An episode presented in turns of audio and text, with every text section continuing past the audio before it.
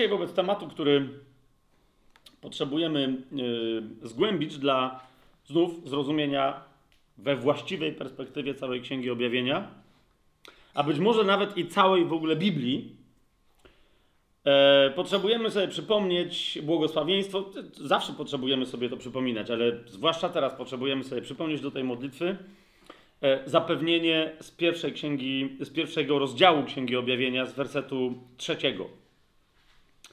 Błogosławiony jest ten, kto czyta i ci, którzy słuchają słów tego proroctwa i zachowują to, co w nim jest napisane, bo czas jest bliski.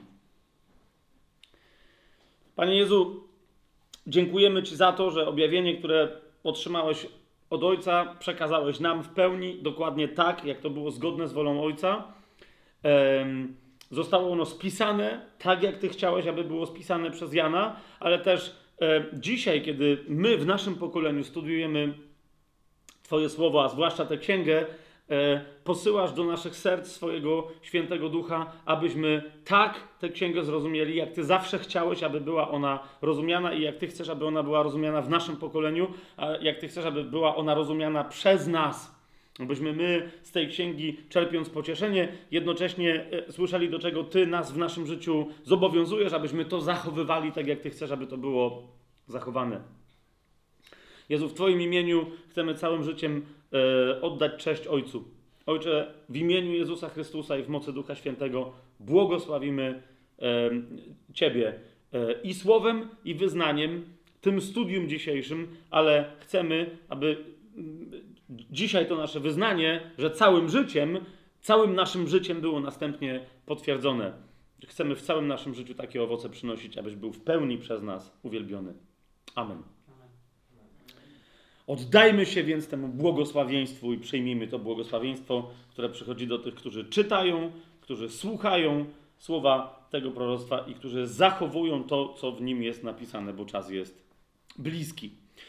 Kochani, e, zanim zaczniemy dzisiejszy temat, to tylko zrobię nawiązanie do poprzedniego, żeby e, jedną rzecz rozjaśnić do e, końca i sprecyzować bo po ostatnim, dosłownie zaraz, jak niektórzy z Was tu dzisiaj pamiętają, albo może wszyscy nawet pamiętają, nawet tu na żywo, po ostatnim naszym studium, padło pytanie, że to zaraz.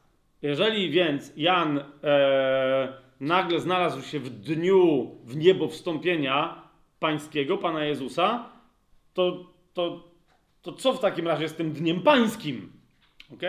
Kochani, E, szybki rys e, ruchów e, czasoprzestrzennych Jana w Duchu Świętym i we własnym duchu. Otóż, co z tym Dniem Pańskim? Księga Objawienia, pierwszy rozdział, jak sobie otworzymy, czytamy w dziesiątym wersecie, że Jan i teraz bardzo to jest istotne, bo to jest, bo to jest y, kolejny przykład, kiedy ktoś tu coś dodaje, jakąś swoją interpretację do tłumaczenia. Jan mówi, że będąc na wyspie Patmos, okay, a więc w linii chronologicznej, chronos, czas taki, jakiego my też doświadczamy, tak? W linii chronologicznej swojego życia znalazł się w pewnym momencie na wyspie Patmos. I co się tam stało? doszło tam do zdumiewającego dla niego proroczego doświadczenia, ale nie takiego znowu zdumiewającego, bo my widzimy podobne doświadczenia także i w Starym em, Testamencie. W każdym razie powiedział, że, zos, że nagle znalazł się, uwaga, nie w żadnym zachwyceniu, sprawdźcie tekst oryginalny, ale po prostu, że został przeniesiony w duchu, że w duchu znalazł się gdzie? W dniu pańskim. Okay? A więc zwróćcie uwagę, gdybyśmy chcieli być bardzo, co prawda tekst o tym nie mówi wprost, ale e, gdybyśmy chcieli być bardzo wobec tekstu restrykcyjni, to powiedzielibyśmy, że w tym konkretnym momencie całe objawienie Jana zaczyna się nie od przeniesienia go fizycznie w inne miejsce, ale od przesunięcia go w inny punkt w czasie. Czy to jest jasne? Mhm. Tak? Bo całkiem możliwe, że Jan dalej, jakby wiecie, duchowo patrzył na cały świat z perspektywy wyspy Patmos, tylko że znalazł się na tej wyspie Patmos w duchu w dniu pańskim, a więc w dniu, ostatnim dniu tej epoki, w dniu przyjścia Pana Jezusa na ziemię. Mamy to? I teraz e, e, cały opis e, dalszy, bo to nie wynika tylko z tego, że on posłużył się terminem Dzień Pański, tak? On mówi, że usłyszał za sobą głos potężny, jakby trąby i aż do 15 wersetu no dalej, ale zwłaszcza do 15 wersetu opisuje Jezusa jak z tymi wszystkimi atrybutami, z którymi następnie widzimy Jezusa w rozdziale 19, e, zwłaszcza w wersetach od 12 do 15. Tak? E, oczy płonące jak płomień ognia, e, e cała e, biała szata, miecz wychodzący z jego ust i tak dalej, i tak dalej. Rozumiecie o co idzie? Czyli on się. Y, mamy w 19 rozdziale ewidentnie opis Jezusa stępującego z nieba na ziemię. Tak? To jest dzień pański. I teraz Jan mówi, że w pierwszym rozdziale, że został przeniesiony dokładnie do tamtego momentu i widzi Jezusa dokładnie takiego, jak będzie stępować, czy jak właśnie stępuje w jego doświadczeniu. Rozumiecie o co mi chodzi? Na ziemię. On w pierwszym rozdziale został w czasie przeniesiony, w czasie ziemskim, i teraz zwróćcie uwagę, bo jak miał być przeniesiony? Na ziemi został, został przeniesiony do końca jej czasu. Czy, e, rozumiecie o co chodzi? W, tym momencie, kiedy następuje Dzień Pański, czas takim, jakim my go znamy, się kończy. Pamiętacie tego anioła, który staje na, na ziemi i na morzu i mówi: Od tej pory czasu więcej nie będzie w księdze objawienia. Tak? kiedy się tajemnica wypełni. A więc Jezus nie przenosi e, Jana w tym momencie, kiedy ma mu do podyktowania listy do kościołów, nie przenosi go do nieba, zwróćcie uwagę, ale przenosi go w czasie do Dnia Pańskiego i dyktuje mu listy do kościołów, to jest niezwykle istotne, z punktu widzenia Dnia Pańskiego. Rozumiecie? Przypomnijcie sobie, ile czasu poświęciliśmy na, na listy Jezusa do kościołów. On im mówi, e, pisze do nich listy do, do, do, do różnych typów kościołów, wszystkich czasów z punktu widzenia swojego powrotu na ziemię. Mówi do całego kościoła z przyszłości, a nie z przeszłości. Czy to jest jasne? Tak? On mówi z przeszłości do kościoła, który, który e, z jego punktu widzenia jest już przeszłością na ziemi. To jest ostatni dzień i kościoła, ostatni dzień ziemi i kościoła już nie ma na ziemi. Jasne? Ale zwraca się do wszystkich kościołów, wszystkich epok, jako ten sędzia, który kościoły ostrzega, aby e, uczyniły co tylko w ich mocy, by e, stać się E, każdy z nich częścią przeczystej oblubienicy. Jasne? I z tej perspektywy pisze drugi i trzeci rozdział, czyli dyktuje Janowi listy do kościołów. Natomiast, kochani, w czwartym rozdziale, w pierwszym wersecie, Jezus go zaprasza. Zwróćcie uwagę, że w e, czwartym rozdziale, w pierwszym wersecie, Jan znowu mówi: Usłyszałem ten pierwszy głos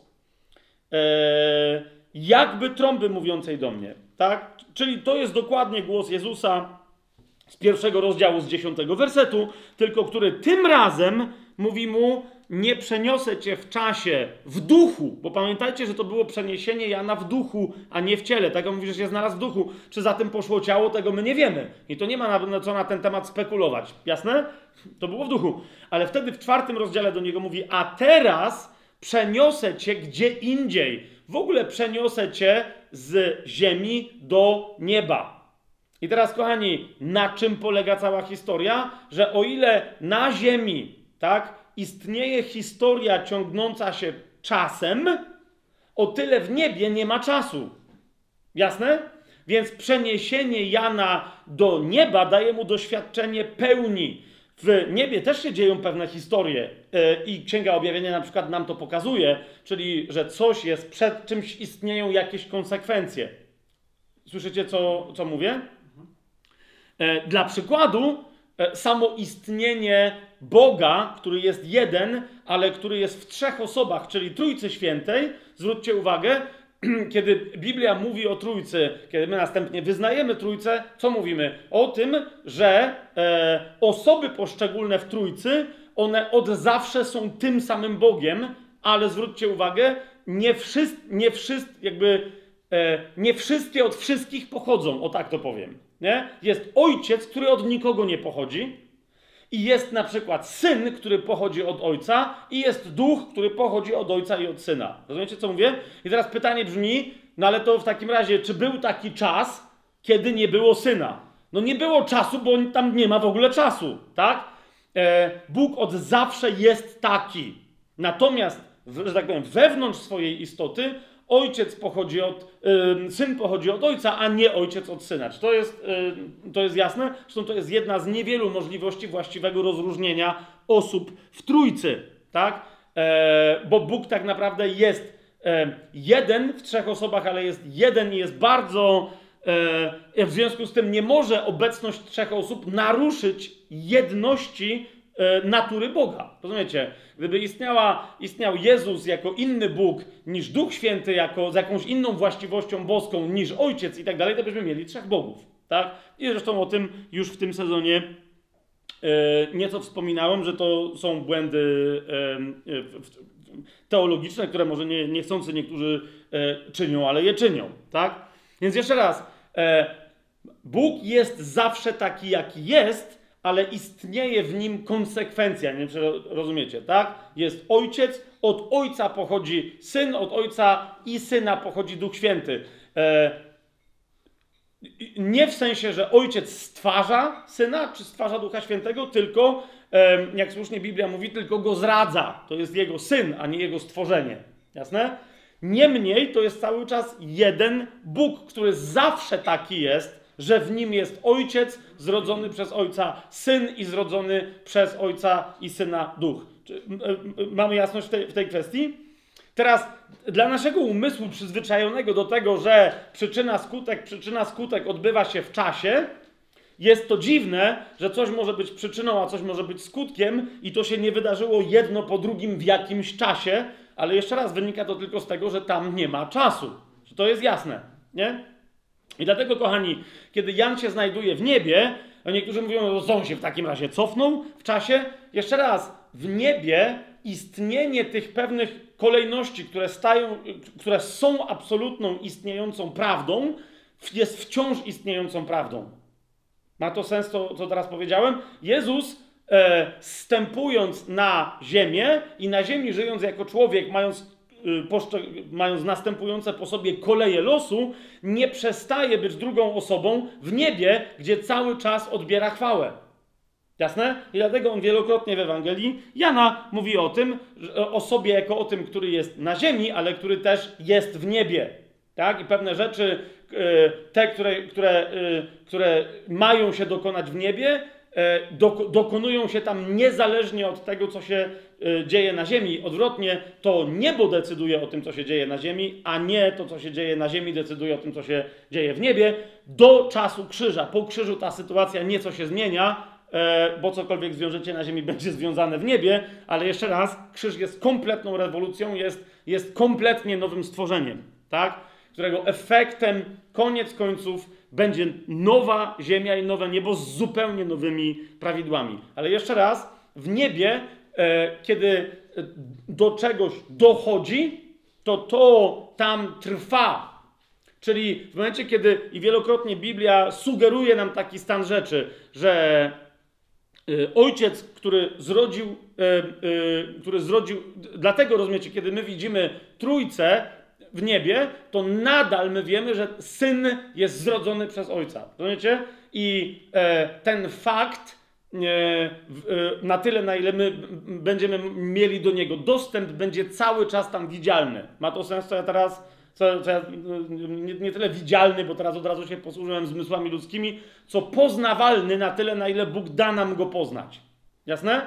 Ponieważ pewne wydarzenia niebieskie, takie, które stanowią o istocie nieba, o istocie ducha, trwają w duchu. Czy, czy to, co ja teraz mówię, ma sens, czy, czy nie ma? Nie? Jeżeli, rozumiecie, jeżeli ktoś jest duchem, e, i ktoś inny też jest duchem, duch oznacza, że nie jest ograniczony materią, nie jest ograniczony przestrzenią i w związku z tym, tu się już Einstein kłania, nie może być ograniczony czasem, bo czas jest pewną funkcją materii, a nie ma żadnego związku z duchem. E, jest to jasne? W związku z tym nie ma tak, nie ma takiej możliwości, że Bóg w jednym miejscu wszechświata coś pomyśli, ale rozumiecie, musi upłynąć, nie wiem, sekunda czy dwie, żeby druga część wszechświata się o tym dowiedziała. Bo Bóg jest duchem i kiedy on coś decyduje, w momencie, kiedy to decyduje, to ma miejsce, to jest, to staje się i od tej pory, kiedy się staje, jeżeli on czyni coś wiecznym, to będzie trwać na wieki. Ma to sens teraz, jak to powiedziałem? Okej. Okay. Więc do nieba zostaje zaproszony e, Jan i zwróćcie uwagę, że on w, y, dlatego daje nam opis pewnych wydarzeń do y, rozdziału 10, y, nawet 11 Księgi Objawienia chronologiczny, ale w takim sensie, że istnieje pewna chronologia, następstwo więc działań Jezusa, zwłaszcza w niebie, który łamie pieczęcie w niebie, tak? I to wywołuje skutki chronologiczne na Ziemi. Ale zauważcie jednocześnie e, pewne działania baranka Bożego w niebie e, mają charakter, który ciężko opisać chronologicznie, i dlatego od 12 rozdziału aż do 19 Jan jeszcze raz opisuje to, co wcześniej opisał chronologicznie, ale nie chronologicznie, aby wniknąć w istotę rzeczy. Tak? Czyli co naprawdę się jeszcze dodatkowo ekstra jakby wydarzyło w ramach czegoś, co już opisał w niebie i co to jeszcze w związku z tym będzie oznaczać w e, konkretnych momentach czasu ziemskiego. Jesteście cały czas ze mną? Doskonale. I dlatego, ale pamiętajcie kochani, że bo też padł, więc od czwartego rozdziału po prostu my widzimy od razu jakby całą historię Jezusa, który wrócił do nieba. Rozumiecie, jak on w przypowieściach opowiada, że e, przypowieść o człowieku, który wyruszył w daleki kraj, aby pozyskać dla siebie władzę królewską. To jest dokładnie to. Jezus, kiedy umarł, zmartwychwstał i w niebo wstąpił, z jego punktu widzenia poszedł tam tylko załatwić pewne formalności i dzisiaj o tych formalnościach będziemy mówić. Rozumiecie, jakby w niebie to był moment, na który on tam się pojawił. Po prostu on tam się pojawił, Zostało coś wykonane, o czym teraz będziemy mówić, co było związane z jego w niebo przyjściem. Tak? Bo z punktu widzenia ziemskiego on w niebo wstąpił, ale do nieba przyszedł, więc on wszedł do nieba. Okay? I to jest, yy, i to jest, yy, kochani, yy, rozdział czwarty i piąty, kiedy Jezus wstępuje do nieba. Otwórzmy sobie Księgę Daniela, że, żeby się temu bliżej przyjrzeć, to jest Księga Daniela, siódmy rozdział. Księga Daniela, siódmy rozdział, wersety 13 i 14. Tak, ja mówiłem o tym w zeszłym tygodniu, ale musimy to jeszcze, jeszcze raz powtórzyć, uściślić. Tak? To jest dokładnie ten moment. Zresztą, jak sobie zobaczycie całą, cały siódmy rozdział, to zobaczycie, jak również Daniel pewne rzeczywistości niebieskie i pewne skutki tych rzeczywistości niebieskich na ziemi. Zobaczcie, przeczytajcie sobie parę razy rozdział siódmy Księgi Daniela, zobaczycie, jak jest poszatkowany. Że, że pewne rzeczy się dzieją w niebie i pewne rzeczy się dzieją na ziemi i potem w związku z tym, czy nie w związku z tym, znowu się dzieją w niebie i znowu na ziemi. Rozumiecie? Dopiero księga objawienie nam rozjaśnia to, co Daniel widział, ale nie do końca był w stanie bardzo precyzyjnie opisać. Niemniej ten, niemniej ten moment, który widzimy w księdze objawienia w rozdziale 4 i 5, w księdze Daniela w rozdziale 7 widzimy w wersecie 13 i 14. Widziałem też w nocnym widzeniu, pisze Daniel, oto w obłokach nieba przybył ktoś podobny do syna człowieczego. Przyszedł aż do odwiecznego i przyprowadzono go przed niego i dano mu władzę i tak dalej, i tak dalej. Zwróćcie uwagę, e, jak de facto czytając całą Biblię na okrągło, ze świadomością, Jezus w zasadzie nigdy Kościołowi czytającemu Słowo Boże nie znika z oczów. Bo zobaczcie, trzymajcie tutaj Księgę Daniela sobie założoną, tak? I otwórzmy sobie y, dzieje apostolskie. Rzecz jasna, dzieje apostolskie, E, rozdział pierwszy. I teraz w, dziele, w rozdziale pierwszym co e, czytamy? To jest rozdział pierwszy. Spójrzcie, rozdział pierwszy. Jezus się żegna ze swoimi uczniami i w dziewiątym wersecie co czytamy? Kiedy to powiedział, a oni patrzyli, został uniesiony w górę. Lub też był unoszony w górę. Tak? Mo można było. Więc wiecie, stali, wpatrywali się. Aż do którego momentu? Aż do momentu, gdy obłok zabrał go sprzed ich oczu. Widzicie to? Czyli Jezus znalazł się w obłokach, i teraz przeskoczmy do rozdziału 7 Księgi Daniela, 13 wersetu. Oto w obłokach nieba przybył do nieba ktoś podobny do Syna Człowieczego, przyszedł aż do odwiecznego i przyprowadzono go przed niego. Widzicie to? I teraz co tam się wtedy stało? Otóż o tym mówi yy, Księga Objawienia, rozdział 4 i rozdział 5.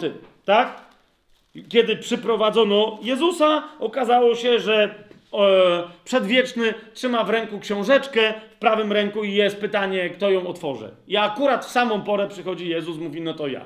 Wiecie o co chodzi? Ale spójrzcie, my go nie tracimy z oczów, tak? Później ktoś mówi, no tak, ale w Księdze Objawienia nie ma Jezusa zasiadającego, a przecież wszędzie Biblia mówi, że on zasiada. Jak to nie ma Jezusa zasiadającego po prawicy? Księga Objawienia, 14 rozdział, ona y, mówi nam bardzo interesującą rzecz.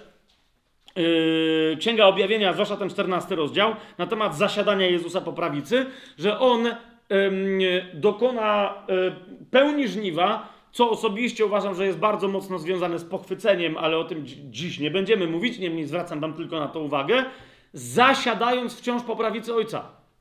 Rozumiecie? E, to pochwycenie będzie wezwaniem Kościoła na gody baranka.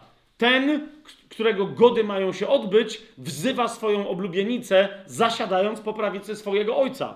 Zobaczcie, to jest 14 rozdział, wersety od 14 do 16. Na tym obłoku, e, który zasłonił Jezusa ziemianom, a który przyniósł Jezusa do nieba, on teraz tam, rozumiecie, dalej to jest to samo miejsce. Spójrzcie, 14 rozdział, 14 werset. Jan mówi, i zobaczyłem, a oto biały obłok, a na obłoku siedział kto? No wiemy kto. Ktoś, kogo Biblia od dawna nazywa podobnym do Syna Człowieczego, którym miał na głowie złoty wieniec, a w ręku ostry sierp. A inny anioł wyszedł ze świątyni, wołając donośnym głosem do tego, który siedział na obłoku. Kolejny raz mamy powtórzone. Zapuść swój sierp i żnij, gdyż nadeszła dla ciebie pora, abyś żoł, bo dojrzało żniwo całej ziemi. I teraz uważajcie, szesnasty werset. Po raz trzeci nam podkreśla, wtedy rzucił ten, który siedział na obłoku swój sierp na ziemię i ziemia została zrzęta. Rozumiecie o co mi idzie? A więc Jan widzi Jezusa w niebie w tym momencie, kiedy tam w niebo wstąpił, ponieważ z tym momentem wiąże się bardzo ważny, wieczysty akt odpieczętowania księgi. Rozumiecie? Ale do którego to odpieczętowania e, jest wezwany ktoś, kto ma prawo tę księgę odpieczętować. I na to się stawia Jezus w niebie. Teraz, po drugie, widzimy Jezusa zasiadającego po prawicy, widzicie to yy, tutaj. No i wreszcie, oczywiście, widzimy Jezusa stępującego z nieba y, na ziemię. Nawiasem mówiąc, tutaj, kiedy on kończy swoje żniwo, jedno żniwo, siedząc, wówczas zostaje wezwany do drugiego żniwa. Y, w tym 14 rozdziale to jest opisane od chociażby 18 wersetu, i do tego drugiego żniwa Jezus musi już zejść z powrotem na ziemię.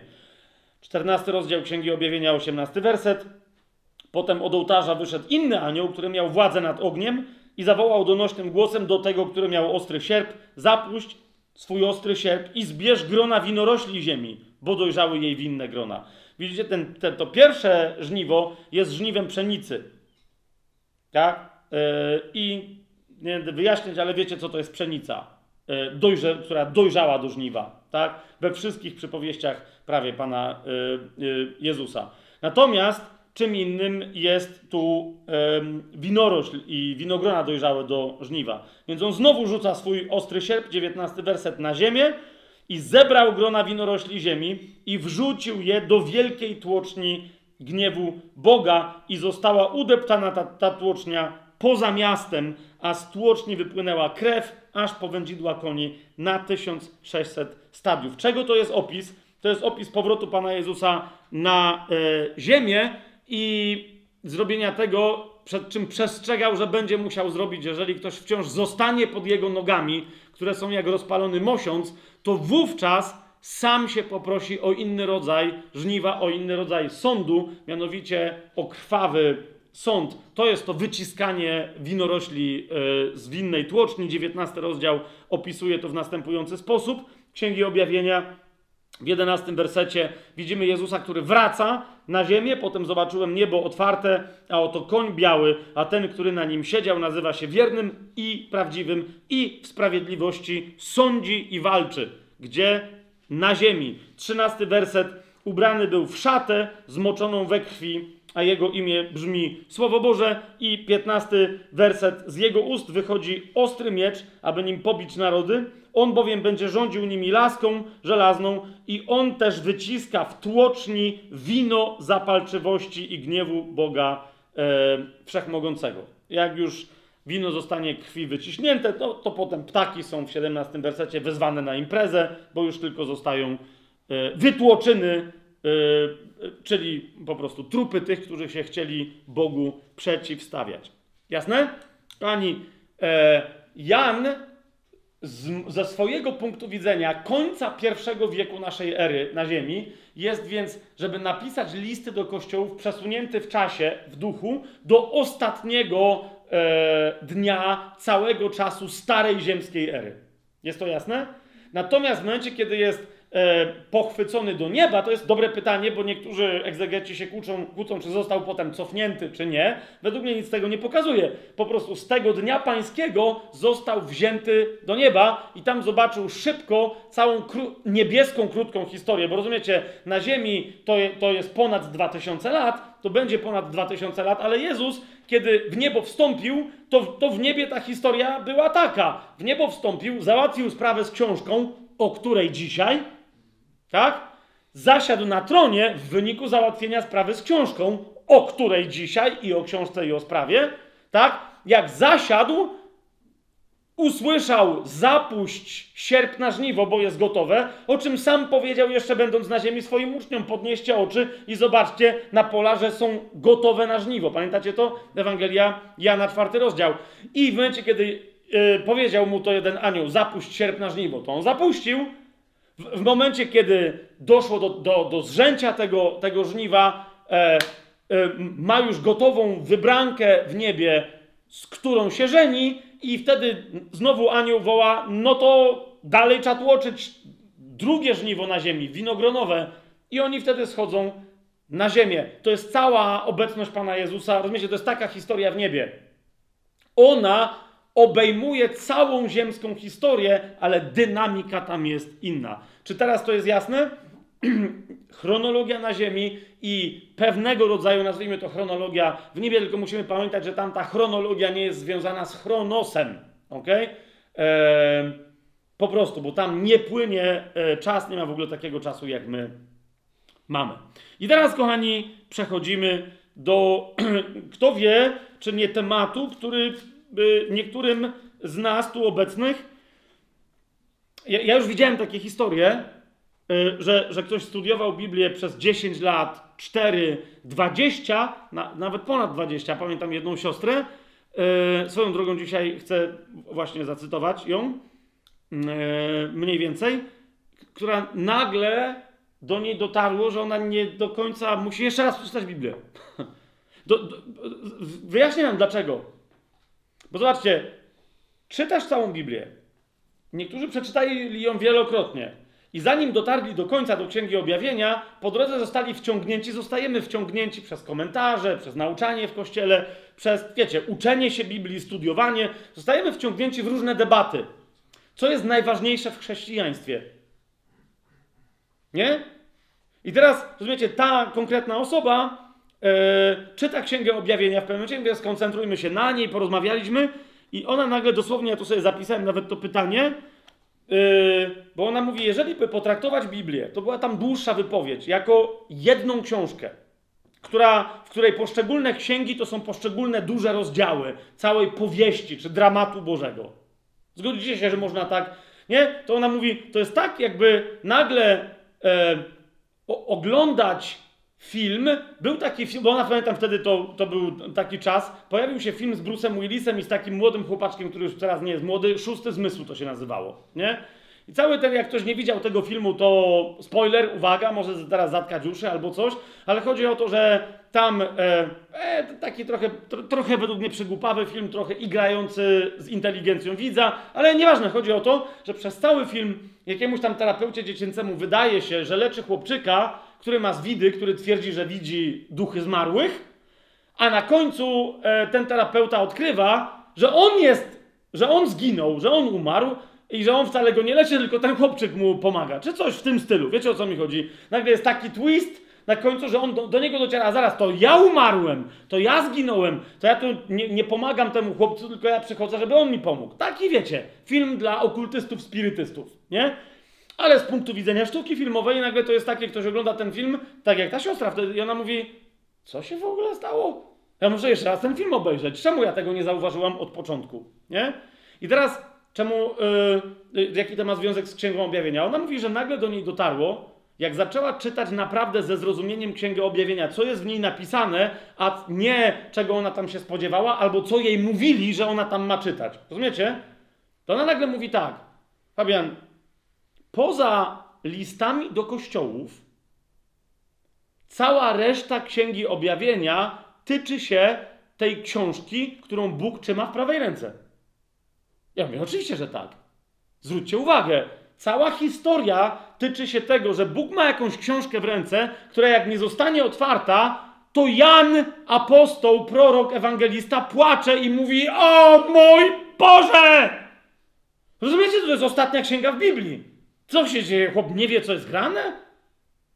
Nie? Bóg trzyma tą książkę w ręce i potem zauważcie, kiedy baranek mówi, ja ją otworzę i Bóg mówi, rzeczywiście, ty możesz, tobie wolno, kiedy otwiera tę księgę, łamie poszczególne pieczęci, to kiedy je łamie, dokonuje się koniec dziejów historii ziemskiej. I on jest opisany chronologicznie, jak mówiłem, do 11 rozdziału, a od 12 rozdziału do 19 nie chronologicznie, ale to jest cały czas opis czego? Otwierania tej książki.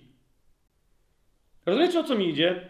I potem jest zakończenie Księgi Objawienia, że no, no to trzymaj się, już idę, zapłata ze mną, nara, naprawdę jestem wkrótce. I ona mówi, dosłownie ja teraz wam zacytuję, ona mówi, czemu do... I ona mówi, to jest, no to jest twist jak w szóstym zmyśle, ty. Czyli w całej Biblii chodziło o tą książkę? No bo rozumiecie, to jest tak, ja, i teraz ja uważam, że tak, i jej mówię, dokładnie tak. I on mówi, no co to za książka? Ja już pomijam, że zwróćcie uwagę, Biblia nie jest najważniejszą książką w historii ludzkości. W każdym razie z e, wszystkich możliwych ksiąg na ziemi i w niebie. Ona jest bardzo istotna dla ludzi. Dlaczego? Ponieważ mówi nam o pewnych księgach niebieskich, spośród których jest jedna księga, która jest najważniejsza dla historii ludzkości wszechczasów. I to nie jest Biblia. Biblia mówi o tamtej książce. Co najlepsze, i ta siostra mówi, dokładnie zacytuję teraz to jej pytanie, ona mówi, czemu dopiero w ostatnim rozdziale Biblii, czyli w Księdze Objawienia, dowiadujemy się, że w całej tej historii chodziło o otwarcie tej książeczki. Tej, rozumiecie, którą Bóg trzyma. Zobaczcie sobie razem ze mną Księga Objawienia, piąty rozdział. I zobaczyłem od pierwszego wersetu. I zobaczyłem w prawej ręce zasiadającego na tronie księgę zapisaną wewnątrz i na zewnątrz, opieczętowaną siedmioma pieczęciami. I zobaczyłem potężnego anioła, wołającego donośnym głosem: Kto jest godzien otworzyć tę księgę i złamać jej pieczęcie? Ale nikt w niebie, ani na ziemi, ani pod ziemią nie mógł otworzyć księgi, ani nawet do niej zajrzeć. I bardzo płakałem, że nie znalazł się nikt godny, aby otworzyć i czytać tę księgę, czy choćby do niej zajrzeć. Wiecie, i ta siostra mówi, no to szósty zmysł, jeszcze raz. Tylko, że w szóstym zmyśle ty już wiesz, co jest grane w tym filmie. Gdzie ona mówi, to ja teraz wiem, to ja będę oglądać od początku, żeby, żeby zobaczyć, w którym momencie mnie zrobili w konia. Reżyser, scenarzysta i tak dalej. Ale tu ona mówi, ale tu ja nie wiem, co to jest za książka. Ja mogę czytać Biblię od początku, ale ona jest gdzieś wcześniej w Biblii? Więc kochani, Po pierwsze, to nie jest tak, że właśnie tu się pojawia jakaś książka dopiero na końcu i mamy coś zgadywać, tak? Ale również to nie jest tak, że ta książka gdzieś na początku się pojawiła i ktoś w Księdze Rodzaju powiedział, wszystko będzie chodzić o tę książkę. Nie, nie, nie. Ona się zaczęła pojawiać misteryjnie, ponieważ była częścią tajemnicy. Tak? Niemniej ona się pojawiała. I żebyśmy my zrozumieli, co się dzieje. Księga Objawienia, mówiłem wielokrotnie, ona się składa z cytatów, kompilacji cytatów, kompilacji tematów opisanych i opracowanych, zwłaszcza w Starym Testamencie. Tak? Więc musimy sięgnąć zwłaszcza do Starego Testamentu, ale nie tylko, żeby zobaczyć, e, gdzie ta księga się pojawiała, ta i inne księgi, bo ta księga jest związana z innymi księgami, które są w niebie. Biblia mówi o wielu różnych księgach, które e, są e, umieszczone w specjalnej nie, niebieskiej bibliotece, a może niebieskich bibliotekach. Nie wiem, w tamtych rejonach nieba nie byłem, to się nie będę wypowiadał.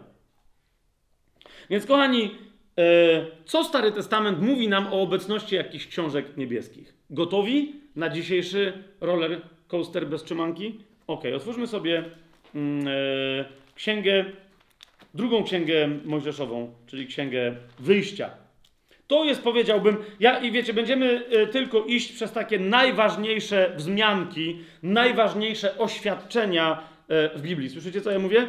Nie, nie jakieś pośrednie, nie sugerujące, nie nawiązujące, bo to by było za długie studium. Te cytaty, które teraz przywołam, myślę, że będą wystarczające, żebyśmy się z tematem właściwie zapoznali. Otóż w Księdze Wyjścia, w drugiej Księdze Mojżeszowej, w 32 rozdziale, mamy tam, wiecie, horrendalne różne e, e, historie, sceny, e, Izrael, jak to Izrael, e, się kosmaci trochę moralnie i etycznie i nie wiadomo, co się z nimi dzieje. E, I Bóg mówi Mojżeszowi, że no, ja nie wiem, rozbrykało się statko, jak mówi e, e, m, klasyk polskiej poezji hip-hopowej. Na co Mojżesz odpowiada, i teraz pamiętajcie, kto odpowiada Bogu i co sugeruje. Mojżesz jest uważany w judaizmie za największego z wszystkich proroków, tak?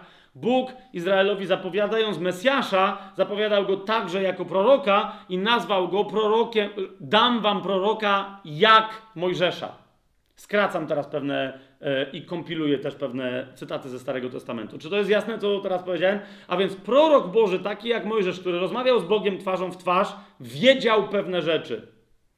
I on teraz zdradził Izraelowi, tak troszeczkę jakby niechcący, bo opisał swoją rozmowę z Bogiem, ale zdradził pewien fakt. Mianowicie w 32 rozdziale Księgi Wyjścia, w 31 e, wersecie i dalej mówi do Boga tak. Mojżesz więc wrócił do Jachwy i powiedział, proszę, ten lud popełnił wielki grzech, bo zrobił sobie bogów ze złota. I teraz uważajcie 32, 33 werset. Teraz jednak przebacz ten ich grzech, a jeżeli nie, to wymasz mnie, proszę, z Twojej księgi, którą napisałeś. Wow! Wow! Wow! Wiele osób sugeruje, że tu nie chodzi o żadne niebieskie księgi. Że tu chodziło o to, żeby Bóg, że Mojżesz prosi Boga, żeby przestał go liczyć w poczet Izraelitów. Ok? Dlaczego? No bo słyszymy, e, e, czyli żeby po ludzku przestał go uznawać za Izraelitę, żeby go wymazał e, z tego narodu. Ok? W księdze powtórzonego prawa, czyli w piątej księdze Mojżeszowej, to jest to, na co niektórzy się powołują. Tak? Z księga powtórzonego prawa, czyli piąta Mojżeszowa, 22, e, 22 rozdział. W 22 e, rozdziale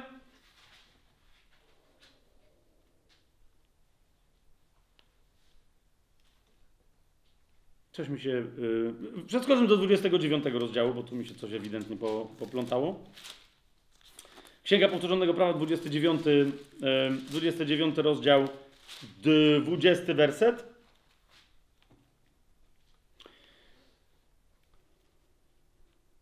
Tu jest mowa o człowieku, który zdradza e, Boga, tak?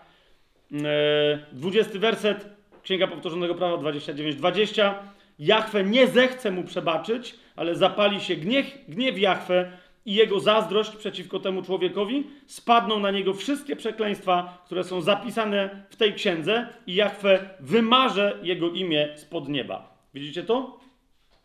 Teraz, e, czyli e, mówią komentatorzy, jest wiele innych tego typu fragmentów. Ja tu sobie jakiś zapisałem, już nie pamiętam, który, który brałem mniejsza o to teraz.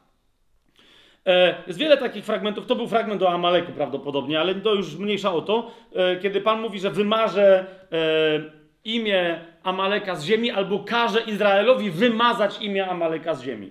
Nie? Czyli usunąć dany naród całkowicie z ziemi. I niektórzy mówią, to o to chodziło Mojżeszowi. Ale zwróćcie uwagę, we wszystkich tych fragmentach, które znajdziecie, znajdziecie ten, e, e, tę istotną, precyzyjną wzmiankę, którą widzimy w 20 wersecie. Jahwe wymarze jego imię spod nieba. Widzicie o co idzie? Gdy tymczasem Mojżesz, wróćmy do 32 rozdziału Księgi Wyjścia, w 32 wersecie mówi teraz jednak przebacz ich grzech, a jeżeli nie, to wymasz mnie proszę z twojej księgi, którą ty napisałeś. Jemu chodzi o księgę niebieską. I większość egzegetów na to zwraca uwagę. To nie ma wzmianki z twojej księgi, którą napisałeś o Izraelu, czy mnie z księgi spod nieba. Rozumiecie? Wypisz mnie z tego narodu. To w ogóle nie jest to. Zresztą zauważcie, co Jachwę mu na to odpowiada. Jachwę powiedział do Mojżesza, tego wymarzę z mojej księgi, kto zgrzeszył przeciwko mnie. To jest jego księga. Rozumiecie? A nie kto zgrzeszy konkretnym grzechem. To, to nie jest temat przynależności do narodu. To jest pierwsza taka mocna wzmianka w rozmowie proroka, który wie z Bogiem, który oczywiście, że wie, że istnieje jakaś księga w niebie. Teraz niektórzy są przerażeni i mówią, jak to? To Mojżesz, e, jeżeli to jest księga życia, no bo jesteśmy tu w zacnym gronie i wszyscy mówią to, czyli chodzi o księgę życia, tak? Okej, okay, teraz zobaczymy, co to jest księga życia, bo łatwo jest szafować takimi takim nazewnictwem, ale tak, wstępnie powiedzmy, no najwyraźniej chodzi o księgę życia, bo ci, którzy są grzesznikami, żyć nie będą, więc będzie wymazany. To jak to? To on chciał iść do piekła? Pamiętajcie, że w ogóle starotestamentowy koncept, mojżeszowy nawet koncept, ci, którzy bazują na stricte przepisach mojżeszowych, dzisiaj w judaizmie nie do końca wręcz wierzą w jakieś życie wieczne. Oni wierzą w nagrodę doczesną, w powodzenie doczesne w wyniku przestrzegania prawa pańskiego. A co się dzieje po śmierci? Szeol. Owszem, są tacy, którzy się przeciwstawiają dzisiejszym saduceuszom, właśnie dzisiejsi faryzeusze, podobnie jak starożytni, którzy mówią: Nie, nie, są dwa rozwiązania po śmierci. To jest to, w co, to, w co prawdopodobnie wierzył Mojżesz, że kiedy ludzie umierają, albo e, zasługują sobie, jeszcze raz, to nie jest chrześcijaństwo, tak? W jakiś sposób zasłużą sobie na życie wieczne i będą żyć na wieki z Bogiem, to właśnie Księga Hioba, on też mówi, że będzie żyć na, że nie umrze na wieki, tak? Albo jeżeli ktoś e, nie spełni warunków, jakiekolwiek by one nie były, wtedy nie pójdzie do piekła, ale wtedy doświadczy czegoś, co niektórzy nazywają w egzegezie biblijną śmiercią ateisty, tak? Czyli doświadczy tego, w co ateiści wierzą, że po śmierci nic więcej specjalnego się nie dzieje, tylko tracisz świadomość, przestajesz istnieć, zapadasz w wieczny sen, w wieczne nieistnienie. Nawet jeżeli gdzieś istnieje twoja dusza, to ty o tym nie wiesz, bo ona śpi na wieki. To jest Sheol, tak? To jest Hades. Później dopiero Biblia nam mówi, że no nie, Sheol to jest, to jest tylko miejsce, w którym rzeczywiście niektórzy śpią, ale w oczekiwaniu na sąd. I to jest nieco inna historia. Inni oczekując na inny, e, nie sąd, ale trybunał, e, nie śpią, ponieważ znajdują się w niebie. Niemniej jeszcze raz, Mojżesz tutaj, jeżeli, rozumiecie, on proponuje coś Bogu, to mówi, yy, czy, czy mamy jasność? On nie mówi, to wolę pójść do piekła, niż żyć z tobą na wieki, tylko mówi, to wolę nie żyć, zniknąć, usnąć, niż żyć na wieki, wiedząc, że ty przeklniesz Izrael, albo go ukażesz w jakiś inny sposób. Czy to jest jasne? Nie? Więc tu nie ma tu za bardzo informacji na temat jakiejś, jakiegoś, y, jakiegoś przekleństwa wiecznego czy potępienia wiecznego, ale ewidentnie mamy pierwszą bardzo mocną wzmiankę o czym? O jakiejś księdze, w której nie mogą być zapisanie, zapisani grzesznicy. Zgodzicie się, tak? To jest coś, co wypisuje kogoś z tej księgi. Plus ewidentnie chodzi tutaj, e, sugeruje, tu cała reszta tekstu, ja nie będę teraz wtownika, ale, ale jak mówię, jest konsensus wśród egzegetów, że tutaj chodzi o najprawdopodobniej księgę życia, jakiegoś życia wiecznego. Otwórzmy sobie teraz, e, przeskoczmy sobie do psalmu, może tak zrobimy, a potem będziemy się nieco wracać, żeby zobaczyć pewne rzeczy w kontekście. Przeskoczmy sobie do psalmu Hioba, też e, sobie dzisiaj pomijemy. Mm, Przeskoczmy sobie do psalmu 56. Otóż w psalmie 56 e,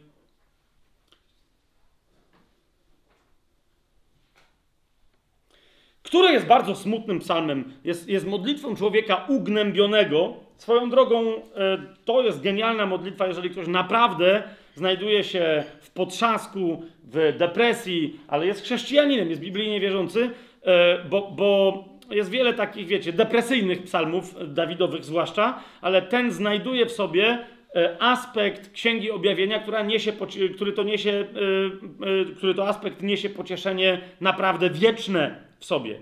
Więc on tu się żali, że strach go ogarnie. Zobaczcie w 56 wersecie, że wrogowie go napastują. Drugi, 56 psalm, drugi werset, trzeci werset, że strach go ogarnia. Piąty werset, że cały dzień przekręcają jego słowa i tak dalej, i tak dalej. Zbierają się, ukrywają, śledzą moje kroki, czyhają na moją duszę. I teraz zauważcie, do czego prorok mm, e, Dawid odwołuje się w tym psalmie w ósmym wersecie mówi o pewnej wiedzy Bożej, która jest zapisana u Boga. Mówi tak: Ty policzyłeś dni mojej tułaczki, w sensie mojego życia ziemskiego, tu o to chodzi, tak? Ty policzyłeś dni mojej tułaczki i uważajcie na to, czy nie są, zbierz też moje łzy do swojego bukłaka. Czy nie są one wszystkie opisane w Twojej księdze? Widzicie to? Teraz. Yy, czy Bóg w niebie ma książki? Bo to jest, wiecie, pytanie niektórych, jak jeżeli Bóg wie wszystko, to po co mu są księgi w niebie? Pamiętajcie, Bóg wie wszystko, nie jemu są potrzebne księgi, ale komu? Nam. Po co? Na dowód. Ok? Na dowód. Bóg prowadzi zapis wszystkiego, co się dzieje w naszym życiu, abyśmy my potem we właściwym świetle mogli zobaczyć swoje życie. Żebyśmy nawet sami sobie mogli pewne kwestie ocenić. Uważajcie, ja jeszcze będę dzisiaj temat oceny swojego życia pogłębiał i rozwijał, więc się teraz nie spieszmy z jakimiś niepotrzebnymi konkluzjami, zaczekajcie, ale Bóg prowadzi, ewidentnie w tym wersecie mamy wzmiankę o tym, że prowadzi zapis naszego całego życia. Zanim ono się zacznie, ma, rozumiecie, otwarty, e, otwarte sloty, że się tak wyrażę, jak w notatniku na każdy dzień, bo on, on wie, ile będzie dni naszego życia tak? Wie, e, jak zaplanował dla nas, przez jakie wydarzenia historyczne, osobiste i tak dalej, pewne rzeczy Bóg dla nas zaplanował w życiu. I teraz jest gotów zapisywać to, jak my zareagujemy na te rzeczy w naszym życiu, kim się staniemy, przechodząc przez poszczególne wydarzenia naszego życia. I uwaga, Genialny fragment dla każdego czytelnika Księgi Objawienia i dlatego powiedziałem, że w tym psalmie znajduje się genialne odniesienie do wieczystego pocieszenia. Mianowicie zwróćcie uwagę, e, Dawid mówi, on tu się mówi, tak jak moje dni policzyłeś, masz zapisane jak, jak bankier, wszystko to jest zapisane w Twojej księdze, to również masz zebrane, albo tutaj jest zbierz też moje łzy, ale e, ci, którzy znają hebrajski, mówią, że to chodzi raczej o to, że dokończ zbieranie, bo ja wiem, że Ty zbierasz. Nie? Każda łza, która popłynęła z mojego oka, on mówi, wiem, że jest przez Ciebie zbierana do specjalnego bukłaka. Co to oznacza, kochani? Że łza oznacza naszą reakcję, czy nasze reakcje, łzy, liczba mnoga, yy, oznaczają nasze reakcje na cierpienie, które spada na nas w życiu, wszelkiego rodzaju. Tak? I teraz Dawid yy, mówi, jak są wszystkie dni moje policzone, tak to cierpienie, którego ja doświadczam, zwłaszcza od moich wrogów, o których mówię w tym psalmie, Panie, policz to wszystko, co Ty z tym zrobisz. Teraz zobaczcie, Myślę, zaraz wrócimy do Starego Testamentu, ale teraz e, chcę tylko Wam pokazać taki aspekt. Nie będę go dzisiaj rozważać, my nie mamy czasu, żeby szczegółowo Księgę Objawienia rozważać, ale zrozumcie, co naprawdę oznacza podwójne zapewnienie Pana w Księdze Objawienia. Pierwszy raz ono się pojawia w siódmym rozdziale Księgi Objawienia, w siedemnastym wersecie. To jest Księga Objawienia, 7 rozdział, 17 werset. Tak, o tych, którzy są przed tronem, którzy służą barankowi we dnie i w nocy w jego świątyni i tak dalej, i tak. Co jest powiedziane? 16 i 17 werset. Nie zaznają już więcej głodu ani pragnienia. Nie porazi ich ani słońce, ani żaden upał, ponieważ tron, ponieważ baranek, który jest pośrodku tronu, będzie ich pasł, uważajcie, i poprowadzi ich do żywych źródeł wód, uwaga, i otrze Bóg każdą łzę z ich oczu. Wszelką, chodzi o to, że każdą. Co to oznacza? Bo to niektórzy mówią, że to jest taka poezja, to jest ładny opis. Nie, nie. My mamy jedną z obietnic, którą mamy w Księdze Objawienia i dlatego ona jest błogosławieństwem i księgą pocieszenia, jest, że Bóg ma zapisane wszystkie nasze cierpienia i czeka nas stukrotne, tysiąckrotne, milionkrotne wynagrodzenie w niebie. Rozumiecie? Bo Bóg, mając ten bukłak, mając zliczone nasze łzy, on każdą z tych łez będzie ocierał osobno. Nie chodzi o to, że będzie z nami wracał, bo to nie jest psychoterapeuta freudowski, żeby nam jeszcze bardziej pogłębiać stare traumy. Wiecie o co mi chodzi? Że będzie wracał do traumy i teraz w każdej traumie będzie nam łzy ocierał. Nie, łzy są bowiem świadectwem, że przeszliśmy cierpienie, a teraz to nie jest istotne, jakie to było cierpienie. Tak? Tylko, że przeszliśmy cierpienie i Bóg każdą z tych łez, rozumiecie, one nie będą na wieki w tych bukłakach, ale będzie wylewał łza po łzy i będzie za nią odpłacał nam samym tylko dobrem, będzie mm, e, nam wynagradzał. Czy to słyszycie?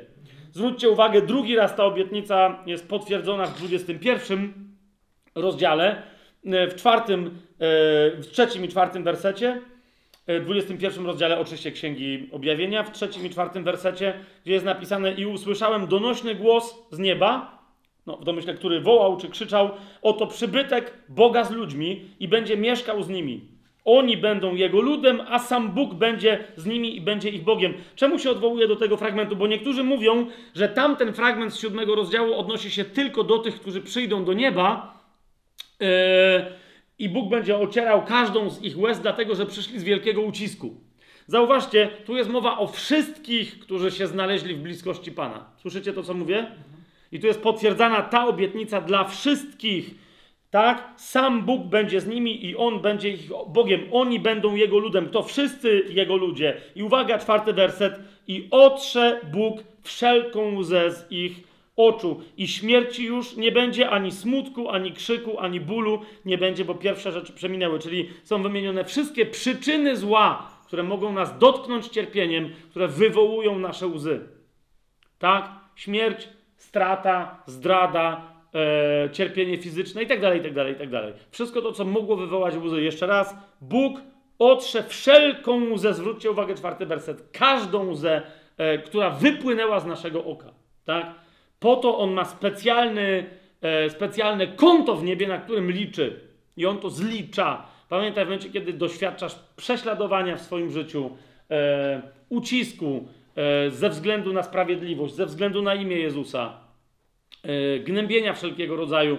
E, nieważne co to jest, kiedy nawet ono jest tak nieznośne, że, że uronisz łzę, jedną czy drugą, pamiętaj przy każdej z tych łez o księdze objawienia i o obietnicy Pana. Mógłbym rozważać te, ten temat dalej, nie będę tego robić, tylko Wam powiem, że to jest w ogóle osobiście bardzo pocieszające, genialne studium, zwłaszcza kiedy pamiętamy o tym, że Pan w Starym Testamencie wielokrotnie takie swoje działanie obiecywał. Na przykład zwróćcie, otwórzcie sobie Księgę Izajasza 25 rozdział E, dokładnie Pan, mówiąc o zmartwychwstaniu Chrystusa i o naszym zmartwychwstaniu, dokładnie to obiecał Izajasz, który, rozumiecie dlaczego ja go nazywam ewangelistą Izajaszem. Zobaczcie 25 rozdział, co to jest? Czy wam to nie brzmi jak e, pierwszy list do Koryntian i Pawłowe o śmierci, gdzie jest twoje żądło? Została połknięta, została zniszczona. Zobaczcie 25 rozdział, 8 werset. Siódmy i ósmy werset. Co zrobi Pan? Zniszczy na tej górze zasłonę rozpostartą nad wszystkimi ludźmi i przykrycie rozciągnięte nad wszystkimi narodami. zobaczcie ósmy werset. Połknie śmierć w swoim zwycięstwie, a Pan Jahwe otrze łzy, łzy z każdego oblicza i zdejmie z całej ziemi hańbę swojego ludu, bo tak Jahwe powiedział. Więc e, historia tych obietnic, proroc na temat tego, że każda łza będzie wynagrodzona, to znaczy, że będzie otarta. tak? Pan jest cierpliwy, ale pamięta ucisk swojego ludu i na tym polega między innymi jego cierpliwość, że jeszcze nie reaguje. Czy to jest jasne? Tak? Ale on pamięta o tym jeszcze dzisiaj więcej będziemy mówić, kiedy w pewnym momencie pojawi się temat tak zwanej księgi upamiętnienia. To pamiętacie, to jest pierwsza z rzeczy, które Pan pamięta, cierpienia jego ludu. On nigdy o tym nie, e, nie zapomina. Jeszcze raz wróćmy sobie do tego psalmu 50 szóstego. Zobaczmy e, jeszcze raz, jak to więc w tym kontekście brzmi. Zobaczcie, do jakiej dobroci pańskiej psalmista, prorok Dawid się e, odwołuje. Psalm 56, werset 8. Ty policzyłeś dni mojej tułaczki. Zbierasz również moje łzy do swojego bukłaka. Czyż nie są one wszystkie, i te dni, i te łzy, zapisane w Twojej księdze? Widzicie to? Całe życie ludzkie, e, owszem, człowiek może, i to jest jedna z części jego odpowiedzialności, umrzeć przedwcześnie. Ja o tym wielokrotnie mówiłem i to jest jeden z tematów, do którego może jako tematu przekrojowego wrócimy, może nawet jako pierwszego tematu, jak skończymy ten 15 sezon tajemnego planu. Tak? Powiemy sobie e, rozmaite rzeczy o tajemnicy biologicznego życia ludzkiego na tej ziemi, o tym, jak ono się ma, jakie ma powiązania z duchowym życiem i jak to jest, że ludzie nie mogą żyć dłużej niż jest to im pisane. Sami widzicie, Pan przeznaczył człowiekowi każdemu konkretną liczbę dni. Tak? I człowiek nie będzie żyć dłużej niż mu to jest pisane, ale może tak żyć, że se skróci tą ilość dni. Tak? I wtedy, kiedy my staniemy przed Panem, to między innymi On nam pokaże e, datę e, śmierci, którą On dla nas przewidział. I, i wiecie, jednym z elementów, który będzie musiał być zważony, to będzie też kwestia tych dni, rozumiecie, że wiecie o czym ja gadam teraz, to jest odpowiedzialność, tak? Jeżeli ja, nie wiem, bym umarł przedwcześnie, a mógłbym żyć dłużej, o miesiąc, o rok, o pięć lat, to wiecie ile to jest dni? Pan mi pokaże puste dni, które były przestrzenią na owocowanie. Nie? I to jest moja odpowiedzialność. Brak owoców to jest moja odpowiedzialność. Czy raz ktoś powie, no ale mnie tam nie było, to jak miałem przynosić owoce? Ale cię tam nie było, bo to był, to był twój wybór, nie mój. Ja cię nie powołałem. Słyszycie, co, co mówię? Więc bardzo istotna rzecz. Rozumiesz, e, istnieje jakaś księga życia w niebie, ogólna, w której Pan ma zapisanych wszystkich żyjących, czy o czym mówił Mojżesz. Teraz będziemy kwestię szczegółowo rozważać. Ale uważajcie, każdy z nas ma również jakąś księgę w niebie. Ma zapisaną, gdzie Pan zapisuje cierpienia, nasze, widzi dokładnie całe nasze życie. Otwórzmy sobie Psalm 69.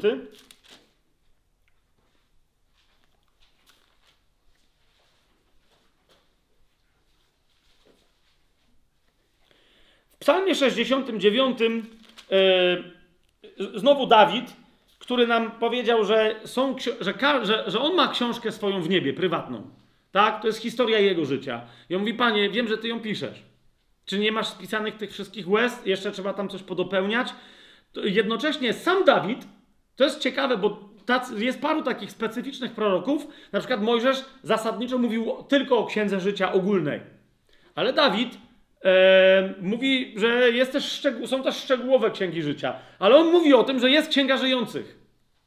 Zobaczcie Psalm 69, 27 i 28 e, werset. Mówi tam o prześladowcach i mówi: Dodaj nieprawość do ich nieprawości i niech nie dostąpią Twojej sprawiedliwości. Uważajcie, 28 werset.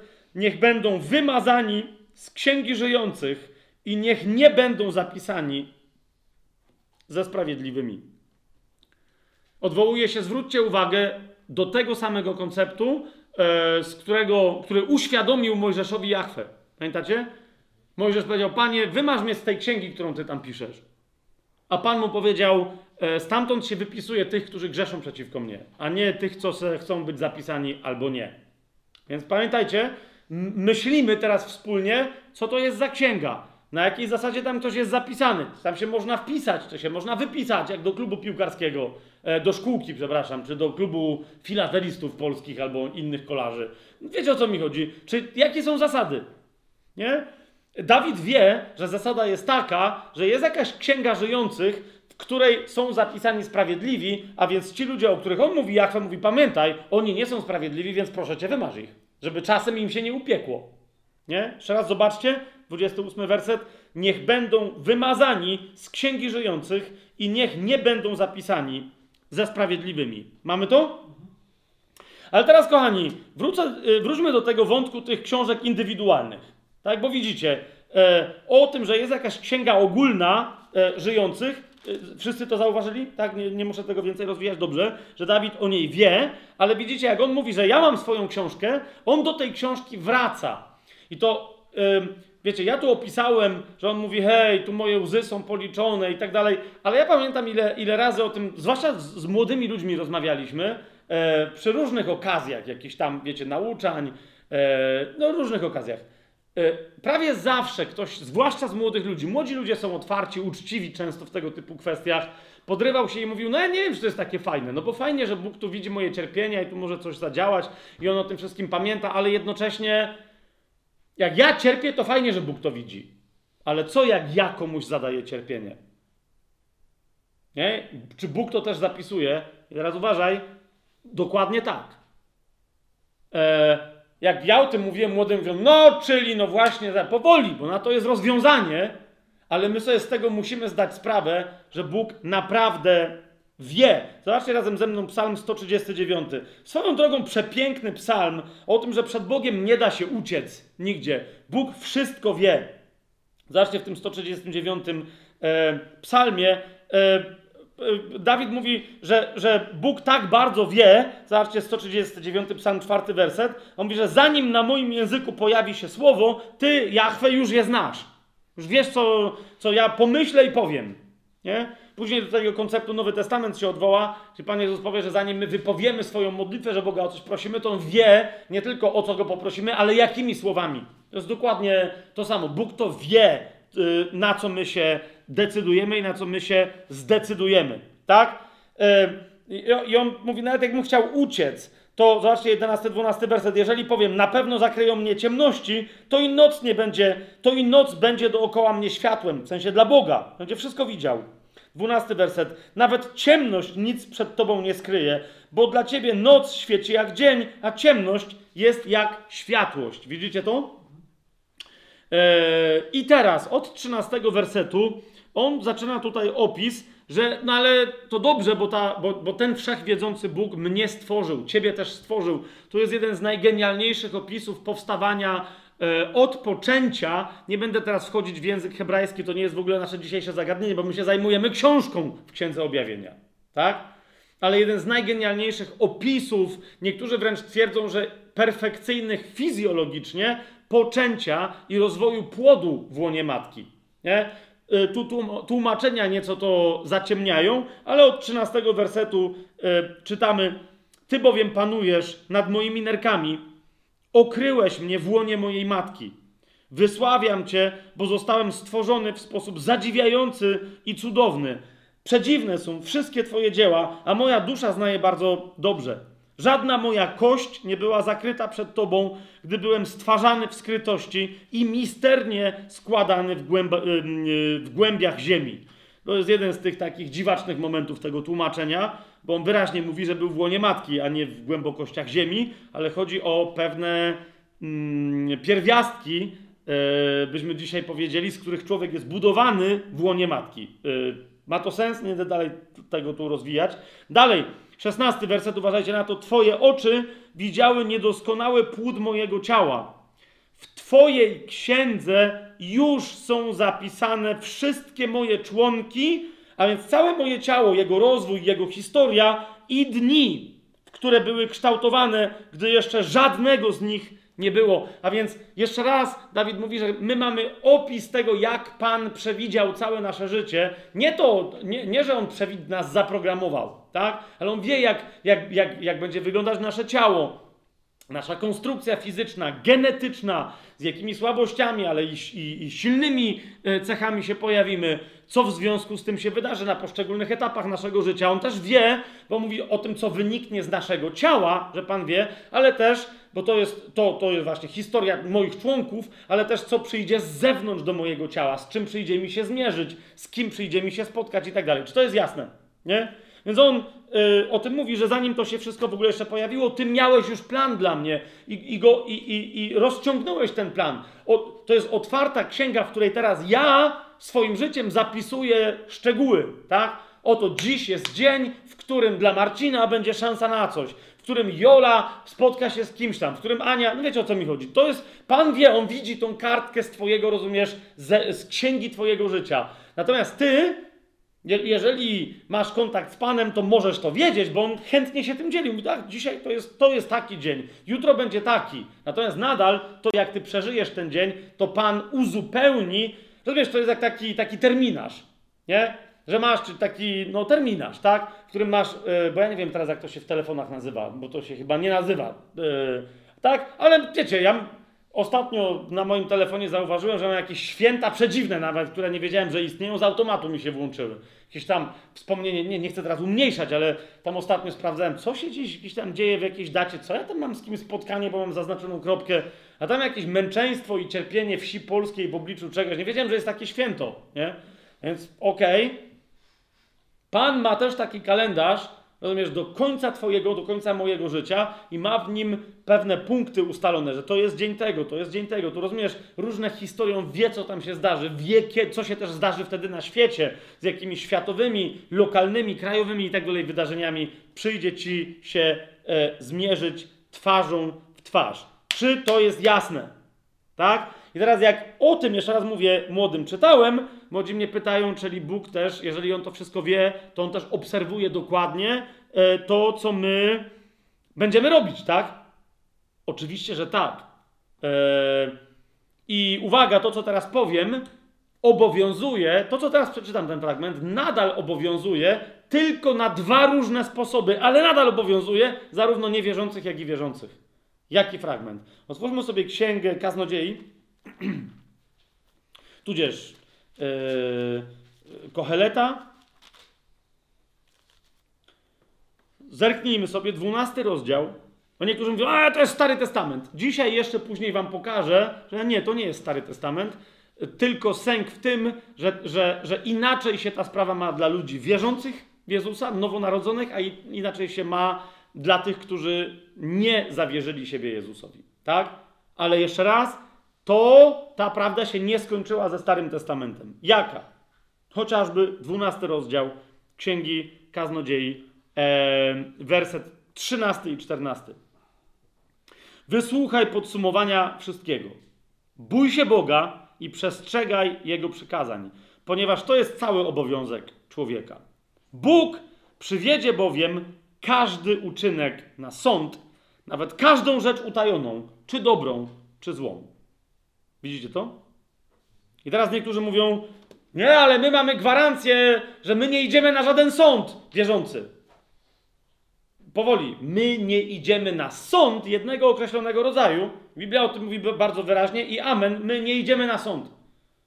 Chrystus nas, jako w Niego wierzących, zwalnia z sądu.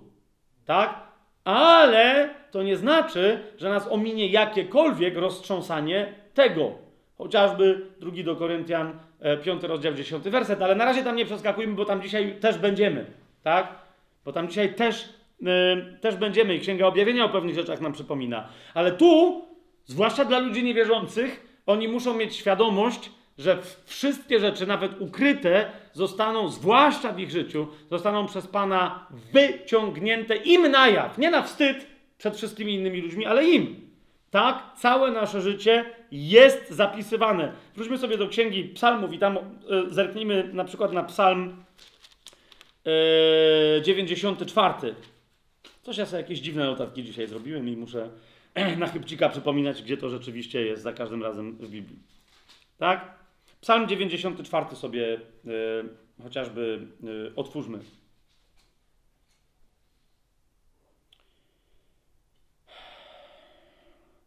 E, tu nie będę rozważać poszczególnych jego, e, poszczególnych jego fragmentów, ale zobaczcie od samego początku, e, do, kogo tutaj wzywa psalmista. Boże zemsty, Jachwę Boże zemsty, objaw się. Powstań, sędzio ziemi, odpłać pysznym. I teraz w 94 w wersecie na co się powołuje psalmista? Na to, że głupcy i grzesznicy uważają, że Bóg czegoś może nie widzieć. Zobaczcie, siódmy, mordują, szósty werset, piąty, depczą twój lud, gnębią dziedzictwo, szósty werset, mordują wdowy, przybysza, zabijają sieroty, siódmy werset i mówią, Jachwę tego nie widzi. Nie dostrzega tego Bóg Jakuba. I cała reszta e, tego psalmu mówi, nie, nie, ty wiesz, widzisz, jesteś sędzią, tylko uczyń wreszcie swój sąd skutecznym. Jak sobie otworzymy na przykład proroka Ezechiela, e, Jemu Bóg to też uświadamia. Mówi, naprawdę ludzie są tak głupi. Nawet ludzie wierzący są tak głupi. Z jakiegoś powodu, na jakimś poziomie swojej jaźni, swojej świadomości, wmawiają sobie, że ja czegoś nie wiem. Albo robią coś i interpretują to sobie, że to nie było takie złe, bo ja. Eee, I oni myślą, że ja pójdę za ich tokiem rozumowania. Naprawdę? I teraz, bracia, siostry chrześcijany, do was, do nas, do siebie też bowiem mówię, tak? Skończmy z tego rodzaju myśleniem. Bądźmy uczciwi, kiedy robimy jakieś rzeczy w swoim życiu i kiedy mówimy jakieś rzeczy w swoim życiu, cokolwiek się nie dzieje, kiedy myślimy jakieś rzeczy w swoim życiu i tymi myślami, i te myśli są dla nas wiążące. Słuchajcie, bo Bóg mówi, naprawdę? Wy myślicie, ja tego nie wiem? jeżeli wy tego nie rozsądzicie właściwie, to ja kiedyś będę musiał wam pokazać to we właściwym świetle. Ja jestem prawdą. Zobaczcie w ósmym rozdziale, e, w dwunastym wersecie Bóg mówi do proroka Ezechiela, mówi, zobacz, przecież miałeś to poznanie, widziałeś czy nie widziałeś? To jest ósmy rozdział, dwunasty werset. Wtedy zapytał mnie, bo on tam zobaczył znowu, wiecie, symboliczny wymiar w 11 wersecie 70 mężczyzn spośród starszych Izraela. A wiecie, 70 to jest Sanhedryn. Nie? 70 z Mojżeszem wyszło na górę, miało widzenie nieba. 7, jak już się 70 zbiera, to przez fakt, że ich jest 70, to jest, wiecie, to, są, to jest święte gremium. To jest zgromadzenie kardynałów, które nieomylnie wybiera nieomylnego papieża, najważniejszego cadyka. Znacie mi, to jest cały czas ta sama idea. 70 starców, którzy po prostu są nietykalni nawet przez Boga samego. A Bóg mówi na, tych, na temat tego Sanhedrynu w 12 wersecie prorokowi wtedy zapytał mnie, czy widziałeś, synu człowieczy, co starsi domu Izraela czynią w ciemności, każdy w swoich komnatach pełnych obrazów? Mówią bowiem, Jachwę nas nie widzi. Jachwę opuścił tę ziemię. Rozumiecie? Starsi Izraela. No i mówią, no nie. I mają jakieś na to uzasadnienia. Nie, że nie, no tego Bóg nie. Gdyby widział, to by zadziałał tak, albo inaczej, skoro tak nie jest, to jest dowód na to, że nie widzi. Nie tylko, że ja widzę, ale tobie mogę pokazać. To jest dla Boga absolutnie, yy, absolutnie żaden problem. Skoro jesteśmy w księdze Ezechiela, to przeskoczymy sobie dosłownie parę rozdziałów dalej do rozdziału 13. W 13 yy, rozdziale o dokładnie takich y, przywódcach Izraela, ale zwłaszcza o prorokach, Pan mówi i rzeczywiście, bo niektórzy tutaj mieszają fakty, tylko wam zwracam uwagę, że istnieje zapis, istnieją też księgi dla narodów. Kto będzie y, y, traktowany jako uczestnik, jako członek danego narodu, a zwłaszcza narodu wybranego, a kto nie. I tu na przykład Pan stwierdza, że wypisze z narodu Izraela, nie z księgi żyjących, ale z narodu Izraela, tak jak on go rozumie, wypisze fałszywych proroków. Nie? E, to jest 13 rozdział 9 werset. Moja ręka będzie przeciwko prorokom, którzy widzą rzeczy złudne i wróżą kłamstwo.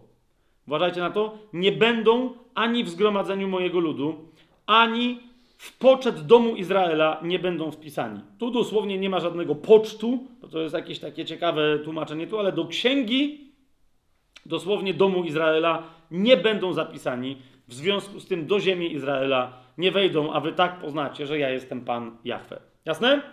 Więc są też księgi zapisujące działania narodów. Ja jestem też przekonany, że są też zapisy działań organizacji ludzkich, ugrupowań, partii, kościołów, denominacji itd., itd., itd. Ci, którzy działali w ramach tych, to będzie też część zapisów, one będą przekopiowane odpowiedzialności ludzi, którzy ciągnęli za sobą, pod sobą czy jeszcze jakoś inaczej byli przywódcami jakiejś, jak, jakiejś części chociażby jakiejś organizacji, to wszystko będzie przekopiowane do ich osobistych, do ich osobistych książek.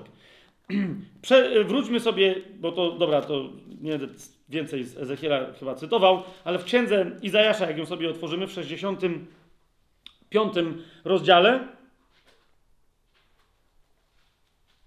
yy, ludzie robią różne rzeczy. Yy, chcę tylko pokazać, że niekoniecznie musi się w Starym Testamencie pojawić temat księgi, żebyśmy wiedzieli, że są jakieś księgi, tak?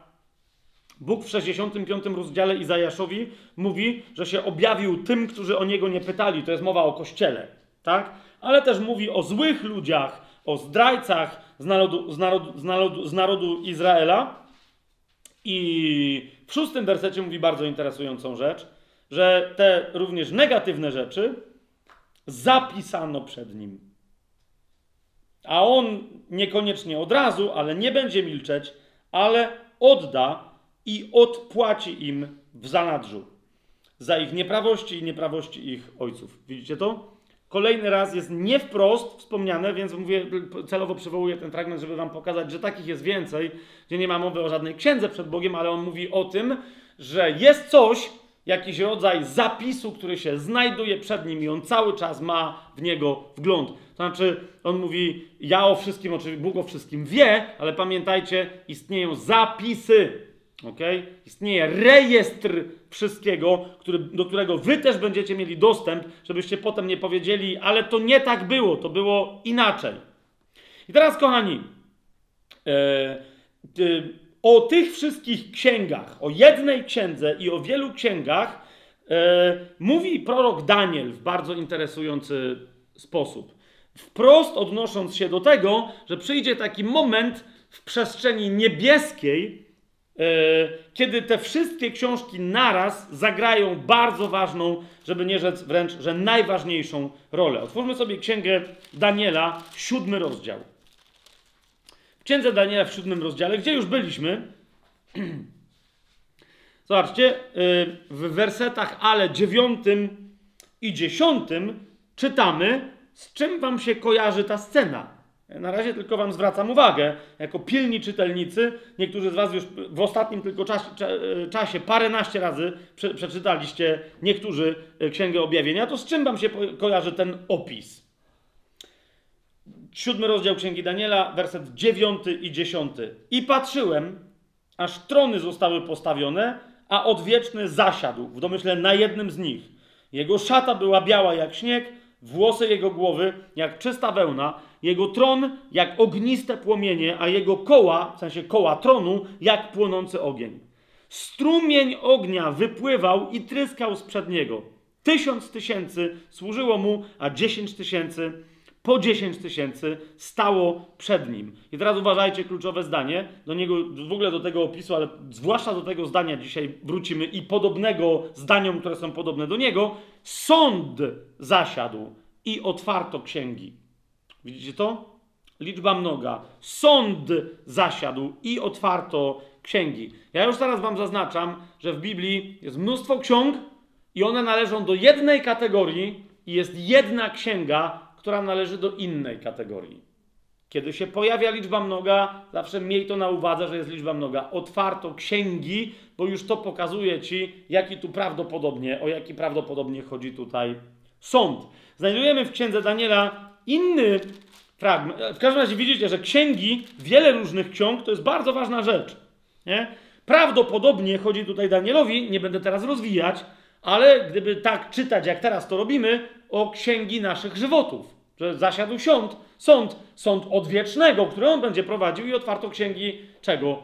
Żyć ludzkich, tak? E, życia poszczególnego, pojedynczego ciebie i mnie, które Pan osądza. Ale uważajcie, w księdze Daniela pojawia się też inna księga. W rozdziale 12, w pierwszym wersecie czytamy: W tym czasie powstanie Michał, wielki książę, który wstawia się za synami Twojego ludu, czyli za Żydami, za Izraelitami, tak? Bo on to mówi do y, Daniela.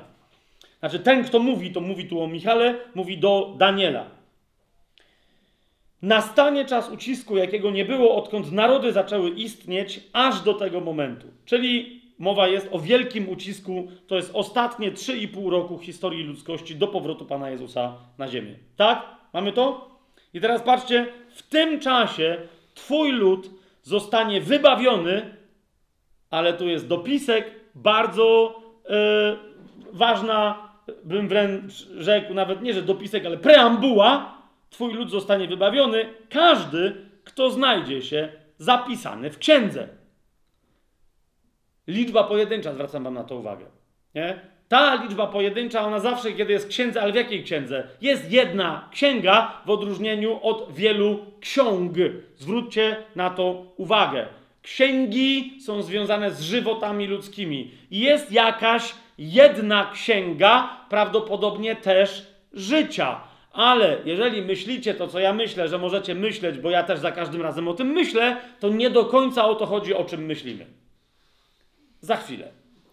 Dalej, kochani, Księga Malachiasza. Otwórzmy sobie Księgę Malachiasza. Będzie ostatnia, prawie że ostatnia wypowiedź, czy ostatnia wypowiedź, tylko ją uzupełnię innymi fragmentami jeszcze ze Starego Testamentu, ale ostatnia wypowiedź z takich istotnych, które chcę przywołać ze Starego Testamentu. W Księdze Malachiasza w trzecim rozdziale od 14 wersetu y, czytamy następującą wypowiedź. Znowu Pan mówi, że On wie, co ludzie sobie myślą. Od 14 wersetu zobaczcie. Pan mówi tak. Mówiliście na próżno służyć Bogu. Co za pożytek z tego, że przestrzegaliśmy Jego przykazań i chodziliśmy smutni przed Jachwę zastępów.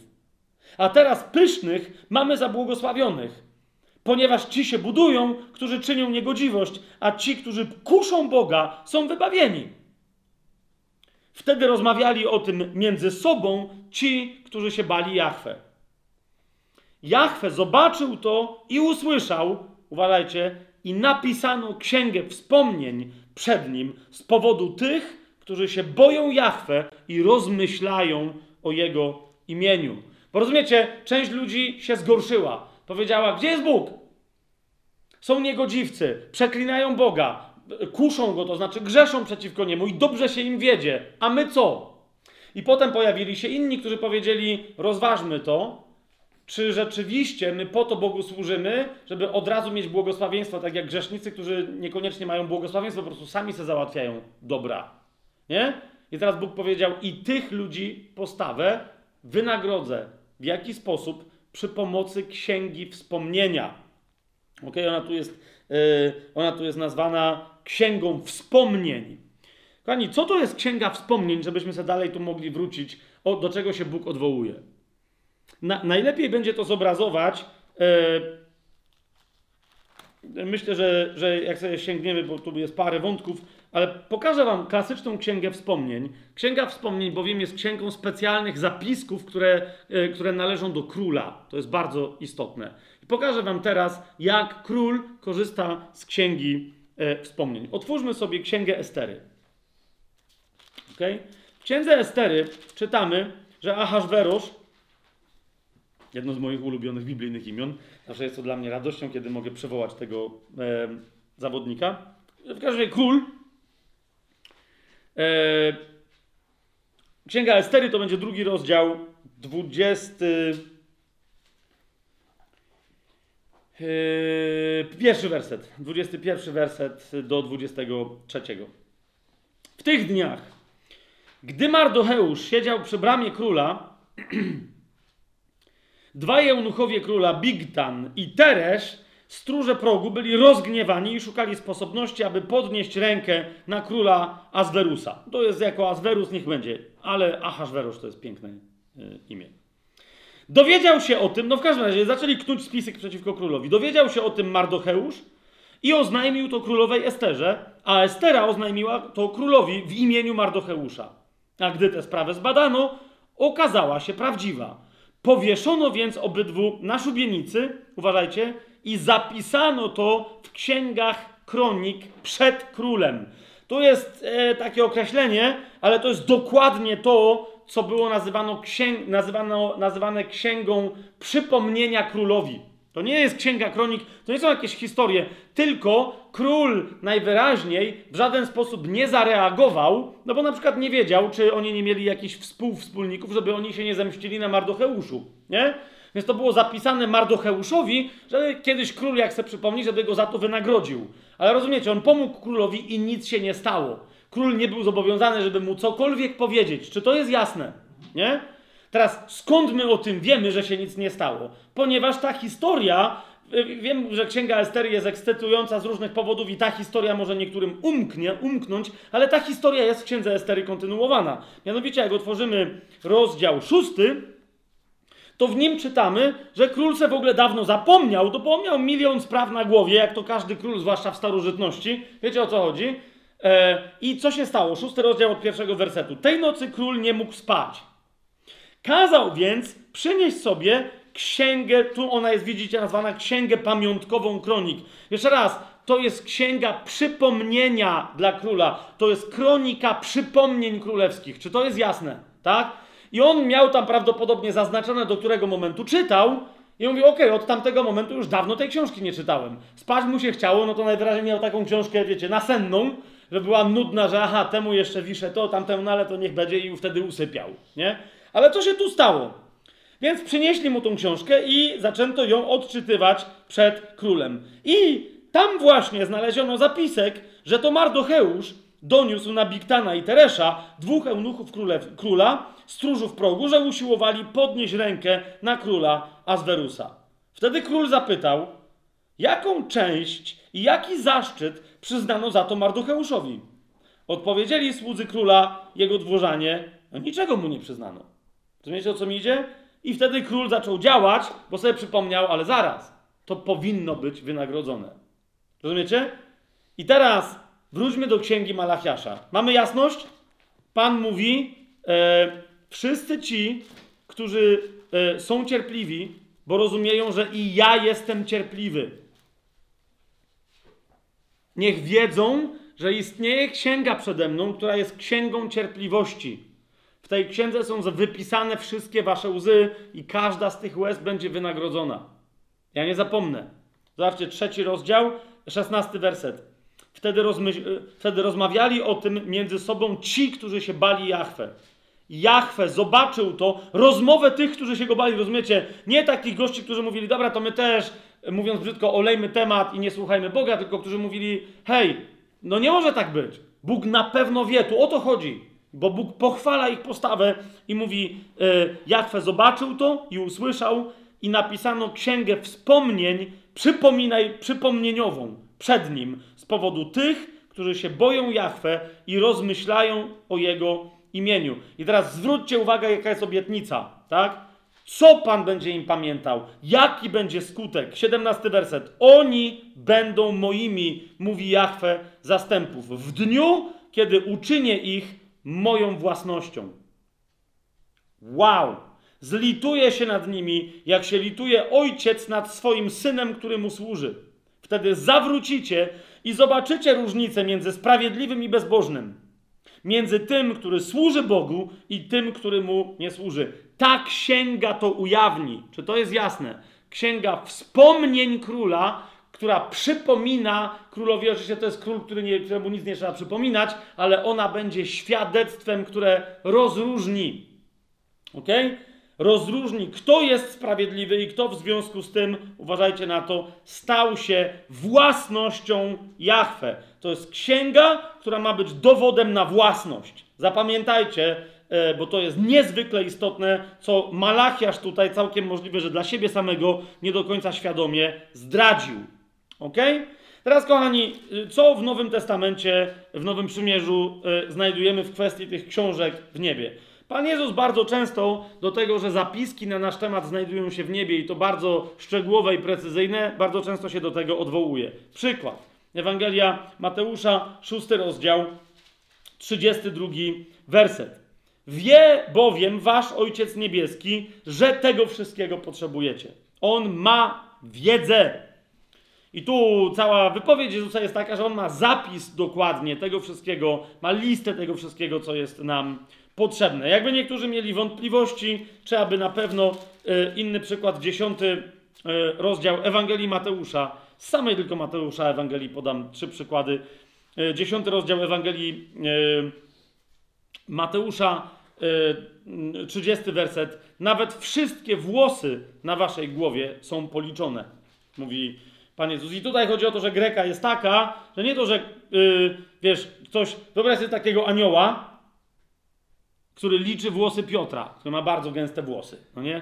I liczy mu, liczy, liczy takie króciutkie włoski, liczy mu, liczy, liczy, liczy. Przychodzi Pan Jezus i mówi, i co? Policzone? A anioł mówi, policzone. A Pan Jezus mówi, no to ile uliczyłeś? Ja mówię, nie wiem. Liczył. Jeden, następny, następny, następny. Więc jak Jezus mówi, że wszystkie wasze, że włosy na waszej głowie są policzone, to jemu chodzi o to, że liczba jest znana i jest zanotowana za każdym razem, kiedy się zmienia. Czy to jest jasne? Tak? Halo? Tak?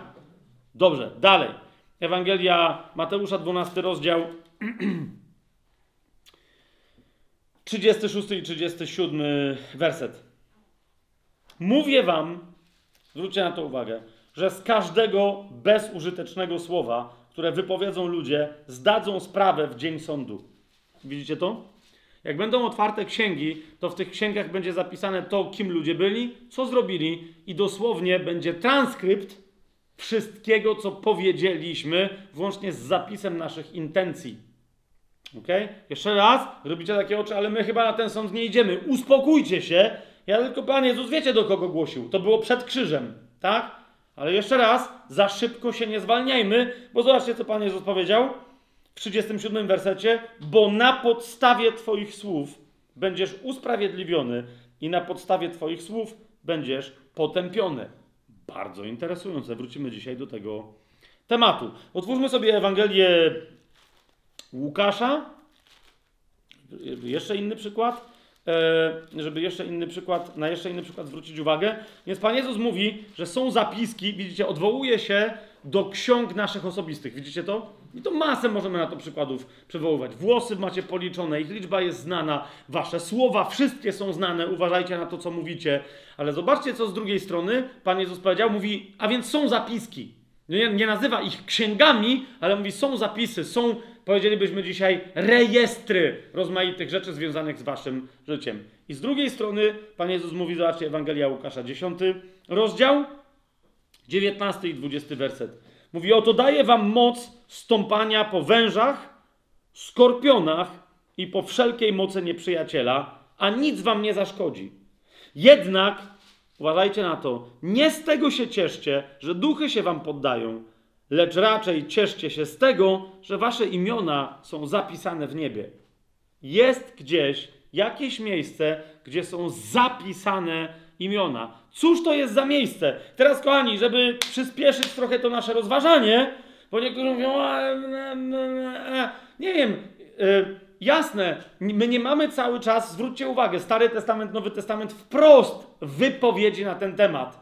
Dlatego potrzebujemy Księgi Objawienia, tak? Ale czy pierwsi chrześcijanie, a w związku z tym my nie zostawili nam żadnych śladów co do swoich przekonań, zostawili, bo co na przykład, nie nauczając w ogóle na ten temat, ale uważając, że my, wszyscy chrześcijanie, powinniśmy wiedzieć o co chodzi, co na przykład pisze Paweł w liście do Filipian w czwartym rozdziale. Spójrzcie, nie ma żadnego nauczania niby na ten temat. Jezus mówi, wasze imiona są zapisane w niebie. Cały czas jest, wiecie, jest jakaś księga w niebie, gdzie jest coś zapisane, są inne książki, tak? Jest jedna księga, gdzie są zapisane nasze imiona, są inne książki, które opisują nasze życie. Jest pytanie, czy tam są nasze imiona, czy co? No jasne, żeby to było zidentyfikowane. Niemniej o tym, że ta jedna księga to jest księga życia i że nasze imiona są zapisane w księdze życia, rozumiecie? Jeszcze raz, nie ma nigdzie nauczania z wyjątkiem księgi objawienia, do której zmierzamy. Ona jest tak niezwykle istotna. To nie jest dodatek do Nowego Testamentu, nie? Pierwsi chrześcijanie nauczali na ten temat, ale my nauczanie mamy dopiero w Księdze Objawienia. Natomiast zobaczcie czwarty rozdział listu do Filipian, co pisze zupełnie wydawało się przy kompletnie, wydawałoby się przy kompletnie innej okazji. Paweł w czwartym rozdziale, w trzecim wersecie. Proszę też i ciebie, wierny towarzyszu, pomagaj tym, które razem ze mną pracowały w Ewangelii, bo tu chodzi o Ewodię i o Syntychę z drugiego wersetu, tak? Pomagaj im i mówi, e, no ty pomagaj więc tym, które pracowały ze mną w Ewangelii, wraz z Klemensem i z innymi moimi współpracownikami, których imiona znajdują się w Księdze Życia. Widzicie to? Jakby to jest oczywiste. Jak, jak możecie nie wiedzieć, co to jest Księga Życia? Teraz my no, bo nie wiemy, bo gdzie to jest napisane? Jeszcze raz. O, dlatego musimy znać Księgę Objawienia, ponieważ tam Księga Życia jest opisana i dzisiaj się Księgą Życia zajmiemy. Mówicie, no dobra, Fabian, czyli to, co Pan Jezus otwiera, to jest Księga Życia. Cool, powoli, bo my musimy zrozumieć, co to jest Księga Życia. Ok? Otóż Księga Życia, na przykład w liście do Hebrajczyków, jest opisana, bo znajduje się również w liście do Hebrajczyków. W 12 rozdziale, uważajcie na to, nie jako opowieść o czymś. Ale tam się pojawia jeden wyraz, który, za, który zaczyna nam definiować jej charakter. Widzisz, e, księgi poszczególne na temat Twojego życia, Ania, na temat mojego życia, Fabian, Twojego życia, Tymek i tak dalej, i tak dalej, to są opowieści z każdego dnia, z każdej godziny, zapisy wypowiedzi, dialogów, rozumiesz, myśli, które nam przechodziły przez, przez, przez głowę, motywacji, na bazie której działaliśmy i tak Ale co to jest Księga Życia? Czy nie Księga Życia jest właśnie tutaj opisana w następujący sposób? List do Hebrajczyków, 12 rozdział, w 22 wersecie zaczyna się wypowiedź o naszym dołączeniu się do życia Bożego na wieki, o naszym wcie, włączeniu, wcieleniu nas, że tak powiem, w ciało Chrystusa. Podeszliście, pisze Paweł do Hebrajczyków, do góry Syjon i do miasta Boga żywego, do niebieskiego Jerusalem i do niezliczonej rzeszy aniołów. Uważajcie na to, na tu powinno być uroczyste zebranie, a nie powszechne, ale niech będzie na powszechne zebranie. I teraz uważajcie, do zgromadze, dołączyliście do zgromadzenia pierworodnych, którzy są zapisani w niebie. Powiecie, no i co? No to jest kolejny raz powtórzone to samo, co wcześniej. Otóż nie. Jak się przyjrzymy językowi greckiemu, to jest 23 werset. Jola, no nie wiem, czy powiedziałem, czy nie. To jest 23 werset 12 rozdziału e, listu do e, Hebrajczyków. Przepraszam, jeżeli tu coś, czegoś źle, coś tu źle podałem. Kochani, e, jest mowa o tym, że w zgromadzeniu są tylko i wyłącznie pierworodni. Widać to? Dlaczego? Ponieważ to są ludzie, którzy mają w sobie naturę jednego pierworodnego. To są pierworodni Najwyższego, to jest natura Chrystusa. Rozumiecie? To są ludzie nowonarodzeni do tego, aby być, Chry żyć Chrystusowym życiem. Teraz sobie rozwiniemy te myśli. Teraz uważajcie. Dwa, którzy nie są zapisani w niebie. Ale ja osobiście dzisiaj myślę, że na dniach zacznę wreszcie pracę nad tłumaczeniem Nowego Testamentu. Nie będę tłumaczyć Starego, bo nie znam hebrajskiego na tyle, żeby się brać za coś takiego, ale chyba czas najwyższy, żeby zacząć tłumaczyć nowy, pisma Nowego Przymierza. Otóż, kochani, we, e, słowo, którym tutaj posłużył się Paweł, oznacza nie pi, pisanie, opisywanie czegoś, ale oznacza zarejestrowanie kogoś. E, wpisanie go na listę. Spo, tylko i wyłącznie, rozumiesz? Tutaj charakter, nie, nie jest istotny charakter, rozumiesz, masz listę kogoś albo listę czegoś. Czy to jest jasne? E, ten, ten wyraz w ogóle w całym Nowym Testamencie pojawia się tylko cztery razy. Tak mi się, tak mi się wydaje, bo tego za, na szybko to sprawdziłem, ale wydaje mi się, że tylko cztery razy. E, tu to jest czwarty raz. Ok? Pierwsze trzy razy ten wyraz pojawia się, yy, trzymajcie sobie tu, tutaj to założone, pierwszy raz, pierwsze trzy razy ten wyraz pojawia się, żebyście widzieli kontekst w Ewangelii Łukasza gdzie w Ewangelii Łukasza w drugim rozdziale, yy, to jest rozdział drugi, gdzie jest mowa o yy, spisie powszechnym. Okay? Yy, w, rozdzia- yy, yy, w rozdziale drugim powiedziałem, tak? Dobrze. W rozdziale drugim werset pierwszy, trzeci i piąty. Tam się pojawia ten czasownik, tak? W tych dniach, werset pierwszy, wyszedł dekret cesarza Augusta, aby co? Spisano cały świat. Aby, aby dokonano rejestru. Tu chodziło tylko o to, rozumiecie, przychodzą ludzie, imię, nazwisko, imię ojca, imię, imię matki, miejsce aktualne. No po prostu spis powszechny. Nie, nie było nic innego istotnego. E, I teraz o co idzie? To był robiony spis ludzi, który pod, pod względem ich charakteru nie narodowościowego, ale obywatelstwa rzymskiego. Tak? Rzym chciał wiedzieć, ilu ma obywateli i ilu miał innego rodzaju podwładnych. Jasne?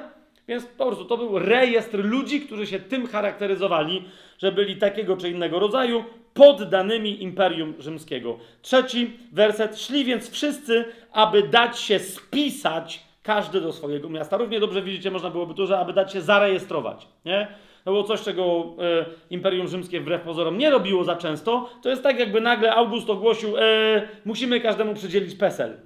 Więc to było dokładnie coś takiego. To był dosłownie rejestr, do którego oni się później odwoływali. No i wreszcie w piątym wersecie czytamy, że również Józef z Galilei i tak dalej ruszył, aby dać się spisać z Marią, poślubioną sobie małżonką, która była brzemienna. Jasne? Spisać, spisać, spisać. Tu mamy takie tłumaczenie, ale to znaczy zarejestrować, wprowadzić do stałego rejestru kogoś. Otóż, kochani, w niebie istnieje rejestr pierworodnych Najwyższego. Słyszycie, co się dzieje? To jest jedna z definicji Księgi Życia. To jest rejestr pierworodnych Najwyższego. I o tym mówili z do Hebrajczyków 12 y, rozdział 23 werset, że myśmy zostali dołączeni do powszechnego uroczystego zebrania, do zgromadzenia pierworodnych, którzy są zarejestrowani, którzy są spisani skrupulatnie w niebie.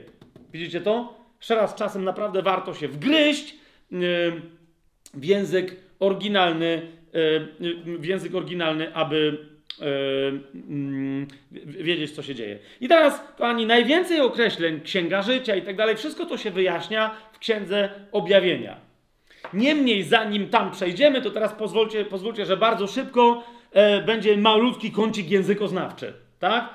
Mianowicie, wyjaśnię bardzo, naprawdę bardzo szybko i już przejdziemy do wyjaśniania e, księgi życia, którą otwiera baranek, co to naprawdę jest na podstawie tylko i wyłącznie księgi objawienia, bo jeszcze raz, tak, baranek otwiera po prostu księgę życia. E, ale jeżeli mówicie sobie, no to, e, to można byłoby tak pomyśleć, to jak my ją sobie zdefiniujemy, dopiero nam otworzy oczy, co się dzieje z tą księgą życia i czemu to jest takie sensacyjne. Ale teraz, czemu niektórzy ewentualnie mogliby się nie zgodzić, że Jezus otwiera księgę życia? Ponieważ, kochani, E, w, nowym, w Grece nowotestamentowej pojawiają się dwa słowa, które się różnią.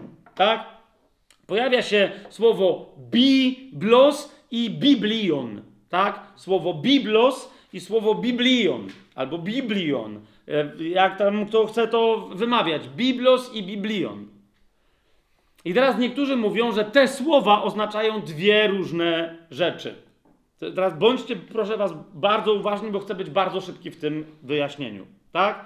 Jeżeli ktoś z Was chce, bo ja to zrobię bardzo szybko, nie będę wchodzić w językoznawcze tutaj zagadnienia, tak? Ale dołączymy do tego, powinien być dołączony do tego wykładu, yy, do, do nagrania, yy, link do bardzo dobrego opisu rozróżnienia albo też braku rozróżnienia między tymi dwoma wyrazami. Tak, mianowicie, yy, to jest jest więcej tekstów na ten temat, ale ten tekst polecam. On jest napisany paręnaście lat temu w języku angielskim. Jeden z najlepszych i naj, jednocześnie najbardziej przystępnych, nieprzepełnionych jakimś naukowym bełkotem, który świetnie pokazuje, yy, że są takie dwa wyrazy w Biblii, ale co one naprawdę oznaczają, a nie to, co się niektórym egzegetom wydaje, że powinny oznaczać. Otóż, kochani, yy, ja nie tylko na tym tekście bazuję, ale jakby ktoś chciał zrozumieć, na, na, jakby czemu ja pewne rzeczy twierdzę, to ten tekst będzie najszybszy. To jest, je, to jest 11 stron konkretnego naukowego opracowania. Tekst się nazywa, autorami są. Y, to są y, ludzie z. Y, nie pamiętam teraz, jak się ten uniwersytet nazywa, z Republiki Afryki Południowej z, tego, co, co kojarzę. Więc ja nie wiem, czy wiecie, czy to się czyta po angielsku, czy w jakimś Afrikaans, czy w tym. Więc przepraszam tych autorów i was, jeżeli ty, wy wiecie, jak się to czyta. W każdym razie e, autor, to myślę, że to jest małżeństwo. E, autorem jest Jakobus albo, no bo nie Jacob, tak, ale w każdym razie Jakobus e, Naudę. Nie wiem, jak, czy to się tak czyta i prawdopodobnie tak sądzę, jego żona Cynthia Miller Naudę. Albo jakoś to się inaczej czyta, nie wiem.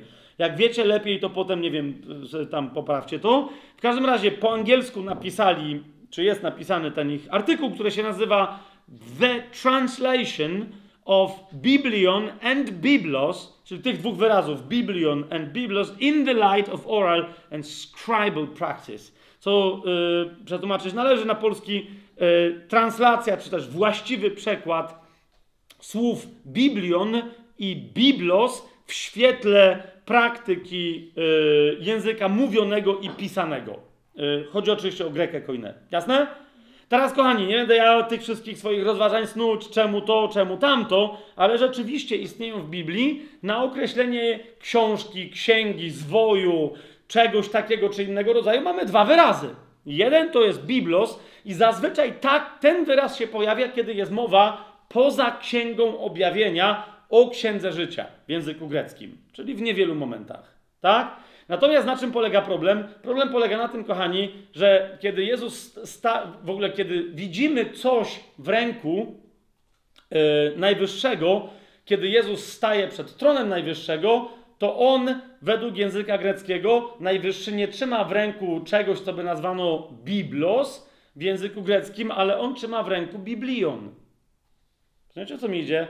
I dlatego ludzie mówią, jeżeli księga życia to jest biblos, w związku, a to to nie jest księga, to jest coś innego, to jest biblion, więc to nie może być księga życia. No i wtedy zaczynają się pomysły, co też to może być. Otóż, kochani, jak na przykład przeczytacie w tym artykule, ale w wielu, nie w jakichś tam definicjach, jakichś słowników jeszcze w dodatku prymitywnych, tak? Tylko dokładnie w tym artykule. Słowo biblos i biblion nakładają się na siebie znaczeniowo. Słyszycie, co ja mówię? Nakładają się, także można je zamienić. To jest troszeczkę tak, jakby w języku polskim posługiwać się określeniem księga i książka. Księgi i książki. Słyszycie? Teraz to nie jest to samo, tak? Jeżeli ktoś napisał małą książeczkę, to to nie jest księga. No i teraz niektórzy mówią, no właśnie, idą w tą stronę i mówią, Biblos zatem to jest księga, to jest jakaś duża rzecz, a Biblion to jest książeczka, to jest zdrobnienie. No i między innymi autorzy tego artykułu, ale też wielu innych mówią, nie, to nie jest prawda, ale zobaczycie w niektórych tłumaczeniach, że mamy księgę życia, a e, na przykład w piątym rozdziale, w pierwszym wersecie, zobaczycie takie tłumaczenia, chyba tysiącatka nawet tak, no ale nie jestem pewny teraz, nie, nie chcę nikogo tutaj. E, tłumaczenie i zobaczyłem w prawej ręce zasiadającego na tronie książeczkę zapisaną na zewnątrz, e, od wewnątrz i na zewnątrz. Rozumiecie o co mi idzie? Czyli to jest, widzicie już, że tłumacz idzie w stronę Biblion, to jest tylko i wyłącznie zdrobnienie od słowa Biblos. Otóż, kochani, jaka jest właściwa różnica między tymi dwoma wyrazami. Nie mówię, że teraz w języku polskim, tylko w języku greckim. Dlaczego o tym mówię? Bo zaraz wam pokażę, jak genialnie z tych dwóch wyrazów korzysta Księga Objawienia, żeby nam opisać księgę, którą otwiera baranek. Dobrze? Więc teraz pierwsza rzecz, słowo biblos. Otóż ja tu sobie napisałem, że słowo biblos oznacza księgę, w sensie dzieła, zebranego dzieła, na przykład dzieła literackiego, opracowania czegoś, opisu i zazwyczaj akcent jest tutaj położony na treść. Czyli, że ktoś, rozumiecie, stworzył tekst. Czy słyszycie, co ja mówię? Stworzył tekst. Na przykład, powie, y, w tym sensie, Biblos może być przetłumaczone jako dzieło, jako tekstowe opracowanie, nie? Na przykład mógłbym powiedzieć y, w języku polskim, że mam dzieła zebrane, dzieła wszystkie Adama Mickiewicza. Dobra, y, wybierzmy kogoś bardziej y, stosownego. Henryka Sienkiewicza. Mam dzieła zebrane Henryka Sienkiewicza. Tak? A teraz Marcin mnie pyta, ale w PDF-ach czy w książkach? Rozumiecie o co mi idzie? To to jest to. można by było po grecku powiedzieć, jak mówię, że ja mam księgi rozmaite, to tu nie jakby chodzi o to, że ktoś, rozumie, że to są pewne ciała spisanego tekstu, ale nie do końca jest powiedziane, na jakim nośniku one się znajdują. To mogą być różne treści, to mogą być dokumenty sądowe, powieści, rozumiecie, romanse, e, kroniki historyczne, ale tu jest akcent na to, księgą jest coś, co może mieć różny nośnik, ale jest formalnie od początku do końca spisanym konkretnym tekstem służącym jakiemuś e, celowi. Jasne to jest? Zobaczcie, żebyście zrozumieli o co, o, co, o co idzie. Pierwsze trzy zastosowania słowa biblos w Nowym Testamencie. I nie chodzi mi o to, że wiecie, yy, reguła pierwszego zastosowania czy coś, dlatego nie podaję pierwszego zastosowania, tylko pierwsze trzy, żebyście zobaczyli, o co mi chodzi. Pierwsze, absolutnie pierwsze zastosowanie słowa biblos to jest Ewangelia Mateusza, rozdział pierwszy, werset pierwszy. Nie? Co, jak to jest na przykład w UBG przetłumaczone? Księga rodu Jezusa. A dosłownie, teraz niektórzy myślą, że cała Ewangelia Mateusza ma taki tytuł, że to jest Księga rodu Jezusa. Gdy tymczasem chodzi tu dokładnie o wersety od pierwszego yy, do szesnastego, gdzie jest mowa o poszczególnych pokoleniach. To jest po prostu yy, Biblos pokoleń Jezusa. Tekst, yy, którego celem jest pokazanie, z, z jakiej rodziny wywodzi się Jezus. Czy to jest jasne? Nie, to, to jest to. to jest, rozumiecie, jest Ewangelia Mateusza, to jest jeden biblos, jeden tekst, a w środku znajduje się inny biblos. To są pokolenia e, e, pochodzenia Jezusa. Mamy to? Drugi przykład, Ewangelia Marka, bo to jest następne zastosowanie. Drugie, e, dopiero w Ewangelii Marka, słowa biblos. To jest Ewangelia Marka, dwunasty rozdział i w dwunastym rozdziale werset dwudziesty szósty. A o umarłych, że będą wskrzeszeni, nie czytaliście w księdze Mojżesza, jak Bóg do niego z krzaka przemówił i tak dalej, i tak dalej? Rozumiecie, Jezus tu zakłada, że istnieje księga. Niektórzy nawet uważają, że jemu chodziło o cały pięcioksiąg, nie? Czyli po prostu cały zbiór pism Mojżesza. I to on, ten zbiór jest nazwany Biblosem, tak? A w tym Biblosie jest opisane spotkanie y, y, Mojżesza z Bogiem. Jasność? Dalej, trzecie zastosowanie, dopiero to jest Ewangelia Łukasza, trzeci y, rozdział, czwarty werset, jak jest napisane w księdze słów proroka Izajasza. Widzicie to? Znowu jest całe ciało tekstowe, to jest cała księga. Widzicie, niektórzy księgę Izajasza y, mieli w jednym zwoju, a inni mieli w trzech. W trzech tomach. Jasne? Teraz Biblos oznacza nie ile ty masz tomów, tak? ale jedną całość tekstu Izajasza. Jasność? Natomiast co oznacza słowo biblion? Ja tu sobie y, swoją definicję podałem. Biblion to jest książka, to też może być, ona może być równie dobrze przetłumaczona jako księga, ale kiedy po grecku ktoś mówi albo pisze ci biblion, to znaczy, że zwraca ci uwagę na charakter formalny tego, tego czegoś, tak? To znaczy, zwraca ci uwagę na przykład na fizyczną formę tego czegoś, bo widzisz, e, w starożytności pewne księgi, nie jest tak, że wszystkie księgi były, jak niektórzy powiadają, że wszystkie księgi były pisane w zwojach. To nie jest prawda. Są opowieści całe o stworzeniu świata, akadyjskie i tak dalej, które są napisane na e, tabliczkach tak? Hieroglifami masz wypisane na skałach w Egipcie. Yy, akadyjskie pismo było pisane na tabliczkach glinianych, które były wypalane. Wiecie o co mi chodzi? Nie wszystko jest napisane na zwojach, a to są też księgi. Czy to jest jasne? Tak? Więc kiedy pojawia się słowo biblion, ono oznacza po pierwsze zwój. Tak? Czyli, że to jest jakiś tekst napisany na zwoju. Dobrze byłoby więc przetłumaczyć to jako zwój, ale też Czasem oznacza to, że tekst, o który chodzi, tekstem, słowem biblion jest określony tekst, specy, specyficznie tekst techniczny, albo też tekst prawny, na przykład dokument sądowy. Nie? I wtedy, e, być może dlatego, że w czasach, e, kiedy Greka Koine się tworzyła, wtedy trzeba było po prostu zapłacić za taki dokument, głównie dlatego, że to był zwój papirusowy albo jakiś inny, na przykład pergamin, e, innego typu, na przykład ze skóry garbowanej. I, I wtedy trzeba było się, zresztą jak zobaczycie sobie wszystkie zastosowania słowa Biblion, to zobaczycie, że dokładnie o to chodzi. Tak? Paweł na przykład prosi, żeby mu przynieść właśnie księgi jakiegoś tam rodzaju i innego rodzaju zwoje. Nie? Więc widać, że, że tu prawdopodobnie dokumenty wszystkie miały dokładnie takie formalne rzeczy, miały charakter, że były pisane tylko na zwojach i dlatego ten wyraz przylgnął też do zwojów. Jasne to jest? Będziecie zdziwieni albo nie, jeżeli, ale myślę, że, że szybko zrozumiecie, o co idzie. Pierwsze trzy zastosowania pokażę wam słowa biblion w Nowym Testamencie. ok? Pierwsze zastosowanie Ewangelia Mateusza. To ciekawe, że znowu mamy Mateusza, Marka, Łukasza. To będzie Ewangelia Mateusza. I pierwsze zastosowanie słowa biblion to jest dopiero 19 rozdział, werset 7. Zapytali go więc, Zapytali go, dlaczego więc Mojżesz nakazał dać list rozwodowy i oddalić ją. Widzicie to? Ten list to jest Biblion. A więc zwój, to nie chodzi o to, że to jest, że to, bo niektórzy mówią, no, czyli tu chodzi o książeczkę. To nie o to idzie.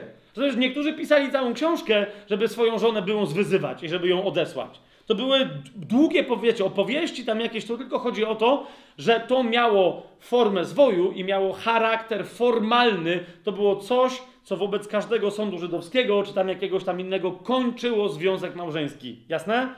Biblion. Drugie zastosowanie, Ewangelia Marka, dziesiąty rozdział. Dobra, chodzi mi o to, yy, że to będzie dokładnie to samo. Tak? Czyli znowu tam jest list rozwodowy.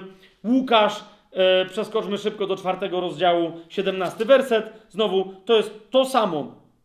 Znaczy nie to samo, tylko, tylko w Ewangelii Mateusza to jest list rozwodowy, w Ewangelii Marka w dziesiątym rozdziale to jest powtórzenie tamtego tekstu, to jest list rozwodowy, a w Ewangelii Łukasza jest co? Pojawia się wyraz biblion, aby zaznaczyć fizycznie, co Jezus wziął do ręki. Zobaczcie, rozdział czwarty, razem ze mną Ewangelii Łukasza, werset siedemnasty. I spójrzcie, jak to jest napisane w UBG. I podano mu księgę proroka Izajasza gdy otworzył księgę, znalazł miejsce, gdzie było napisane.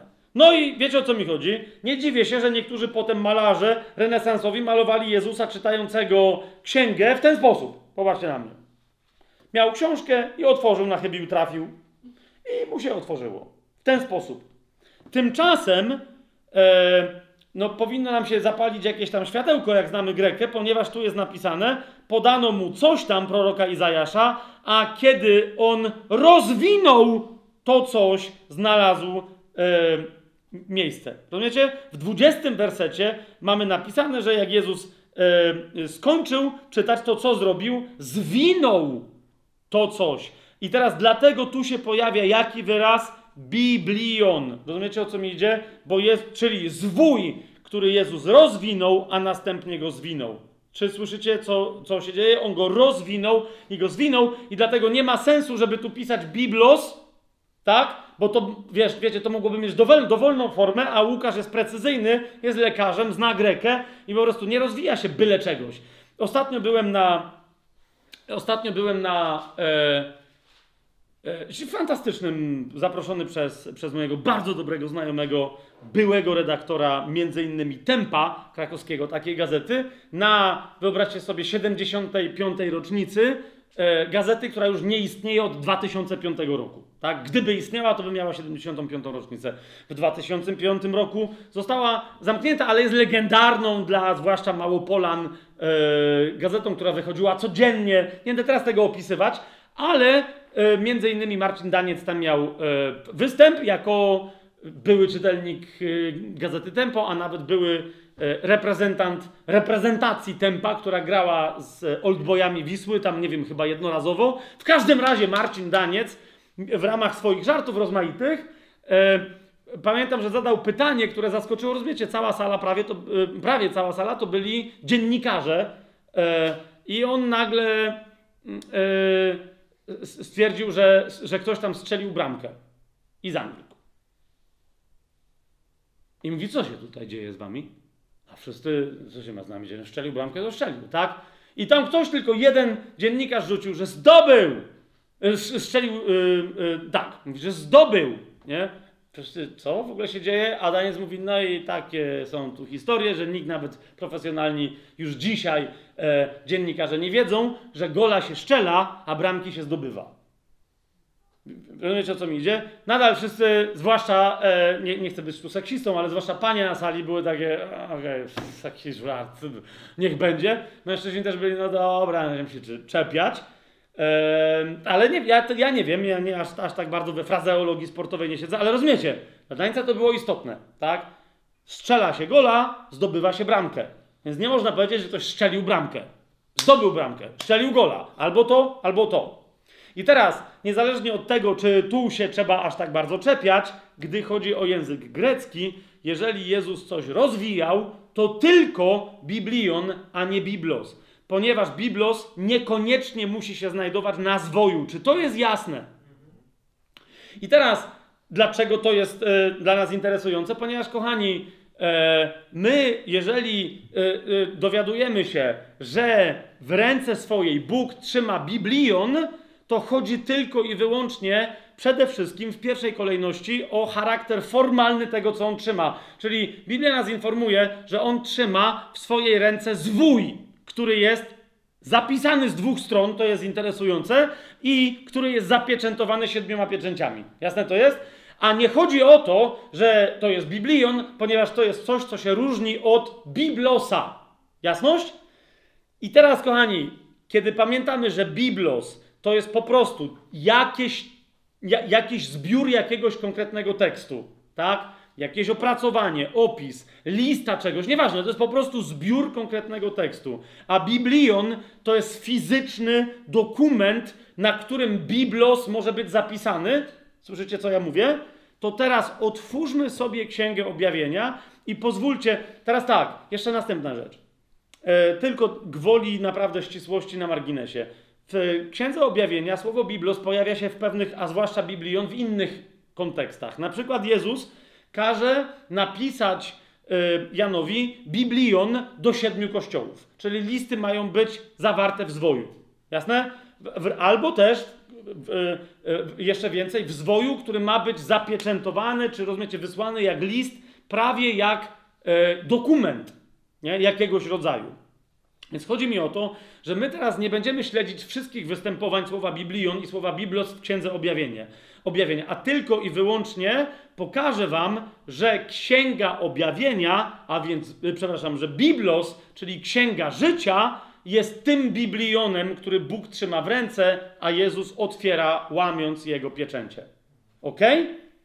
Zobaczcie, zwłaszcza, że jeszcze raz, niektórzy mówią, że jeżeli to są dwa różne wyrazy, trzymajmy się, że to są dwa różne wyrazy, sam tekst nam pokaże, że te dwa różne wyrazy nie bez, przyczyny, nie bez przyczyny są różne, ale tymi dwoma różnymi wyrazami jest opisana jedna i ta sama rzecz. Ok? Jeżeli chcecie, możecie sobie zrobić taką tabelkę, e, słowo biblos i słowo biblion. I e, występowanie zarówno jednego, jak i drugiego wyrazu w odniesieniu do księgi życia, która znajduje się w niebie, którą Bóg najpierw trzyma w ręce, a potem już ktoś inny, e, Y, to, to możecie sobie, wiecie, zrobić punkty. Najpierw pojawia się tu, no nie? Najpierw pojawia się słowo Biblos, potem Biblion, potem znowu Biblos, potem znowu Biblion, potem znowu Biblion, a potem znowu Biblos i tak dalej. Żebyście zobaczyli, jak to się rozwija chronologicznie w Księdze Objawienia. Dobrze? Gdzie pierwszy raz pojawia się e, Księga Życia?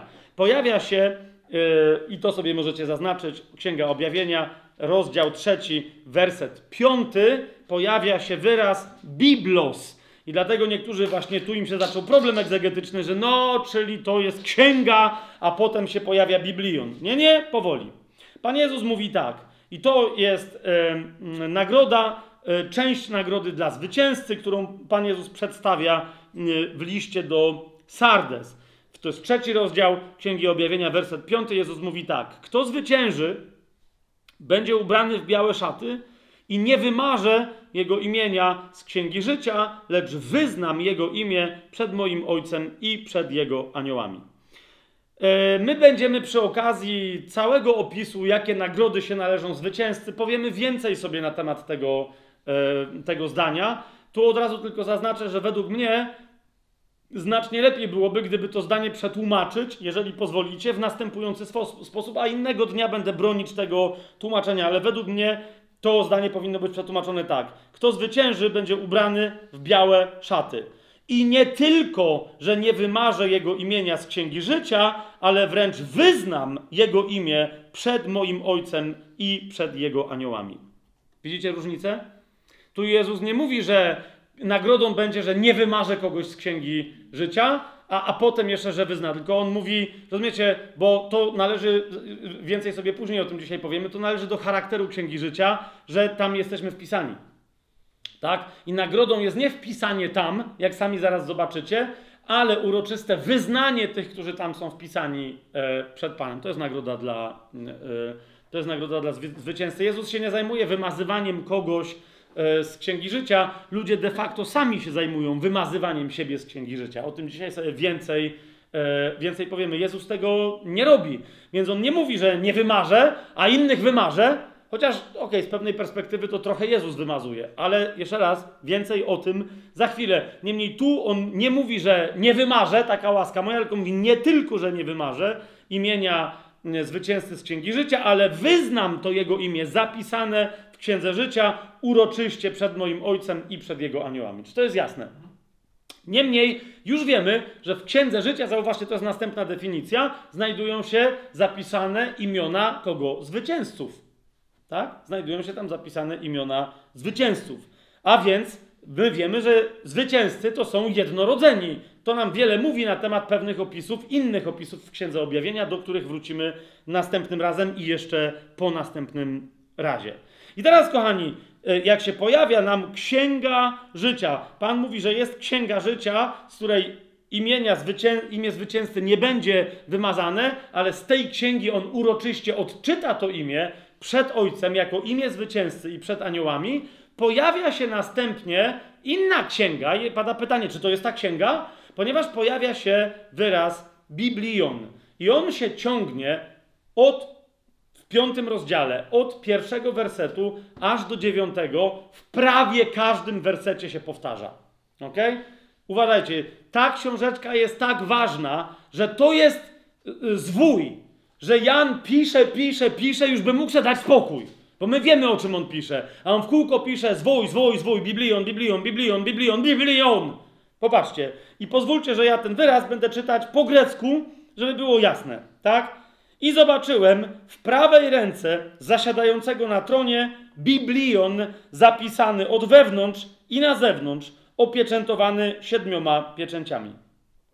I zobaczyłem potężnego anioła wołającego donośnym głosem: Kto jest godny otworzyć ten biblion i złamać jego pieczęci? Ale nikt w niebie, ani na ziemi, ani pod ziemią, rozumiecie już, że tu nie jest otworzyć, tylko rozwinąć, tak? E, jeszcze, w jeszcze innej formie czasownikowej, nieważne, ale nikt w niebie, ani na ziemi, ani pod ziemią nie mógł otworzyć tego biblionu, ani do niego zajrzeć. I bardzo płakałem, że nie znalazł się nikt godny, aby otworzyć i czytać biblion i do niego zajrzeć. Widzicie, co się mu dzieje? Patrzcie dalej. Wtedy jeden ze starszych powiedział do mnie: Nie płacz. Oto zwyciężył lew z pokolenia Judy, korzeń Dawida, aby otworzyć Biblion i złamać siedem jego pieczęci. I zobaczyłem, a oto między tronem i czterema stworzeniami i między starszymi stał baranek, jakby zabity, który miał siedem rogów i siedmioro oczu, które są siedmioma duchami Boga posłanymi na całą ziemię. Wtedy on podszedł i wziął Biblion z prawej ręki zasiadającego na tronie. Zwracam wam szczególną uwagę. Yy, przeniesienie z ręki do ręki. Tego konkretnego czegoś jednego. Tej jednej konkretnej księgi w tym konkretnym zwoju. Ok? A gdy wziął Biblion, dalej czytamy, cztery stworzenia i dwudziestu czterech starszych upadły przed barankiem. Każdy z nich miał harfę i złote czasze pełne wonności, którymi są modlitwy świętych i śpiewali nową pieśń. Godzien jesteś wziąć Biblion. Rozumiecie, co się tu dzieje? I dlatego niektórzy się tak boją, że no tu jest Biblion, tu skoro tyle razy Jan powtarza, że to jest Biblion, to może to nie jest Biblos. W środku tego Biblionu jest Biblios. Czy rozumiecie? Co, co, co, co mówię? Niektórzy mówią rozumiemy, ale udowodnij. Więc jaki jest następny werset? Chronologicznie rzecz ujmując. W następnym kolejnym wersecie, gdzie się pojawia albo Biblos, albo Biblion, pojawia się wyraz Biblos. To jest 13 rozdział, dopiero Księgi Objawienia. I teraz uważajcie na to. Coś trzymał Biblion w ręce Bóg. Zgadza się? Kto wziął mu to z ręki i sobie, że tak powiem, przywłaszczył? Baranek. Ok? Co on wziął z jego ręki? Biblion, ale jak wcześniej czytaliśmy, zauważcie, Paweł, Księga Życia, Jezus do jednego z kościołów, Księga Życia, tak nagle w 13 rozdziale, w 18 wersecie, przepraszam, w 8 wersecie czytamy, że bestii wszyscy mieszkańcy ziemi oddadzą pokłon, to znaczy ci, których imiona nie są zapisane w Księdze Życia Baranka, zabitego od założenia świata. Widzicie to? Od tego momentu, kiedy baranek w księdze objawienia bierze Biblion od Boga, o tym, co w środku jest napisane, już nie jest powiedziane, że to jest biblos życia, ale że to jest biblos życia baranka. Od momentu, kiedy on bierze to do swojej prawicy. Jasność? Ale jeżeli by tego nam było mało, to zobaczcie, e, gdzie wraca wyraz Biblion w Księdze Objawienia w odniesieniu do, do tej księgi. To jest 17 rozdział Księgi Objawienia, werset 8. Nie? Czyli już wiemy, że Księga Życia jest Księgą Życia Baranka, tak?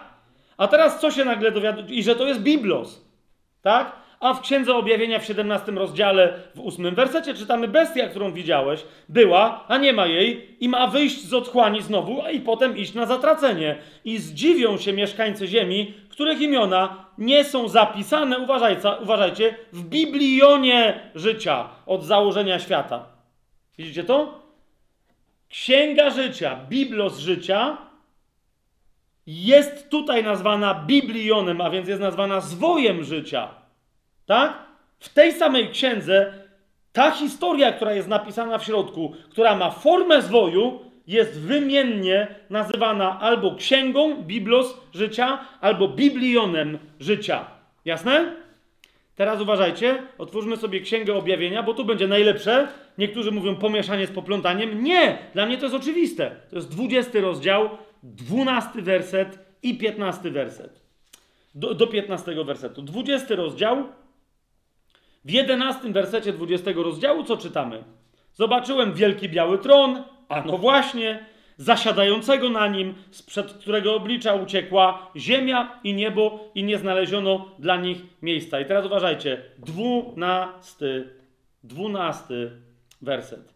I zobaczyłem umarłych, wielkich i małych, stojących przed Bogiem i otwarto, jak myślicie co? Bibliony. ok? I otwarto bibliony, tu jest liczba mnoga. Otwarto zwoje, Zwoj, tak? A teraz uważajcie, otwarto też inny biblion. Jaki? I teraz powinno być biblion życia.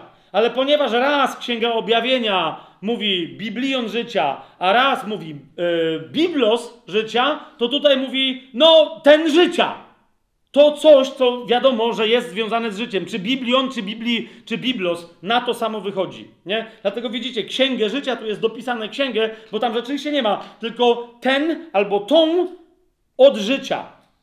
Nie? A więc, widzicie, w środku znajduje się inna treść, ta treść to jest Biblos życia. Czy to jest jasne?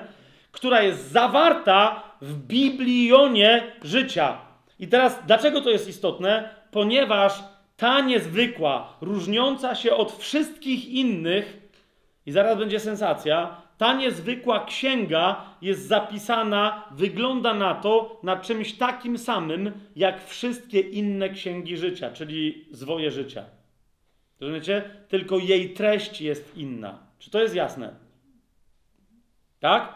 Księga życia jest takim samym biblionem jak wszystkie inne bibliony, ale ma inny charakter i należy do osobnej kategorii. I dlatego otwarto księgi, otwarto też inną bibliony i otwarto też inny biblion, innego typu, ten od życia. Czy to jest jasne? Tak, ale dlaczego tu nie jest napisane biblion życia, tylko że inny biblion, ten od życia, bo w 12, bo przepraszam, bo w 15 wersecie ten biblion, który jest nazwany innym biblionem, jest nazwany biblosem życia. Z powrotem, ponieważ tu wracamy do wyrazu biblos. Jeżeli się ktoś nie znalazł zapisany w tym, że biblosie życia został wrzucony do jeziora ognia. Widzicie to? Widzicie to? A więc forma, o to chodzi, forma księgi życia to jest biblion, czyli zwój, i wygląda na to, że jest podobna do wszystkich innych biblionów życia ludzi. Rozumiecie? Ale to jest księga życia i dlatego ona ma inny charakter. Co się tutaj e, e, wydarzyło? Co to wszystko oznacza? Otóż, kochani, E, Aha, i jeszcze jedno, bo jeszcze raz się pojawia ta nazwa, jeszcze raz mamy yy, i znowu po tym jak się okazuje, że Księga Życia jest biblosem życia, z powrotem mamy napisane, ale jest na nią specjalny zwój i to jest zwój życia baranka. To jest 21 rozdział, 27 werset. I nie wejdzie do niego nic, czyli do miasta świętego Jeruzalem, nieczystego, ani ten, kto popełnia obrzydliwość czy kłamstwo. Uważajcie, tylko ci, którzy są zapisani w Biblionie życia baranka. Widzicie to? Teraz, jak mamy to wszystko, kochani, rozumieć? Jak to rozumiałby człowiek, czy rozumie człowiek, który czyta po grecku? Otóż po pierwsze, chcę Wam na to zwrócić uwagę.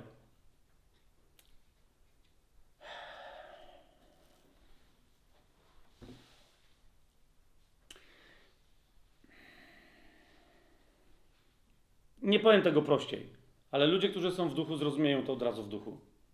Księga życia jest księgą życia baranka. W pierwszej kolejności nie chodzi o to, że ona należy do baranka, że to jest księga, która należy do baranka. Ta księga wygląda jak księgi życia wszystkich innych ludzi, bo to jest księga życia baranka. Nie wiem, czy rozumiecie. To jest księga jego życia, to jest księga życia Jezusa Chrystusa. Słyszycie? Więc jeżeli jest powtórzone, i naprawdę w języku greckim jest ta dwuznaczność, no tak, ale on sobie wziął, to jest jego księga. Jeszcze raz, to, i rozumiecie, to jest dokument sądowy. I zaraz sobie to wszystko dokładnie pokażemy. To jest dokument sądowy, to jest zapis Twojego życia, na bazie którego coś się ma wydarzyć. Rozumiesz? To jest dokładnie to. Otworzą księgi. I teraz, dlaczego Dlaczego to jest istotne, że jest osobna księga życia baranka i dlaczego ona jest zapisana z dwóch stron? Ponieważ moja książka, mojego życia została zniszczona i jej nie ma. Nie znajdą jej. Rozumiesz? Księga mojego życia nie będzie, nie znajduje się w bibliotece ksiąg życia wszystkich innych ludzi. Kapujesz? Mój biblion, ja zostałem nadpisany, moje imię zostało nadpisane na księdze życia baranka, to jest moje życie teraz. Rozumiesz? Dlatego ona jest napisana, zapisana z dwóch stron. Z jednej strony jest całe życie baranka, a z drugiej strony co jest napisane? Z drugiej strony znajduje się rejestr, na którym jesteś ty, Gosia, ja, Fabian, ty, ty, ty Tymek i tak dalej, ty, Marcin. Rozumiesz? Dlatego to jest podwójnie zapisane. To jest po pierwsze, to jest księga życia baranka. Jeden, jedyny baranek tak żył, że, no wiecie o co chodzi, na, nawet jako człowiek, nawet nie jako Bóg, po prostu On dokonał pełnego odkupienia, ale to na czym polega? Dokładnie na tym, że my dokonał odkupienia i zamiany na krzyżu pełnej, o tym zaraz powiemy więcej. Ale chodzi o to, że żyjąc jako człowiek i dlatego Biblion, zwój jego życia jest taki sam jak wszystkie inne. ok? Ale on jest inny. Na końcu będą otwarte księgi, rozumiesz, bibliony życia poszczególnych ludzi i ci ludzie w pewnym momencie, ma, to będzie normalna rozprawa sądowa. Kiedyś Watchman Nee to genialnie e, opisał, że na przykład jeżeli my e, wzięliśmy niesprawiedliwie pieniądze od niewierzących, bo uznaliśmy, że niewierzący dają pieniądze na służbę, ale nie upewniliśmy się, że oni ją dawali na służbę, tylko nam dali, żeby coś u Boga załatwić. To on mówi, my wtedy przynosimy wstyd Bogu. Bo oni między innymi będą mieli prawo powiedzieć Bogu, ale twoi ludzie wzięli dla ciebie pieniądze. I Bóg będzie musiał również w całym układzie ich dziwacznych uczynków, bo to będzie sąd z całego ich życia. Oni powiedzą, czy jest to zapisane? Bóg powie, jest, oczywiście tak. Tutaj moi słudzy zawalili. I oni będą się domagać, więc w związku z tym, rozumiecie, ich przyszłość, ich potępienie wieczne będzie mieć różne formy, róż, to będzie, rozumiecie, to będzie mieć różnego rodzaju samotność, różne, po prostu różnego typy, różne typy samotności spadną na ludzi yy, i to, co im będzie w tym potępieniu wiecznym doskwierać. Tak? Więc oni tam się o to będą sądzić. Ale jedno z pytań, to już nie Watchman nie to powiedział, ale jedno z pytań, które ci ludzie, jak się mogą pytać, wiecie, o jakieś pieniądze przekazane Kościołowi Bożemu, to jedno z pytań, które ci ludzie mogą zadać, to jest, a gdzie jest reszta ludzi, którzy powinni być sądzeni tak jak my? Rozumiecie? Dlatego na tym sądzie będą otwarte, jeszcze raz zobaczcie, 20 rozdział, yy, będą otwarte księgi, i będzie otwarta również ta jedna inna księga. Rozumiecie? Bo wtedy oni powiedzą, ale, ale, ale, a, a, a ta cała banda tam? Dlaczego oni nie są sądzeni tak jak my? A Boża odpowiedź będzie, bo oni nie mają grzechu. Pamiętacie, kto ma być wymazany z księgi życia? Zaraz sobie więcej o tym będziemy opowiadać, ale chciałem od tego wstrząsu zacząć. Jest lekki? To jest, to jest dokładnie to. Rozumiecie, on powie, oni nie mieli. Jak to nie mieli? Przecież my. Widzicie, to jest jedna z rzeczy, których my naprawdę nie bierzemy sobie do serca. Mamy masę chorób, niepowodzenia w życiu i tak dalej, ponieważ my cały czas nie do końca wierzymy praktycznie w nasze nowonarodzenie. Rozumiecie? Które oznacza kompletną zmianę tożsamości. Księga Objawienia między innymi do tego służy. Rozumiesz? W momencie, kiedy ja się nowo narodziłem, ludzie mogą mi pamiętać, kim był człowiek, który chodził kiedyś w tym ciele. Rozumiesz, co się dzieje? Kim był Fabian Błaszkiewicz? A ty się jak nazywasz? Fabian Błaszkiewicz. No to uspokój się, ponieważ to nie jest moje imię w niebie. Rozumiesz, co jest jedną z nagród dla zwycięzcy, że dostaniesz swoje prawdziwe imię? Czyje to jest imię? To jest nowe imię Pana, okay? które jest specjalnie tylko jedno z jego nowych imion, które jest specjalnie tylko dla ciebie przeznaczone. Rozumiesz, czemu my wszyscy dostaniemy nowe imiona Pana? Ponieważ jego nowe imiona to są nasze prawdziwe imiona wpisane do jego księgi życia. Zobaczcie, jak się zaczynają zbierać wszystkie wątki. To jest niesamowite. Rozumiesz, w momencie, kiedy ja się narodziłem na nowo, od tego momentu, jeżeli przychodzi diabeł do mnie i mi przypomina, że coś ja zrobiłem, że jestem do czegoś zobowiązany, że się powinienem czegoś wstydzić, że coś jestem komuś, na przykład jemu winien, bo ja mu mówię, gościu. Ale co w ogóle o kim ty gadasz? I on mówi, no bo tu Fabian Błaszkiewicz, ja nie, znam człowieka. Ty nie wiem, to nie, ja, rozumiesz, ja jestem niewinnym barankiem Bożym. Co? Diabeł, rozumiecie, większość chrześcijan dokładnie w tym temacie oszukuje, że nie doszło do pełni zamiany na krzyżu. I to jest pierwsza rzecz, która wynika z tego naszego rozważania, że zwój, biblos, historia życia baranka to jest biblion, czyli zwój, ta, ta, ta, historia jest napisana na tym zwoju, ale to jest jego historia życia, a moje imię tam się też znalazło i twoje prawdziwe imię, twój identyfikator, rejestr, który Bóg, Bóg wie doskonale jak go odczytać, on ma mój rejestr na czym? Na życiu baranka. Niewinny. Jak to niewinny? I on rozwija i mówi, proszę bardzo, macie jakieś oskarżenie? Jola tam, co, co Jola? I on szuka, mówi, tu jest, proszę bardzo. Jaka, jaka Jola? Co jest grane? Mówi, ona się urodziła dokładnie, wyszła z boku mojego syna na krzyżu. Ja nie, co jest grane? Jak była niewinną Ewą, tak nią pozostała. Co w ogóle się dzieje? Dlaczego? Ale bo ciało, a gdzie jest to ciało? Ciało, e, jakby co, jakie dowody? To było ciało tamtej jakiejś kobiety, która, ale to nie ma w ogóle. To gdzie ona jest? Widzisz, właśnie na tym cała rzecz polega. Na tym polega nowe stworzenie, że ono się nie mutuje, rozumiesz, ze starego i zostaje trochę starym, trochę nowym, tylko po prostu anihiluje stare, staje się kompletnie nowym. Tak jak stara cała ziemia i stare niebo zostanie zanihilowane, nic z niego nie zostanie. Czy to jest jasne? Zobaczcie, Księga Objawienia, szybciutko to zróbmy, bo to jest pierwsze, e, to jest pierwsza najważniejsza rzecz, pierwsze najważniejsze znaczenie, dlaczego to jest Biblion. Ponieważ to jest zapis życia. Rozumiecie? Dlatego nikt nie ma prawa, bo tam jest Księga Życia, to jest zapis, który należy do jednej osoby. Zaraz wam to pokażę bardziej. To jest prawny zapis.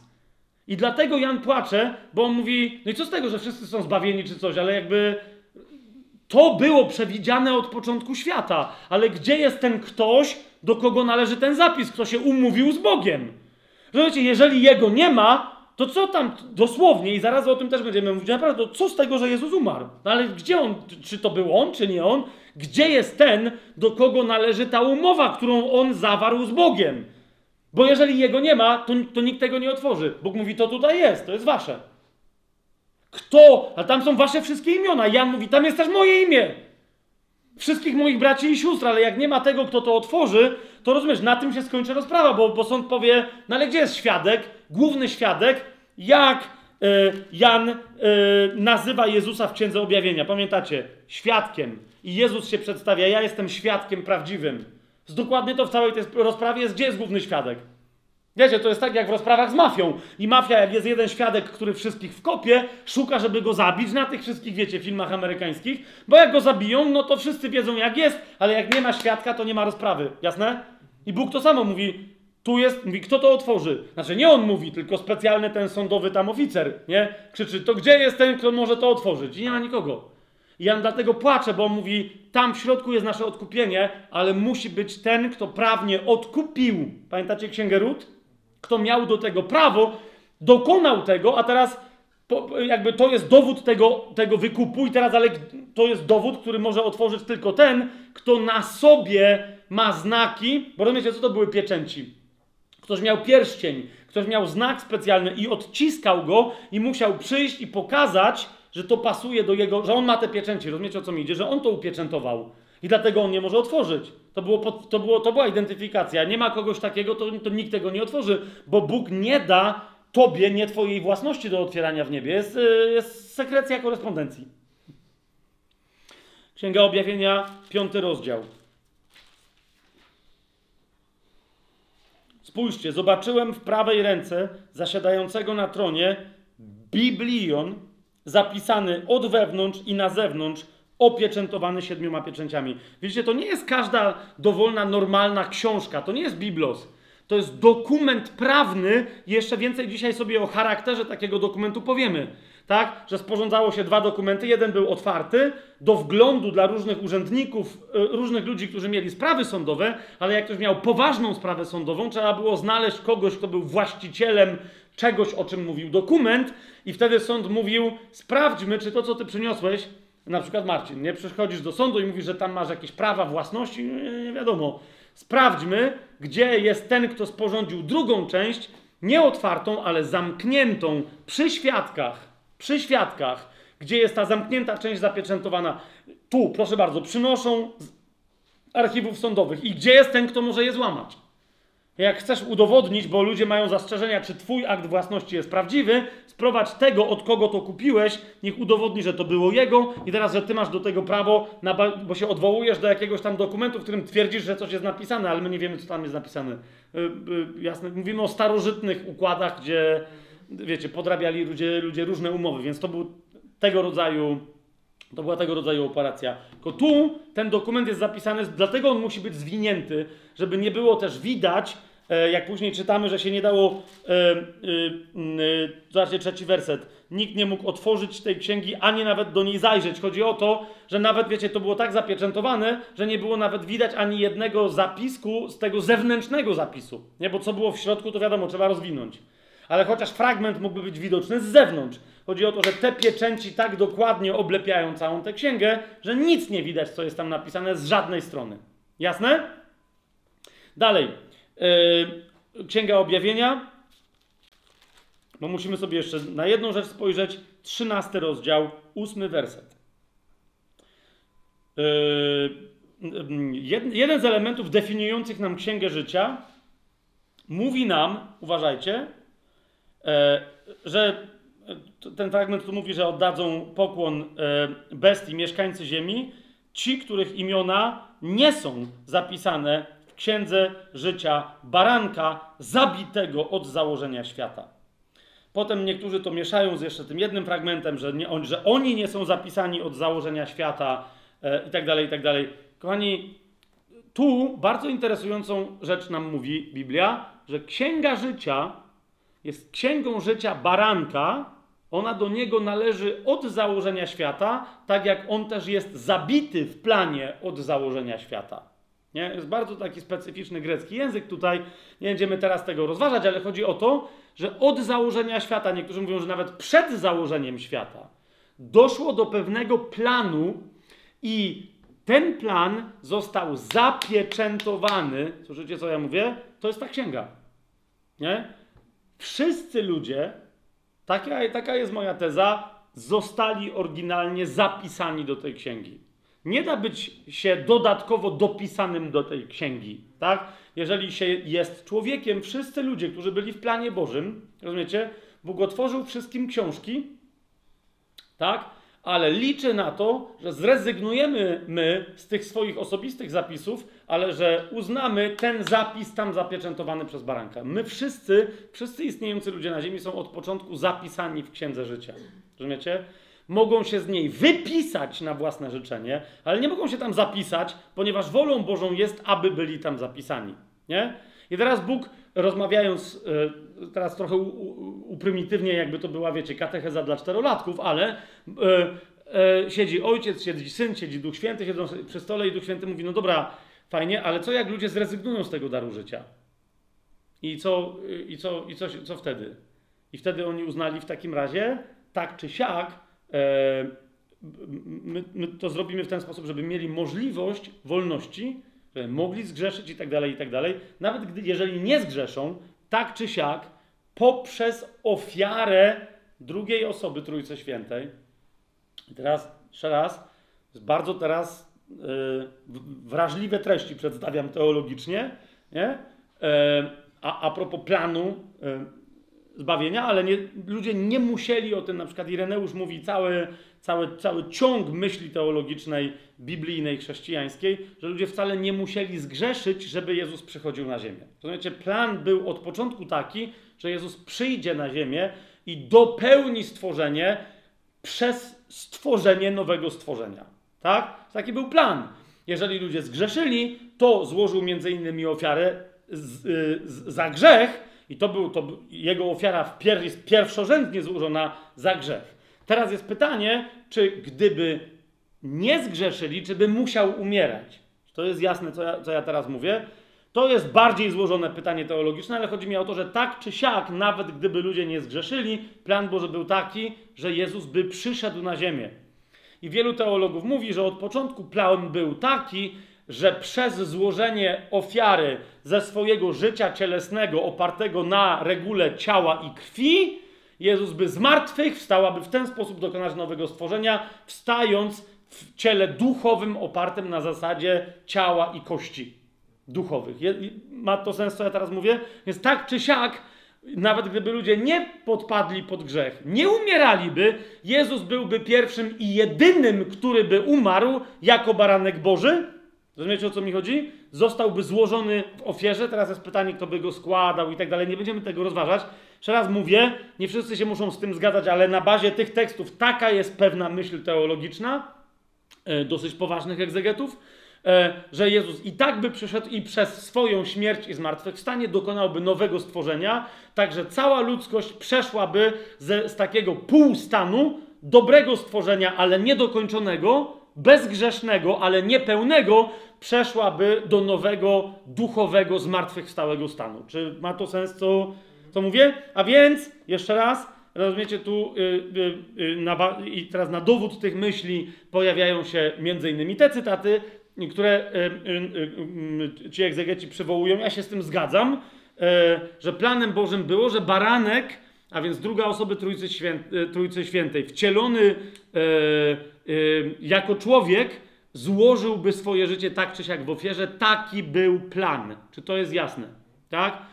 Być może on jeden, jedyny, jako nowy Adam, byłby kuszony wtedy na ziemi, pokonałby kusiciela i na tym polegała, polegała cała historia, aby bezgrzeszny umarł, bezgrzeszny wtedy zwyciężył, zmartwychwstał i dopełnił dzieła nowego stworzenia, które jest zamknięte od tamtego przedwieku, zalakowane i zapieczętowane z zapisanymi wszystkimi. Słuchajcie, Jezus całe swoje życie, zwróćcie uwagę, my mamy otwarte księgi, w które Bóg wpisuje to, co my zrobimy. Zgadza się? Zauważcie, Jezusowa księga od początku, jego księga życia była zalakowana. Dlaczego? Bo Jezus przez całe swoje życie nie zrobił niczego, co by było niezgodne z wolą Bożą. Rozumiecie o co chodzi? I on tam przychodzi, to jest jeden z elementów tych siedmiu pieczęci. My dzisiaj nie będziemy robić dokładnego, e, wiecie, roz, rozczytywania też tego znaku siedmiu pieczęci, ale o to idzie. Jezus żył życiem, które tam już od razu z góry było opisane. Okay? Umarł i dlatego jest pełnym zwycięzcą. Umarł bez grzechu, w pełni wypełniwszy wolę Bożą, zmartwychwstał i żyje. I dlatego przyszedł, powiedział: To jest dokładnie to. Nie? Ja jestem właścicielem tego zapisu, który do, którego dokonaliśmy w Duchu Świętym, ja i Ojciec. Umowy. To jest dokładnie, mówiąc innymi słowy, kochani, księga Nowego Przymierza. Okay? To jest dokładnie ten zapis, umowy zawarty między ojcem a synem, do którego my jesteśmy dopisani. To jest nowe przymierze. Słyszycie to? Eee, zobaczcie to. Ewangelia Jana. Co? E, bo tu jest, widzicie, to jest napisane, że baranek jest zabity od założenia świata. Księga Objawienia, 13 rozdział, 8 werset. Widzicie to? Jakie, o jakich jeszcze innych rzeczach bo, bo Biblia w niewielu miejscach, miejscach mówi o tym, że coś było przed wiekami, albo możecie sobie sprawdzić potem te miejsca, nie? Że coś było od założenia świata, albo przed założeniem świata, nie? O jak, ale o jakich to rzeczach z całą pewnością wiemy, y, że były przed założeniem świata, albo od założenia świata? Na przykład, otwórzmy sobie Ewangelię Jana.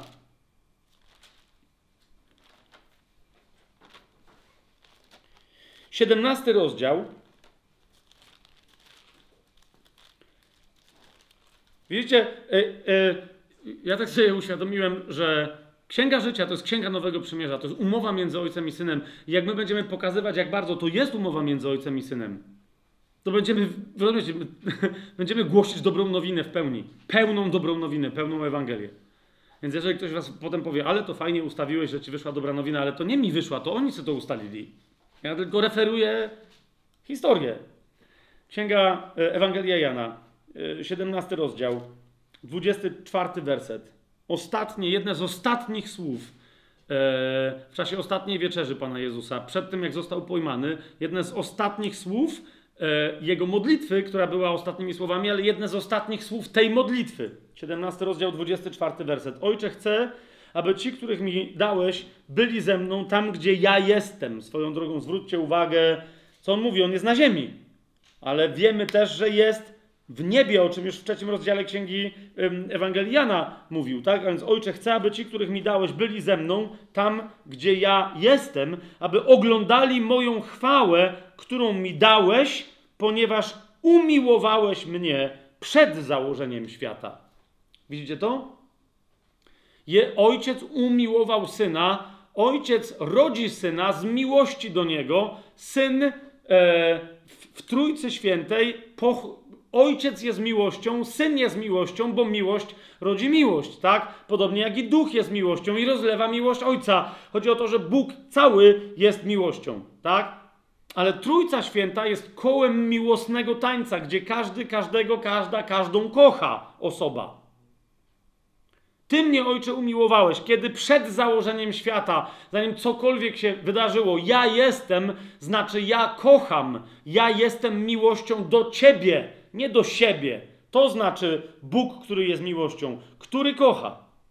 Ale z listu do Efezjan, kochani, z pierwszego rozdziału, co się dowiadujemy? Jezus mówi wyraźnie do Ojca, Ty mnie umiłowałeś przed założeniem świata. A w liście do Efezjan w pierwszym rozdziale, w czwartym wersecie czytamy, że On, Ojciec, wybrał nas w Chrystusie przed założeniem świata, abyśmy byli święci i nienaganni przed Jego obliczem w miłości.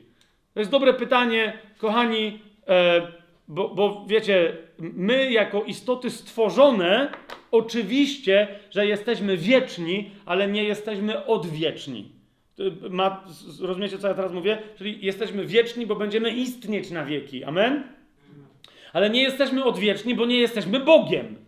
Natomiast, kochani, miłość Boga do ciebie i do mnie, miłość Boga do nas jest odwieczna. Rozumiecie, dokładnie takim samym sformułowaniem Paweł posługuje się o tym, kiedy wybrał nas Bóg. Mówi, że wybrał nas w nim przed założeniem świata. Jak Jezus mówi o swojej, o, o, o źródle e, swojego pochodzenia, nie istnienia, bo on istnieje od zawsze, ale swojego pochodzenia, że on jako syn pochodzi od ojca i że ojciec go umiłował od kiedy? Od zawsze, tak? To, e, kiedy to mówi, mówi od, przed założeniem świata. I Paweł mówi tak samo przed założeniem świata, czyli kiedy? Od zawsze on nas wybrał w swoim synu, abyśmy trwali w miłości, w jego miłości. Widzicie to? Nas nie było wtedy, czy to jest jasne? tak? Ale on już miał plan na ciebie, na mnie i to był plan miłosny. Stworzymy w pewnym momencie, my, Bóg. Zauważcie tą liczbę mnogą, kiedy, kiedy Bóg rozmawiają ze sobą, e, stwarzając człowieka, nie? stwarzając cały świat. Tam jest cały czas liczba mnoga. Uczyńmy człowieka na nasz obraz i nasze podobieństwo. Pamiętacie to? Taki jest plan od początku, e, od zawsze, nie od początku. E, w Bogu, tak?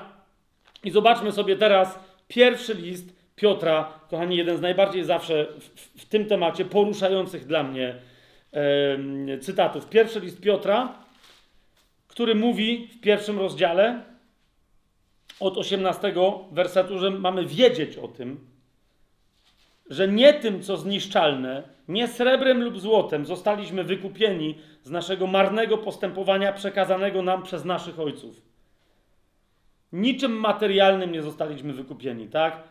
Ale duchowym znaczeniem, duchową wartością prawdziwej rzeczywistości, a więc drogą, krwią Chrystusa jako baranka niewinnego i nieskalannego, uważajcie, przeznaczonego do tego przed założeniem świata a objawionego w czasach ostatecznych ze względu na Was. Widzicie to?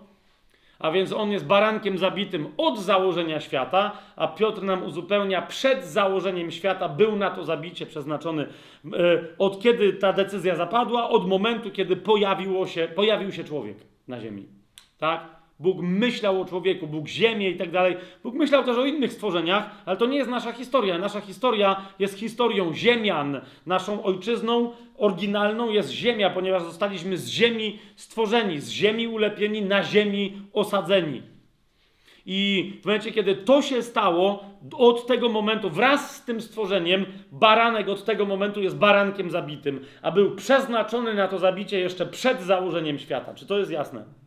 Tak? mamy to? Mamy to, bo tu wiecie, to są szerokie tematy. W liście do Hebrajczyków e, w dziesiątym rozdziale, w siódmym wersecie, kiedy Jezus przed założeniem świata jest ustalone, pojawiają się ludzie, jest potwierdzone, tak? Że co? Że On ma być barankiem zabitym. W dziesiątym rozdziale czytamy, że tuż przed jego wcieleniem, a więc w ramach tej historii ludzkości, tej części historii ludzkości, odbyła się rozmowa przed jego pojawieniem się w łonie Marii, odbyła się, odbyła się rozmowa jego z ojcem. To jest dziesiąty rozdział listu do Hebrajczyków, siódmy werset. Wtedy powiedziałem, zwróćcie uwagę na to, wtedy powiedziałem, oto przychodzę. Na początku księgi jest napisane o mnie abym spełniał Twoją wolę, o Boże. Dziewiąty, dziesiąty werset. Następnie powiedział: Oto przychodzę, abym spełniał Twoją wolę, o Boże. A w ten sposób znosi pierwsze, aby ustanowić drugie, w sensie przymierze. Widzicie to? I dalej, i dalej. E, na razie tyle. Nie? Przychodzę, aby spełnić Twoją wolę. Za sprawą tej woli jesteśmy uświęceni przez ofiarę ciała Jezusa Chrystusa raz na zawsze. Przez ofiarę tej woli, która została wyrażona decyzją, że baranek będzie zabity że Jezus będzie barankiem złożonym e, w ofierze, decyzji, która została spisana, przymierza, które, rozumiecie, przymierze jest drugie z punktu widzenia ludzkiego, przymierze, nowe przymierze jest nowym i ostatnim przymierzem z punktu widzenia ludzkiego, ale to jest pierwsze i jedyne przymierze, które obowiązuje ludzkość. Zwróćcie uwagę, ono jest pierwsze, ono jest podstawą wszystkich następnych. Te inne, które się pojawiają w Biblii, pojawiają się tylko i wyłącznie dlatego, że ludzie grzeszą, tak naprawdę. Nie? A więc to jest przywrócenie mocy tego pierwszego, oryginalnego przymierza. Tak? To jest przymierze najnowsze, ale to jest przymierze najstarsze jednocześnie. To jest przymierze ostatnie, ale to jest przymierze pierwsze. Przymierze, które nigdy nie zostało złamane, ponieważ zostało zawarte między prawdą a prawdą, między prawdomównym a prawdomównym, między tym, który zawsze dotrzymuje, a tym, który zawsze dotrzymuje swojego słowa. Między sprawiedliwym a sprawiedliwym. Amen? Między ojcem a synem w duchu świętym. W Ewangelii Mateusza, otwórzmy ją sobie, aby dać się zaskoczyć Słowu Bożemu dzisiaj, w zupełnie niespodziewanym rajdzie przez wersety, których widzę, że niektórzy już mają rollercoastera y, y, na granicy wymiotów. Uspokójcie się, oddychajcie głęboko, jest dobrze, a będzie jeszcze lepiej. Ewangelia Mateusza, 13 rozdział, 35 werset. 34 i 35 werset. Zobaczcie, Jezus mówił to wszystko do tłumów w przypowieściach, a bez przypowieści nic do nich nie mówił. Dlaczego? Dlaczego Jezus tak nauczał? Aby się wypełniło, co zostało powiedziane przez proroka otworzę moje usta w przypowieściach i wypowiem rzeczy ukryte od założenia świata. Jezus zdradza tajemnicę królestwa. Zresztą on w innych miejscach tekstów, nie będziemy teraz do, do nich sięgać, w Ewangelii Mateusza i w innych mówi o tym, że, że opowiada sekrety królestwa, ale sekrety, tajemnice królestwa są dla obywateli królestwa. Więc oby, kto nie jest obywatelem, nie zrozumie przypowieści. Tak? Kto stanie się obywatelem, zacznie rozumieć te przypowieści. I wtedy nagle przypowieści odkryją przed nim sekrety zachowane, utajnione przed czy od założenia świata. One są utajnione dla ludzi od pewnego czasu, ale nie na zawsze. Amen? Widzicie, to jest, to, to jest tajemny plan. Jednym z tych sekretów był Kościół. List do Efezjan, trzeci rozdział. Misterion. Tak?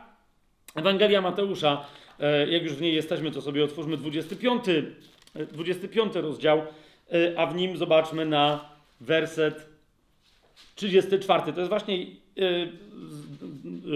konkluzja jednej z przypowieści i tam czytamy wtedy król, wiemy kto to jest król, powie do tych, którzy będą po jego prawej stronie. Uważajcie, przyjdźcie błogosławieni mojego ojca, odziedziczcie królestwo przygotowane dla was od założenia świata. Co gwarantuje nam śmierć baranka, nie tylko odkupienie od grzechu.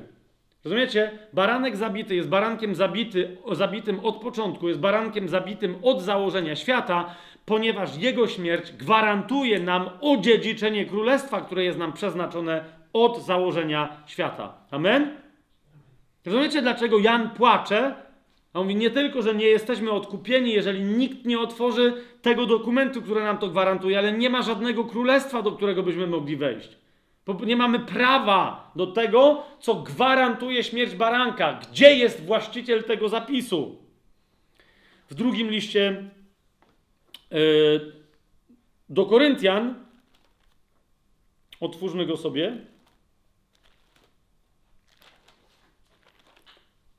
Plan był taki, kochani, i na tym zakończę to, że to jest naprawdę księga życia baranka. W drugim liście do Koryntian, w piątym rozdziale, tu oczywiście mam e, błędną notatkę, to sobie zupełnie. W jakimś szale dzisiaj te notatki robiłem. Dlatego się chwilę zastanowiłem, co ja tu napisałem. W drugim liście do Koryntian, w piątym rozdziale, e, słyszymy w wybuchowej pigułce. To mi trochę się kojarzy z Matrixem, w którym, wiecie, e, siedzi Morfeusz i mówi do Neo, jest czerwona tabletka, niebieska tabletka, przy jednej zostajesz, tu nic nie będziesz wiedzieć, ale ta druga otworzy, zaczniesz nowe życie. Dlatego Noe, tak? Zobaczysz, jak wygląda rzeczywistość. Wszystko się stanie. I teraz taka tabletka jest potrzebna nam, wszystkim chrześcijanom, abyśmy zrozumieli prawdę o krzyżu, pełną dobrą nowinę o naszym usprawiedliwieniu i zbawieniu. Ona mianowicie brzmi, że doszło na krzyżu do zamiany życia. Życie za życie. Okay? Życie potępione za życie usprawiedliwione od początku, sprawiedliwe od początku do końca. Zobaczcie w drugim do Koryntian 5 rozdział. I to jest jedyna Ewangelia, którą my mamy y, głosić. Od 19 wersetu czytamy, że Bóg był w Chrystusie, no bo gdzie miał być? To jest dzieło całej Trójcy. Rozumiesz? On, on, chciał być pewny, że to, e, na co się z synem umówi, oni razem to zaczęli, oni razem to dokończyli. Bóg był w Chrystusie, kiedy jednał świat z samym sobą, uważaj, nie poczytując ludziom ich grzechów. I nam teraz powierzył to słowo pojednania. Jakie? Że On już się z nami, z całą ludzkością pojednał. Że nikomu nie poczytuje grzechu. Tak więc, zobaczcie, o, o to krzyczy nawet w, w, w, pierwszym wieku chrześcijaństwa Paweł. Tak więc w miejsce Chrystusa takie sprawujemy poselstwo. Tak, jakby Bóg opominał was przez nas. W miejsce Chrystusa więc prosimy, pojednajcie się z Bogiem, bo On się z wami, rozumiecie, te wszystkie głoszenia o nawróceniu, że ludzie coś muszą robić ze swoim grzechem i tak dalej. Cała rzecz polega na tym, że Bóg nie poczytuje nam żadnego grzechu. Tak? On się z nami pojednał. Teraz chodzi o to, żebyśmy my po prostu odpowiedzieli mu, przyjmując to pojednanie, a nie żebyśmy my coś jeszcze z jakimś grzechem swoim robili. Dlaczego tak jest? Bo 21 werset. On bowiem tego, który nie znał grzechu, a więc który nigdy grzechu nie popełnił, czyli swojego syna, za nas na krzyżu grzechem uczynił. List do Galacjan też o tym mówi, że on się stał przekleństwem na drzewie, pamiętacie, tak? On za nas, jego całego fizycznie uczynił grzechem. Po co? Abyśmy my w nim stali się od tamtego momentu sprawiedliwością Bożą. Rozumiecie? Ten, który nie miał grzechu, który był i jest sprawiedliwością Bożą, dokonał zamiany na krzyżu dokładnie w zgodzie z tym, co jest napisane w zwoju. Tak miało być. Rozumiecie? Imiona wszystkich ludzi, całej ludzkości, wszystkich pokoleń są tam, ponieważ on nie umierał za wybranych, nie umierał za przeznaczonych, umierał za wszystkich ludzi, całą ludzkość, która oryginalnie w całości miała być ludem Bożym, jest w zamyśle Bożym dziećmi Boga Najwyższego i Jedynego. Amen? I teraz Bóg dokładnie powiedział grzechy wszystkich ludzi. Grzech, który ich doprowadził do grzechów. Liczba pojedyncza, liczba mnoga, wiecie o co chodzi. On teraz cały ten grzech składam w ciele mojego syna, w fizycznym ciele, i to ciało, kiedy szczeźnie na krzyżu, skończy ten grzech, a ta dusza będzie musiała przejść przez piekło, dlatego Jezus potem schodzi do czeluści podziemnych, do, tam, gdzie znajdują się dusze wszystkich zmarłych przed tym wielkim aktem przemiany. Tak?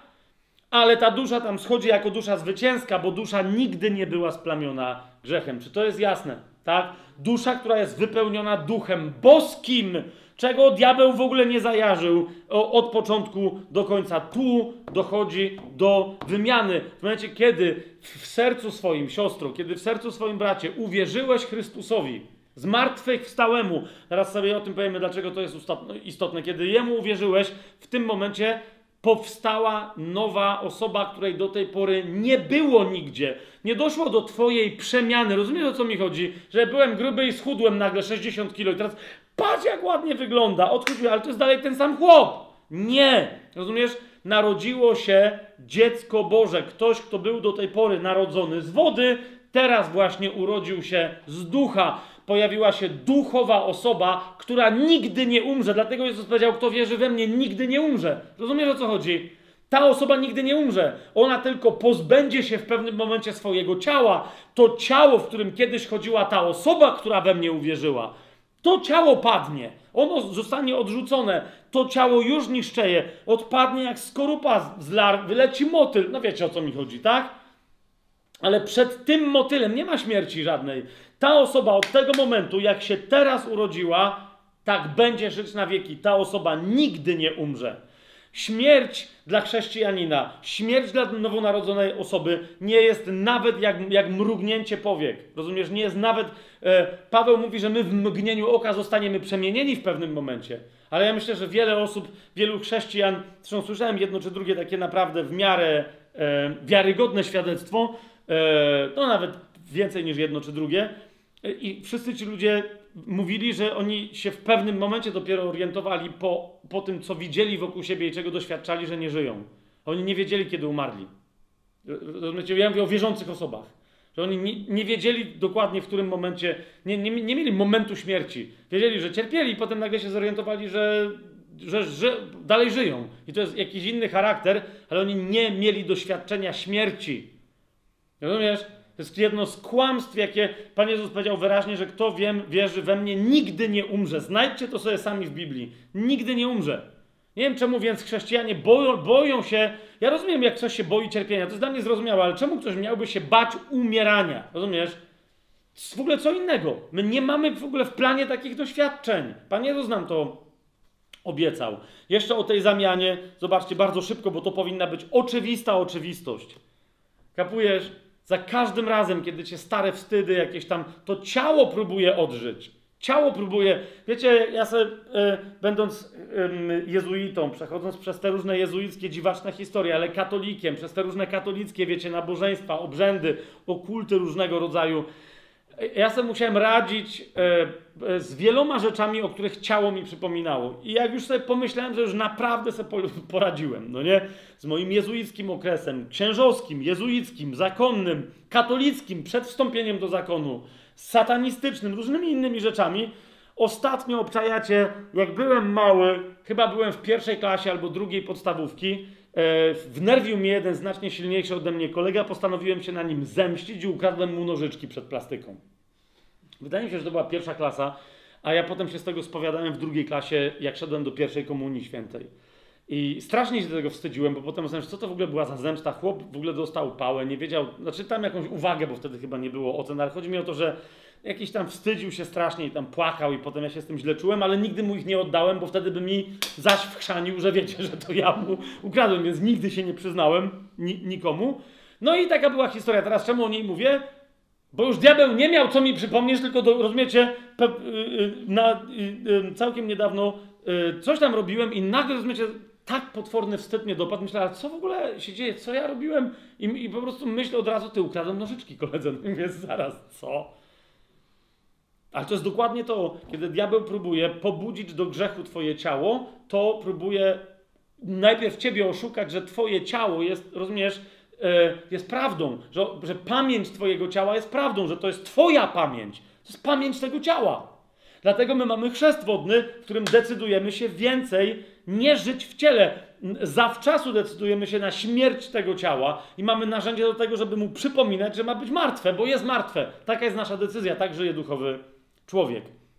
W liście do Galacjan, w drugim e, e, rozdziale, w 19 i w 20 wersecie, e, wyraźnie Paweł mówi: Ja przez prawo umarłem dla prawa, aby żyć dla Boga.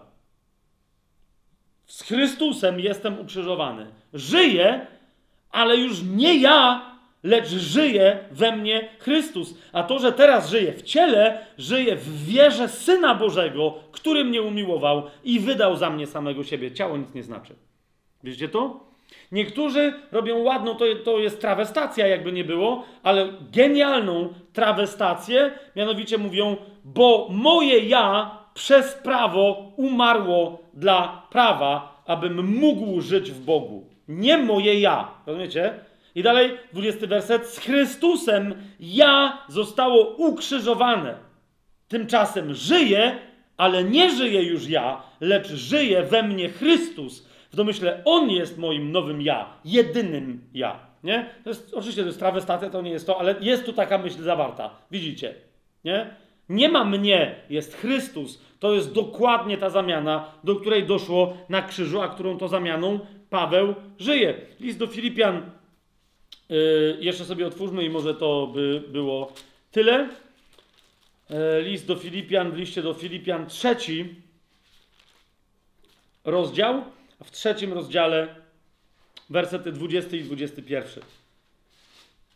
Ja wiem, że niektórzy je czytają, tu obywatelstwo, jakieś tam heroiczne czyny i tak dalej, ale rozumiecie, tu jest mowa o naszej tożsamości. Nasza ojczyzna jest w niebie. Rozumiesz? Yy, gdzie jest Twoja ojczyzna? Gdzie jest moja ojczyzna? Jest w niebie. My jesteśmy ludźmi, którzy, którzy nie są z tej ziemi, bo ona jest stara. Jesteście na tej ziemi, jesteście w tym świecie. Pamiętacie, co Jezus powiedział? Ale nie jesteście z tego świata. Jeżeli są jacyś obcy na tej ziemi, to są chrześcijanie. Teraz. My jesteśmy obcymi, w dodatku, którzy wylądowali tu z nieba. Naprawdę. Którzy cały czas mają kontakt z bazą, z, ze statkiem matką, czyli z Nowym Jeruzalem, tak? I z bosem, czyli barankiem, który tam, no wiecie o co mi chodzi tam teraz, tak? Ale jest dokładnie to. My jesteśmy niebiańskiego pochodzenia duchowo, tak? Nasza ojczyzna jest w niebie i stamtąd też oczekujemy Zbawiciela, Pana Jezusa Chrystusa. Po co? Żeby jak przyjdzie, żeby udowodnił, że nie jesteśmy stąd. On przemieni nasze podłe ciało, aby było podobne do Jego chwalebnego ciała, zgodnie ze skuteczną mocą, którą też może poddać sobie absolutnie wszystko. Amen? Teraz, kochani, przyjrzyjmy się bliżej yy, Księga Objawienia Y, następny aspekt. Przyjrzyjmy się bliżej temu zdumiewającemu obrazkowi. On nas powinien zdumiewać i powinniśmy się przyłączać. E, bardzo płaczącego, on tu się zanosi płaczem, on rozumiecie, łuka i dusi się swoimi łzami. Jan mówi, kiedy padło pytanie, kto jest godny otworzyć księgę i złamać pieczęcie, to jest piąty rozdział, drugi werset. W trzecim wersecie nikt w niebie, ani na ziemi, ani pod ziemią nie mógł otworzyć księgi, ani do niej zajrzeć. W czwartym wersecie Jan mówi: I bardzo płakałem, że nie znalazł się nikt godny, aby otworzyć i czytać księgę yy, i do niej zajrzeć. Dlaczego? Jeszcze raz. E, rozważmy sobie teraz dokładnie ten aspekt, kochani, bo to jest sąd. I skoro to jest sąd, bo Bóg jest sprawiedliwy, to dopóki w sposób przewidziany Bożym prawem ten dokument, który Bóg trzyma w ręce, nie zostanie otwarty, jasne to jest, to to, co jest w nim zawarte, co jest prawem Bożym, naszym prawem, nasze odkupienie, nasze dziedzictwo, nasze przeznaczenie, nie zostanie zrealizowane, bo sprawiedliwość musi się wykonać tak, jak Bóg to zaplanował. Jasne? Skąd my wiemy, kochani, że to jest e, sąd? Zobaczcie Księgę Objawienia razem ze mną, czwarty e, rozdział i spójrzcie na ten opis, a zaraz się przeniesiemy do opisu, w którym już byliśmy dzisiaj wieczorem ze dwie godziny e, temu, bo on nam teraz będzie mm, ten opis bardzo potrzebny. Zobaczcie cechy charakterystyczne tego, gdzie płacze Jan. Najpierw mamy rozumiecie, przedstawienie scenerii, czwarty rozdział, drugi e, e, werset. Znalazłem się w duchu, gdzie? W niebie, a oto w tymże niebie stał tron, a na, na tronie ktoś siedział. I czwarty werset czwartego rozdziału Księgi Objawienia, a wokoło tego tronu stało jeszcze, e, stało jeszcze 24 inne trony, na których też zasiadali inni ludzie, o których już e, mówiliśmy. Mamy to? E, piąty rozdział, werset pierwszy. Zobaczyłem w prawej ręce zasiadającego na tronie Biblion, zapieczętowany, a więc zwój zapieczętowany, zapisany wewnątrz i na zewnątrz, opieczętowany siedmioma pieczęciami. Znowu, to nam sugeruje bardzo poważny dokument, są trony, jest dokument, jedenasty e, werset i zobaczyłem też i usłyszałem głos wielu aniołów dookoła tronu i stworzeń i starszych, a liczba ich, uważajcie na ten detal, wynosiła 10 tysięcy razy 10 tysięcy i tysiące tysięcy. Jasne? Jest więc dokument prawny, ktoś siedzi na tronie, są inne trony i są w tysiącach policzone różne postaci, które tam się e, znajdują. Tak? To otwórzmy księgę Daniela, rozdział 7.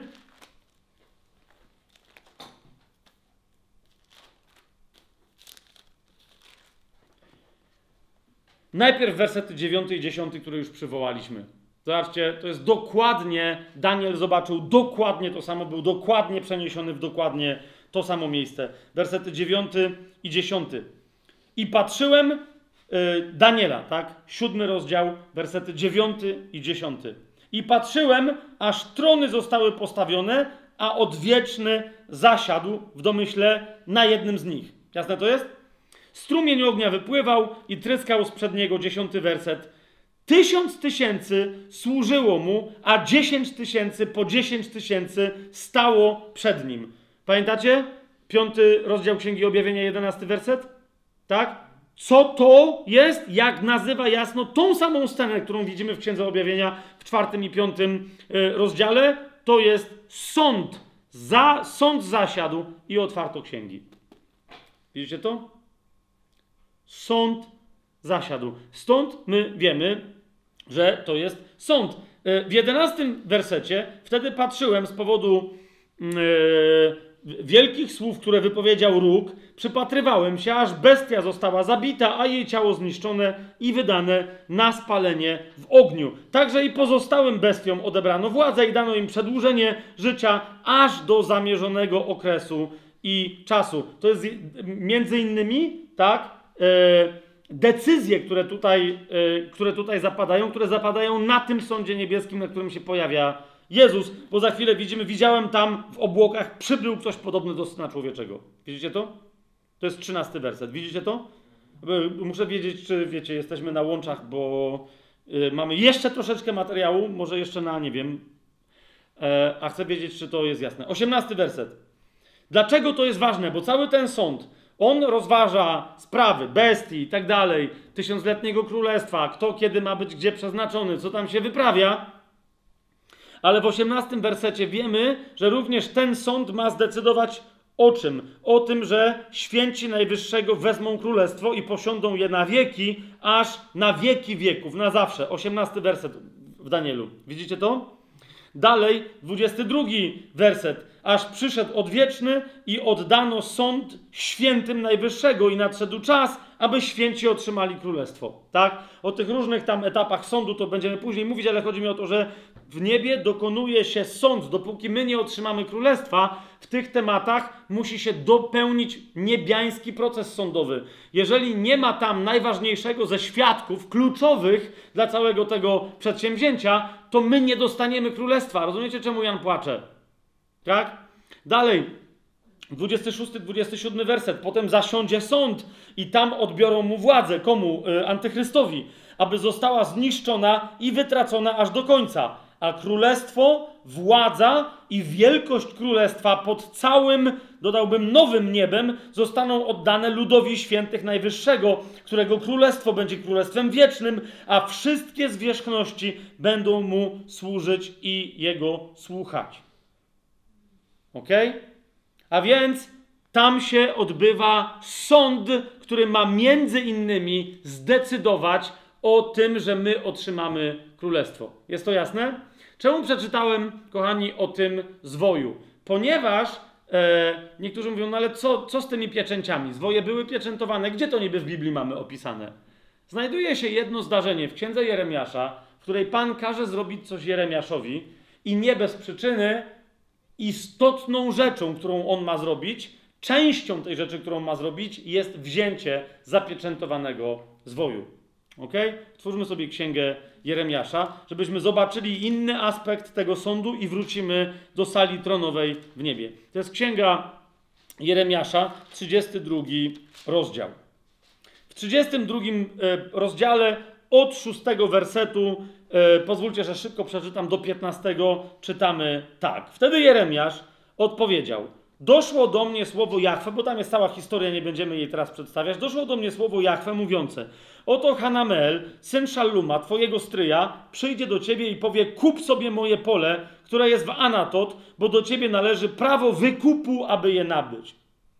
I Hanamel, syn mego stryja, przyszedł do mnie na dziedziniec więzienia, zgodnie ze słowem Jachwę, i powiedział do mnie: Proszę, Kup moje pole, które jest w Anatot, w ziemi Beniamina, bo do ciebie należy prawo dziedzictwa i wykupu. Kup je sobie. Wtedy zrozumiałem, że było to słowo Jahwe. Widzicie o co chodzi? O prawo wykupu i prawo dziedzictwa. Tutaj chodzi o to samo prawo wykupu, jakie na przykład należało się Boazowi księga Ród, który tam się pojawia jako krewny odkupiciel. Ktoś, kto odkupuje, ma pierwszeństwo do wykupu czegoś albo kogoś, dlatego że jest krewnym tego kogoś. Tak? To jest obraz Jezusa. A tu Jeremiasz się dowiaduje, też krewny do niego przychodzi i mówi: Ty kup pierwszy, zanim będę innym oferować. Nie? Co? Pole w tym wypadku, bo to jest dziedzictwo.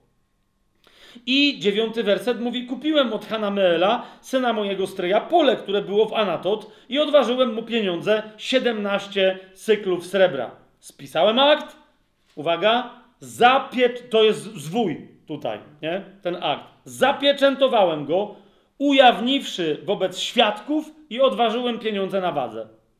Potem wziąłem ten akt kupna, zarówno ten zapieczętowany, zgodnie z prawem i przepisami, jak i ten otwarty, i oddałem ten akt kupna Baruchowi, synowi Neriasza, syna Mechsejasza, Machsejasza, na oczach Hanameela, syna mojego stryja i na oczach świadków, którzy podpisali ten akt kupna i na oczach wszystkich Żydów, którzy siedzieli na dziedzińcu więzienia.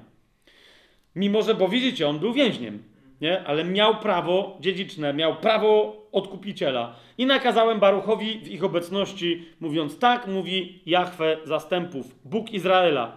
Weź te akty, zarówno zapieczętowany akt kupna, jak i ten otwarty, i włóż je do naczynia glinianego, aby przetrwały wiele, wiele lat.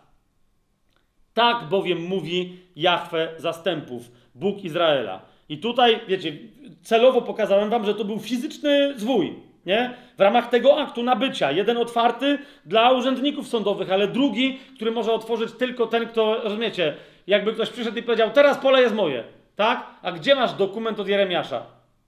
Przyprowadź Jeremiasza, bo tu jest cały czas na razie tylko i wyłącznie dokument, który on może otworzyć, zapieczętowany przez niego na wiele, wiele lat. Jasne? Bóg mu powiedział, nie będziesz, nie będziesz odbierać sobie tego pola. Zwłaszcza, że pamiętacie, Bóg mu kazał iść też na e, wygnanie i tak dalej, i tak dalej. Nie, ale mówi, to jest znak. Nie? To jest znak. Tak bowiem mówi Bóg Izraela: znowu będzie się kupowało domy, pola i winnice w tej ziemi. No więc to było całe słowo Izraela. Znowu będzie się kupowało domy. I w szesnastym wersecie mówi Jeremiasz, więc po przekazaniu aktu kupna Baruchowi, synowi Neriasza, modliłem się do Pana tymi słowami, bo on w ogóle nie zrozumiał, co się stało. Mówi, Panie, no to jak to się będzie znowu kupowało? Co Ty w ogóle mówisz? No to tu mają iść na... Tam jest cała historia, którą sobie możecie przeczytać, o co on to się modli, bo on nawet sam nie rozumie, co to w ogóle znaczy, że się będzie znowu yy, yy, kupowało. Yy, zobaczcie, yy, 18... Nie 18 werset, tylko 25 werset. Ty jednak, panie, Jachwę, on mówi, no więc te wszystkie rzeczy się działy.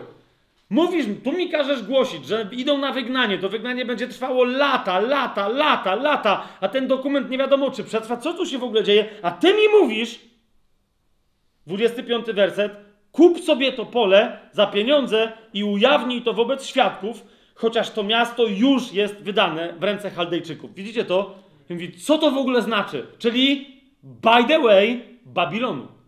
Bo Chaldejczycy to jest Babilon, tak? Więc Babilon ma, Babilon właśnie przejmuje Jerozolimę, wszystko, a ty mi mówisz, to spokojnie, kup se to pole. Co to ma do rzeczy, jak ja cały czas gadam, że przecież, przecież Babilończycy nie będą w ogóle brać pod uwagę tego dokumentu. A ty mówisz, nie, tu się jeszcze będzie handlowało. Czym? I teraz, jak on mówi, przecież to jest bez sensu, to Bóg mu odpowiada. Uważajcie, znowu skracam troszkę tą historię, ale odpowiada mu tak. 38, yy, 36 werset. Bóg mu mówi tak. Dlatego teraz tak mówi Jachwę, Bóg Izraela. O tym mieście, o którym wy mówicie, zostanie wydane w ręce króla Babilonu przez miecz, głód i zarazę. Bóg potwierdza, że tak będzie. Oto zgromadzę ich ze wszystkich ziem. Owszem, tak? Yy, będzie wydane, ale mówi, ale nie na zawsze. Tak? Nie na zawsze. Tylko zgromadzę ich z powrotem ze wszystkich ziem, do których ich wygnałem w swoim gniewie, w swoim oburzeniu i w wielkiej zapalczywości, i przyprowadzę ich z powrotem w to miejsce i sprawię, że będą tu już mieszkać bezpiecznie. Pamiętacie końcówkę Księgi Objawienia? Oni będą jego ludem, on będzie ich, zobaczcie 38 werset. I będą moim ludem, a ja będę ich Bogiem. Trzymajcie tu założone, żebyście rozumieli skąd jest ten cytat. Księga Objawienia, Księga Objawienia, 21 y, rozdział, trzeci werset. I usłyszałem donośny głos z nieba, oto przybytek Boga z ludźmi i będzie mieszkał z nimi. Oni będą Jego ludem, a On sam będzie z nimi i będzie ich Bogiem. Widzicie to? Więc ten każe mu coś robić, będą kupować, i teraz o, i będą moim ludem, Jeremiasz 32, 38, i będą moim ludem, a ja będę ich Bogiem. I dam im jedno serce i jedną drogę. Co to, to jest znak czego? Ten zwój, który Jeremiasz e, kupiwszy pole zawarł, dam im je, zapieczętował, dam im jedno serce i jedną drogę, aby bali się mnie przez wszystkie dni dla dobra ich samych i ich dzieci po nich Uważajcie, 40 werset. I zawrę z nimi wieczne przymierze. To jest nowe przymierze. Że się od nich nie odwrócę i nie przestanę im dobrze czynić, lecz włożę w ich serca moją bojaźń, aby nie odstępowali ode mnie. 43 werset. Wtedy, rozumiecie co to jest? To jest królestwo. To jest powrót Jezusa na ziemię. Wtedy będzie się kupować pola w tej ziemi, o której mówicie, jest tak spustoszona, że nie ma w niej ani człowieka, ani zwierzęcia, ale jest wydana w ręce Babilończyków, czy też Chaldejczyków. Rozumiecie? Bóg mówi, to zrobiłeś Jeremiaszu, on nawet nie wiedział, co to jest wieczne przymierze, na znak mojego wiecznego przymierza, które jest zawarte, które się zrealizuje w królestwie, kiedy oni będą moim ludem, a ja będę ich Bogiem, kiedy im dam nową drogę, jedno serce, nowego ducha. Wiecie, te inne fragmenty Jeremiasza i Ezechiela to jest dokładnie to. On mówi, ten zwój to właśnie oznacza nowe y, i y, wieczne przymierze. Tylko, że Jeremiasz był, wiecie, tym, który nabył na ziemi, a kto nabył w niebie?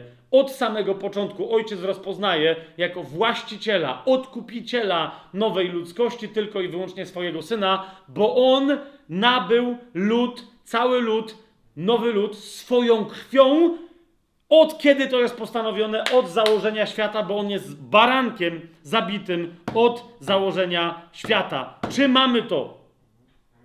Czy mamy to? Właśnie. Teraz, kochani, bardzo istotna rzecz, powiecie, no dobra, no ale to się stało na krzyżu. To czemu dopiero jeszcze on musiał pójść do nieba? Czy to się nie stało na krzyżu? Czy co się w ogóle dzieje? Jeszcze raz, kochani, Jezus dokonał aktu wykupu w czasie ziemskim na krzyżu przy pomocy swojej krwi. Czy to jest jasne? Ale, więc zapłacił, tak? Mówiąc e, biznesowo. Dokładnie to, na co się umówił z kimś gdzie indziej, co było zapieczętowane umową. Jest to jasne? Zapłacił, ale teraz musiał przyjść z tą zapłatą tak? Wydobył tą zapłatę, zebrał tą zapłatę. Rozumiecie, dlaczego jest powiedziane, że cała jego krew jest teraz w niebie i mówi tam rzeczy większe niż krew Abla. Ok? Cała krew Chrystusa jako zapłata, on z nią jako z zapłatą za nas przyszedł do nieba. Ok?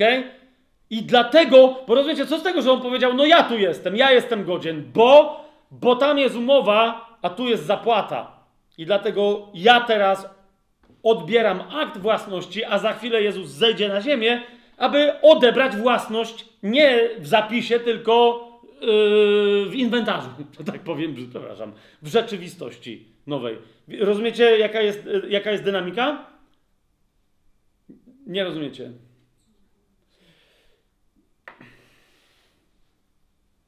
Pierwszy list do Koryntian, otwórzmy sobie. Rozumiecie, my teraz Y, niszczymy masę religii w swoich sercach. Nie? Teraz przeczytam jeden tekst. To jest pierwszy list do Koryntian, 15 rozdział. I teraz zobaczcie o co chodzi. Dlaczego Paweł tu mówi takie rzeczy, jakie mówi.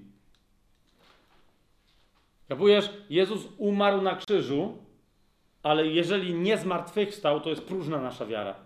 Co z tego, że zapłacił? Musiał zmartwychwstać. Pamiętacie, jak Maria Magdalena próbuje go powstrzymać, w ogóle dotknąć i on mówi, nie dotykaj mnie, bo ja jeszcze nie jest nieskończony temat. Ja idę do Boga. Do Ojca mojego i do Ojca waszego, do Boga mojego, do Boga waszego. Jestem cały czas, rozumiesz, to jest niedokończona historia. Był przez pewien czas na ziemi, poszedł do nieba i dopiero, rozumiesz, do, dopóki Jego, z Jego krwią przelaną na ziemi na krzyżu, zmartwychwstałego nie ma w niebie, na dowód dla świata niebieskiego, ziemskiego i podziemnego, jego pełnego zwycięstwa, potwierdzonego przez najwyższego sędziego, którym jest Bóg, to jeszcze nic się nie stało. Rozumiecie o co chodzi? Dlatego pełna Ewangelia w skrócie brzmi, pierwszy list do Koryntian, 15 y, rozdział, trzeci y, i czwarty werset. Najpierw bowiem przekazałem wam to, co i ja otrzymałem, że Chrystus umarł za nasze grzechy zgodnie z Pismem. Widzicie to? Umarł, umarł. No to załatwione. On mówi nie, że, czwarty werset, został pogrzebany, że zmartwychwstał trzeciego dnia zgodnie z pismem. To jest niezwykle istotne, że trzeciego dnia, ale, ale że zmartwychwstał, teraz na tym się koncentrujemy, i że ukazał się Kefasowi, potem dwunastu i tak dalej, i tak dalej, i tak dalej. A teraz zasiada po prawicy ojca, on o, o, o, o czym mówi później, tak? Ale teraz Mm, y, teraz, kochani, 21 werset. Zerknijcie tam razem ze mną. Nie 21 werset. 14 y, do 17, a potem 20 w ten sposób. Jeżeli Chrystus, widzicie, bo on tu przypomina w 15 rozdziale dobrą nowinę i mówi, że dobrą elementem dobrej nowiny nie jest sam krzyż, ani to, że Jezus na nim skutecznie umarł za nasze grzechy ale mówi od 14 wersetu: Jeżeli Chrystus nie został wskrzeszony, to daremne jest nasze głoszenie, daremna jest też wasza wiara. Rozumiecie? Sama śmierć nic jeszcze nie oznacza. I mówi, dalej mówi, wręcz okazuje się, że jesteśmy fałszywymi świadkami Boga, bo świadczyliśmy o Bogu, że wskrzesił Chrystusa, którego nie wskrzesił, jeżeli umarli nie są wskrzeszani. Jeżeli bowiem umarli nie są wskrzeszani, bo tam jest ten, wiecie, szerszy problem, czy jest w ogóle zmartwychwstanie, to i Chrystus nie został wskrzeszony. I teraz konkluzja, ale jeżeli Chrystus nie został wskrzeszony, uważajcie na to, to daremna jest wasza wiara, uwaga, i nadal jesteście w swoich grzechach. Rozumiecie? To nic, że On za nas umarł na krzyżu za nasze grzechy. I co z tego? To On dokonał pewnego dzieła, ale to dzieło musi być dopełnione. Czy Bóg, roz... czy Bóg tę ofiarę przyjął? Czy On sam tak ją skutecznie złożył, jak zresztą sam powiedział, nikt mi życia nie odbiera. Ja sam od siebie je oddaję. Mam moc je oddać i mam moc je znów odzyskać Ewangelia Jana. Amen? Więc on tak to zrobił, więc musiał zmartwychwstać swoją mocą. Biblia w innych miejscach mówi, że ojciec go wskrzesił. Biblia w innych e, miejscach mówi, że mocą Ducha Świętego powstał, bo cały Bóg był w jego śmierci. Cały Bóg e, uczestniczył w mocy potężnej nowego stworzenia, która się najpierw wyraziła jego zmartwychwstaniem. Halleluja, amen. Dwudziesty werset. Paweł mówi: Nie, ale to Jezus nie tylko umarł, ale także zmartwychwstał. 20 werset. Tymczasem jednak Chrystus został wskrzeszony z martwych i stał się pierwszym plonem tych, którzy zasnęli. A więc będzie ich więcej. Dlaczego on tu w skrócie mówi? Ponieważ kiedy zmartwychwstał, poszedł do nieba. Jak poszedł do nieba, to my wtedy widzimy, tam się przygotował sąd. Wprowadzili Syna Człowieczego po krzyknięciu, kto jest tym świadkiem, do którego należy ten zapis. Ojciec wyciąga jedną rękę. Pamiętacie, jak Jezus mówi w Ewangelii Jana, y, że nikt nie może wypaść z ręki Ojca. Pamiętacie to? Y, otwórzmy to sobie, bo pamiętacie to. Zawsze pamiętacie to, ale lepiej jest to sobie chyba przeczytać, prawda? To jest Ewangelia Jana, dziesiąty rozdział. Jezus mówi o swoich owcach, to jest 28 werset i dalej. Mówi: Ja daję im życie wieczne i nigdy nie zginą, ani nikt nie wydrze ich z mojej ręki. Więc rozumiecie, jest jedna ręka, którą Jezus trzyma swoje owce. Mój ojciec, który mi je dał, większy jest od wszystkich i nikt nie może wydrzeć ich z ręki mojego ojca. Ja i ojciec jedno jesteśmy. Rozumiecie, kiedy jest ten moment w niebie? Piąty rozdział, kiedy ojciec wszystkich zapisanych w tej jednej księdze trzyma w swojej ręce, a Jezus przejmuje tą księgę od niego. To jest ten moment. Rozumiecie? Kiedy? Kiedy ojciec ich przypilnował w swojej ręce, teraz oddaje synowi i mówi, on ich przypilnował, teraz ja otwieram, ogłaszam, koniec. Ci ludzie, którzy są tu zapisani, nigdy nie zginą. Amen? Nigdy nie zginą. List do Efezjan, zobaczcie, czwarty rozdział,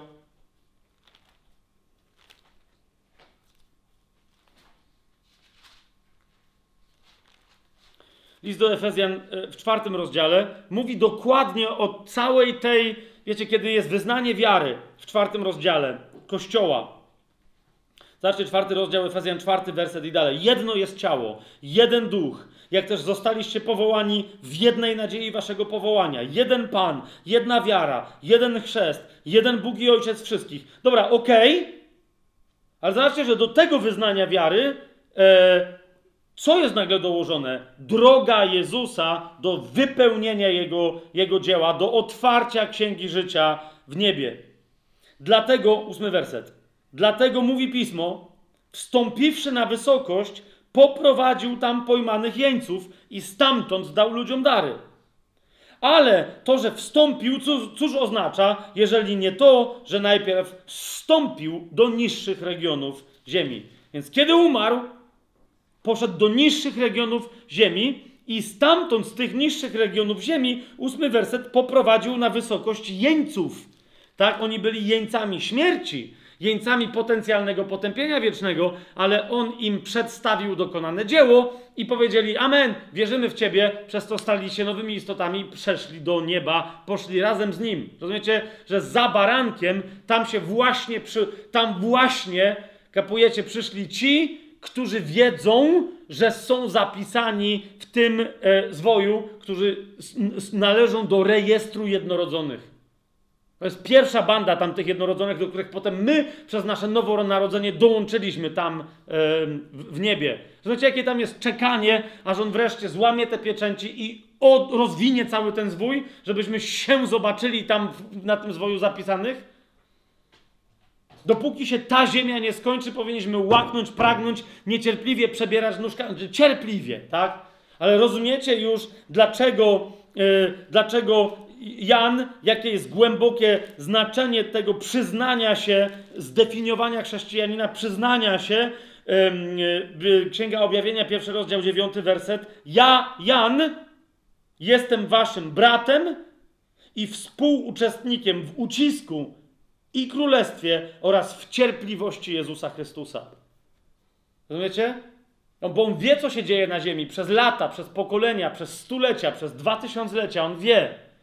Ale on czeka do właściwego momentu, żeby zacząć łamać pieczęci i rozwijać ten zwój. Więc my, cała reszta w niebie czeka cierpliwie, bo on jest cierpliwy i my też powinniśmy uczestniczyć w tej cierpliwości, kiedy płyną łzy z naszych oczu, widząc niesprawiedliwość na tej ziemi. Ucisk, prześladowanie, zło, Dlatego też list do Rzymian, no to jest oczywiste, nie będę dalej rozwijał tego tematu. Konkluzja, dlatego też list do Rzymian mówi y, wyraźnie, że nie wystarczy sama wiara y, w to, co Jezus zrobił na krzyżu.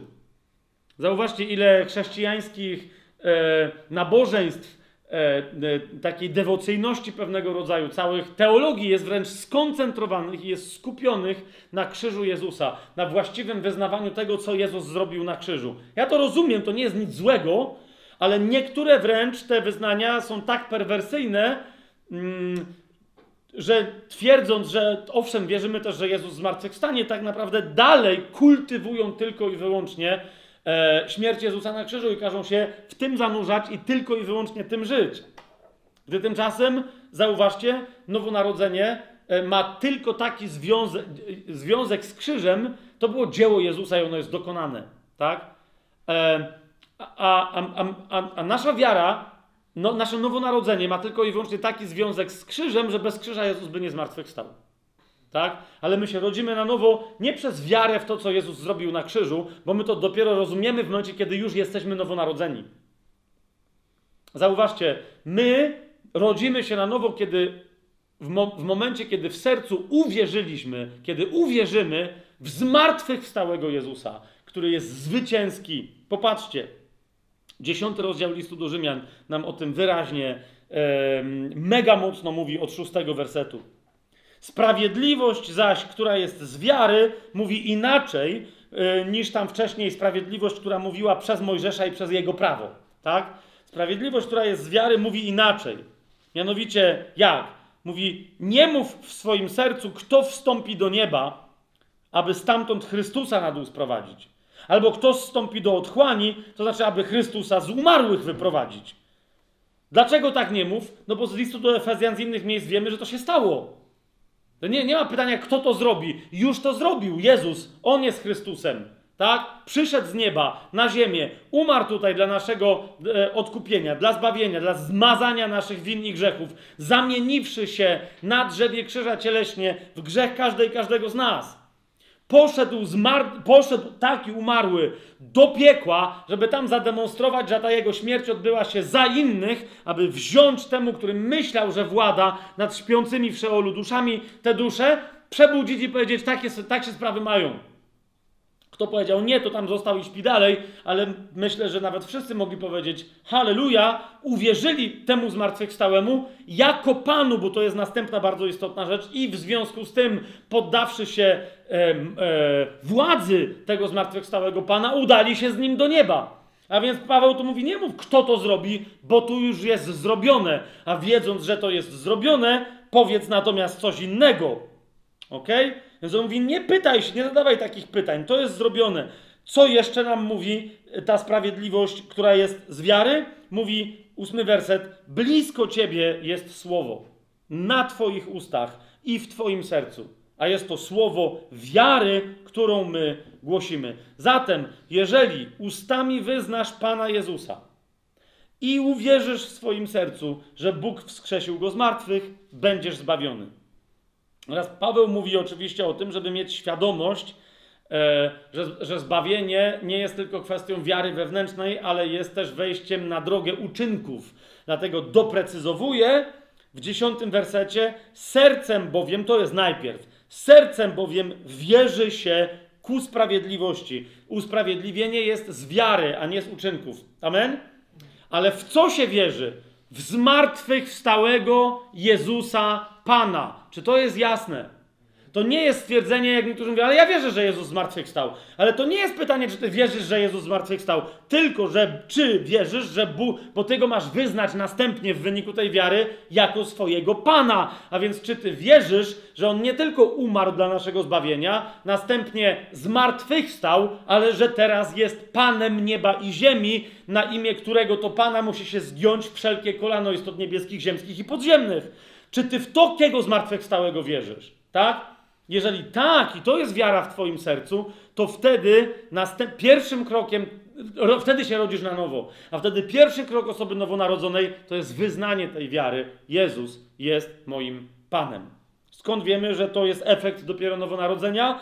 Ponieważ na przykład z pierwszego listu do Koryntian dowiadujemy się, że nie można takiego wyznania poczynić, jeżeli się nie ma Ducha Świętego pierwszym liście do Koryntian, w dwunastym rozdziale, w trzecim wersecie czytamy: Dlatego oznajmiam wam, że nikt, kto mówi przez Ducha Bożego, nigdy nie powie, że Jezus jest przeklęty. Nikt też nie może wyznać, że Jezus jest Panem, jak tylko przez Ducha Świętego. Jasność? Więc dlatego mówię, nowonarodzenie to jest usprawiedliwienie. Usprawiedliwienie jest przez wiarę w zmartwychwstałego Jezusa, którego Pan którego ojciec uczynił Panem nieba i ziemi. Ok? A wyznanie Jezusa Panem jest już efektem nowego narodzenia, jest pierwszym uczynkiem wiary, pierwszym możliwym uczynkiem wiary. Jest oddaniem siebie werbalnym Jezusowi e, jako Panu pod posłuszeństwo e, Jemu. I teraz, kochani, teraz, kochani, następny aspekt, powoli zbliżamy się ku końcowi, ale musimy go bardzo w bardzo istotny sposób rozpatrzeć. Ok? Abyśmy mieli dopełniony temat księgi, którą Pan otwiera, która jest księgą życia baranka. Nie tylko li, tylko księgą życia, ale księgą życia baranka. Tak? Baran, dlatego baranek ją może otworzyć, bo ona jest przez niego, dla niego zapieczętowana. Przyszedł, ma prawo, zapłacił krwią, otwiera tam, ma otworzyć tamtą księgę, gdzie wszyscy są zapisani. Tak? Teraz, kochani, ten jeden z tych zapisów w tej księdze e, to jest zapis, jak powiedziałem, całej ludzkości od samego początku. Wszyscy ludzie tam są wpisani, bo jest wolą Bożą. Nie jest wolą Bożą, aby grzesznik zginął, ale żeby wszyscy się nawrócili i doszli do poznania prawdy. Amen? Paweł, Paweł pisał. Więc jak to się stanie, że kogoś miałoby tam nie być, ale że ktoś, yy, rozumiecie, będzie sądzony według własnej księgi życia. Kapujesz? Albo otworzą ci księgę życia baranka jako księgę twojego życia, albo ludziom otworzą księgę ich własnego życia, którą sobie sami podpisali. Tak, to jest moja książka. Proszę ją otworzyć.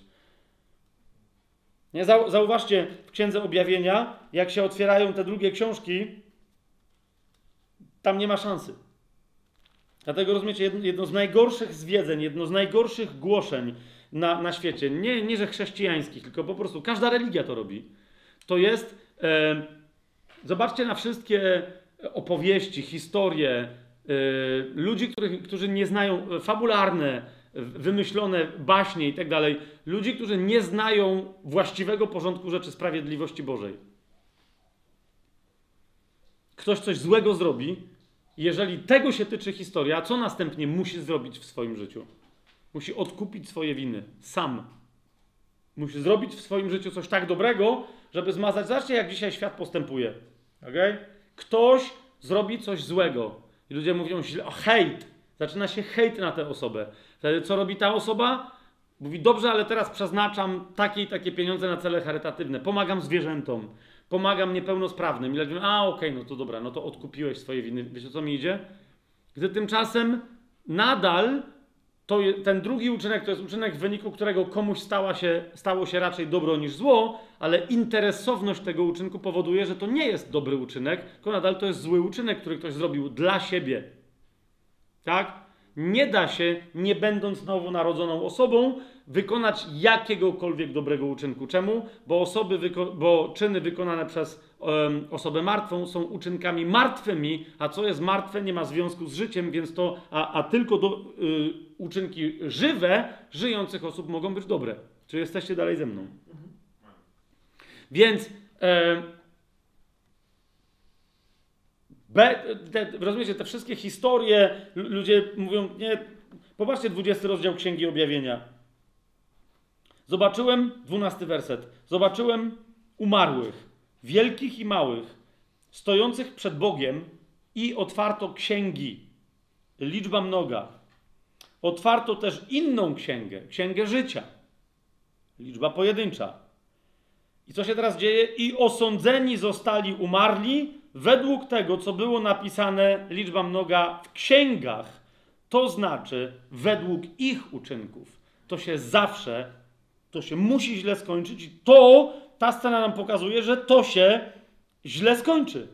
Trzynasty werset. I wydało morze umarłych, którzy w nim byli, również śmierć i piekło wydały umarłych, którzy w nich byli i zostali osądzeni, każdy według czego? Według swoich uczynków. I tyle. Śmierć i piekło zostały wrzucone do jeziora ognia, ci ludzie, którzy zostali osądzeni na podstawie swoich uczynków, co się z nimi stało? 15 werset. Jeżeli się ktoś nie znalazł zapisany w księdze życia, również został wrzucony do jeziora ognia. Wszyscy sądzeni na podstawie własnych uczynków, martwych uczynków, kończą w jeziorze ognia. Słyszycie to?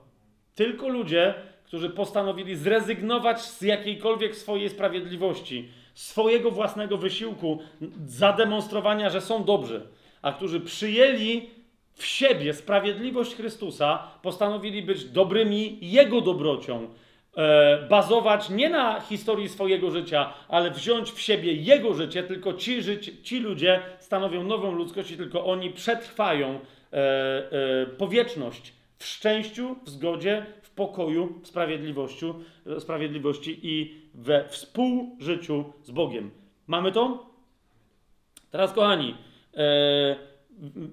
więc, no ale wszyscy są zapisani przecież w tej księdze życia baranka. Otóż nie. Ludzie, którzy nie uwierzyli w Jezusowi, e, w Jezusa, którzy nie uwierzyli Jezusowi, którzy nie zechcieli mu uwierzyć i przez wiarę przyjąć tego usprawiedliwienia, które on nam wysłużył, oni z automatu są wymazani. Czy to jest jasne? Tak? Ci, którzy nie są zwycięzcami, bo zwycięstwem jest nasza wiara, ci de facto przez nieuwierzenie decydują się na, e, na wymazanie z księgi życia baranka. Co prawda, dobra nowina mówi nam, że Jezus nas nie sądzi i nie przyszedł, żeby sądzić, ale dokonuje pewnego sądu. To jest trochę, wiecie, takie, takie, takie zamieszanie, taka konfuzja, którą niektórzy mówią, to w końcu sądzi czy nie sądzi. Zobaczcie, na czym polega sąd Jezusa e, na ziemi i wobec ludzkości. Otwórzmy sobie Ewangelię Jana, bo musimy mieć ten temat również przy okazji Księgi Życia Baranka e, wyczyszczony. To jest Ewangelia Jana, piąty rozdział od 21 wersetu. O y, przyszłym życiu, o, o dobru e, tego przyszłego życia i tak dalej, czyli o wskrzeszeniu do nowego życia, e, o, o wolności od drugiej śmierci. Mówi w ten sposób w piątym rozdziale Ewangelii e, Jana Pan Jezus od 21 wersetu. Jana 5, 21. Jak i, i dalej. Jak bowiem Ojciec wskrzesza umarłych i ożywia, tak i Syn ożywia tych, których chce. Bóg Ojciec nikogo nie sądzi, ale cały sąd dał Synowi. No to zaraz, to co się tutaj dzieje? Cały sąd dał Synowi, widzicie to? Więc to jak mówię, że my nie idziemy na sąd, bo Jezus nie sądzi, to jest pewien kontekst, bo z drugiej strony On otrzymał sąd. Ale jaki? Tak? Otrzymał sąd. Jak y, ojciec nikogo nie sądzi, 22 werset, ale cały sąd dał synowi, aby wszyscy czcili syna tak, jak czczą ojca. Kto nie czci syna, nie czci ojca, którego posłał. I dalej Jezus mówi: Zaprawdę powiadam wam, zaprawdę, zaprawdę powiadam wam, kto słucha mojego słowa i wierzy temu, który mnie posłał, ma życie wieczne. i nie będzie potępiony, ale przeszedł ze śmierci do życia. No, widzicie, jak precyzyjny tu jest opis, tak? Przeszedł ze śmierci do życia, nie będzie potępiony, ma życie wieczne. Eee, 25 werset, zaprawdę, zaprawdę, powiadam wam, nadchodzi godzina i teraz jest, gdy umarli usłyszą głos Syna Bożego, a ci, którzy usłyszą, będą żyć. Więc widzicie, po to Jezus po swojej śmierci zszedł do Szeolu. Tak? Żeby umarli ci, którzy już przed nim umarli, i nie ma żadnego umarłego, który by umierał nie słysząc za swojego życia o Jezusie, żeby się nie spotkał z Jezusem, nie usłyszał od niego samego, na czym polega dobra nowina, i żeby nie miał wyboru w sercu. Czy to jest jasne? 26 werset. Jak bowiem ojciec ma życie sam w sobie, tak dał i synowi, aby miał życie w samym sobie. I dał mu władzę wykonywania sądu, bo jest synem człowie człowieczym. Nie dziwcie się temu, bo nadchodzi godzina, w której wszyscy, którzy są w grobach, usłyszą jego głos. Uwaga, 29 werset. I ci, którzy dobrze czynili, wyjdą na zmartwychwstanie do życia, ale ci, którzy źle czynili, na zmartwychwstanie, na potępienie. Teraz, kochani, już nawet w tym miejscu, jak ktoś po grecku czyta, widzi, że są dwa zmartwychwstania. Pierwsze zmartwychwstanie jest zmartwychwstaniem do życia, drugie jest zmartwychwstaniem na potępienie. Pierwsze jest zmartwychwstaniem na początku tysiącletniego królestwa, kiedy Jezus wraca na ziemię, zmartwychwstaniem w nowych ciałach, nie żeby się nad tymi ludźmi odbywał sąd. Oni dobrze czynili, zaraz się dowiemy dlaczego, tak? Natomiast drugi sąd jest po tysiącletnim królestwie, to jest drugie zmartwychwstanie, ale tych ludzi dotyka druga śmierć, czyli śmierć wieczna. Oni nie są zbawieni wiecznie. To są ci, którzy zdecydowali się oprzeć na swoich uczynkach, a to są uczynki złe, bo są martwe. Czy to jest jasne? Tak? Kto czyni dobrze, kochani? Bo Jezus mówi, więc to jest mój sąd. Ale zauważcie, kiedy dochodzi do właściwego sądu, czy Jezus sądzi ludzi. Otwórzcie razem ze mną Ewangelię Jana.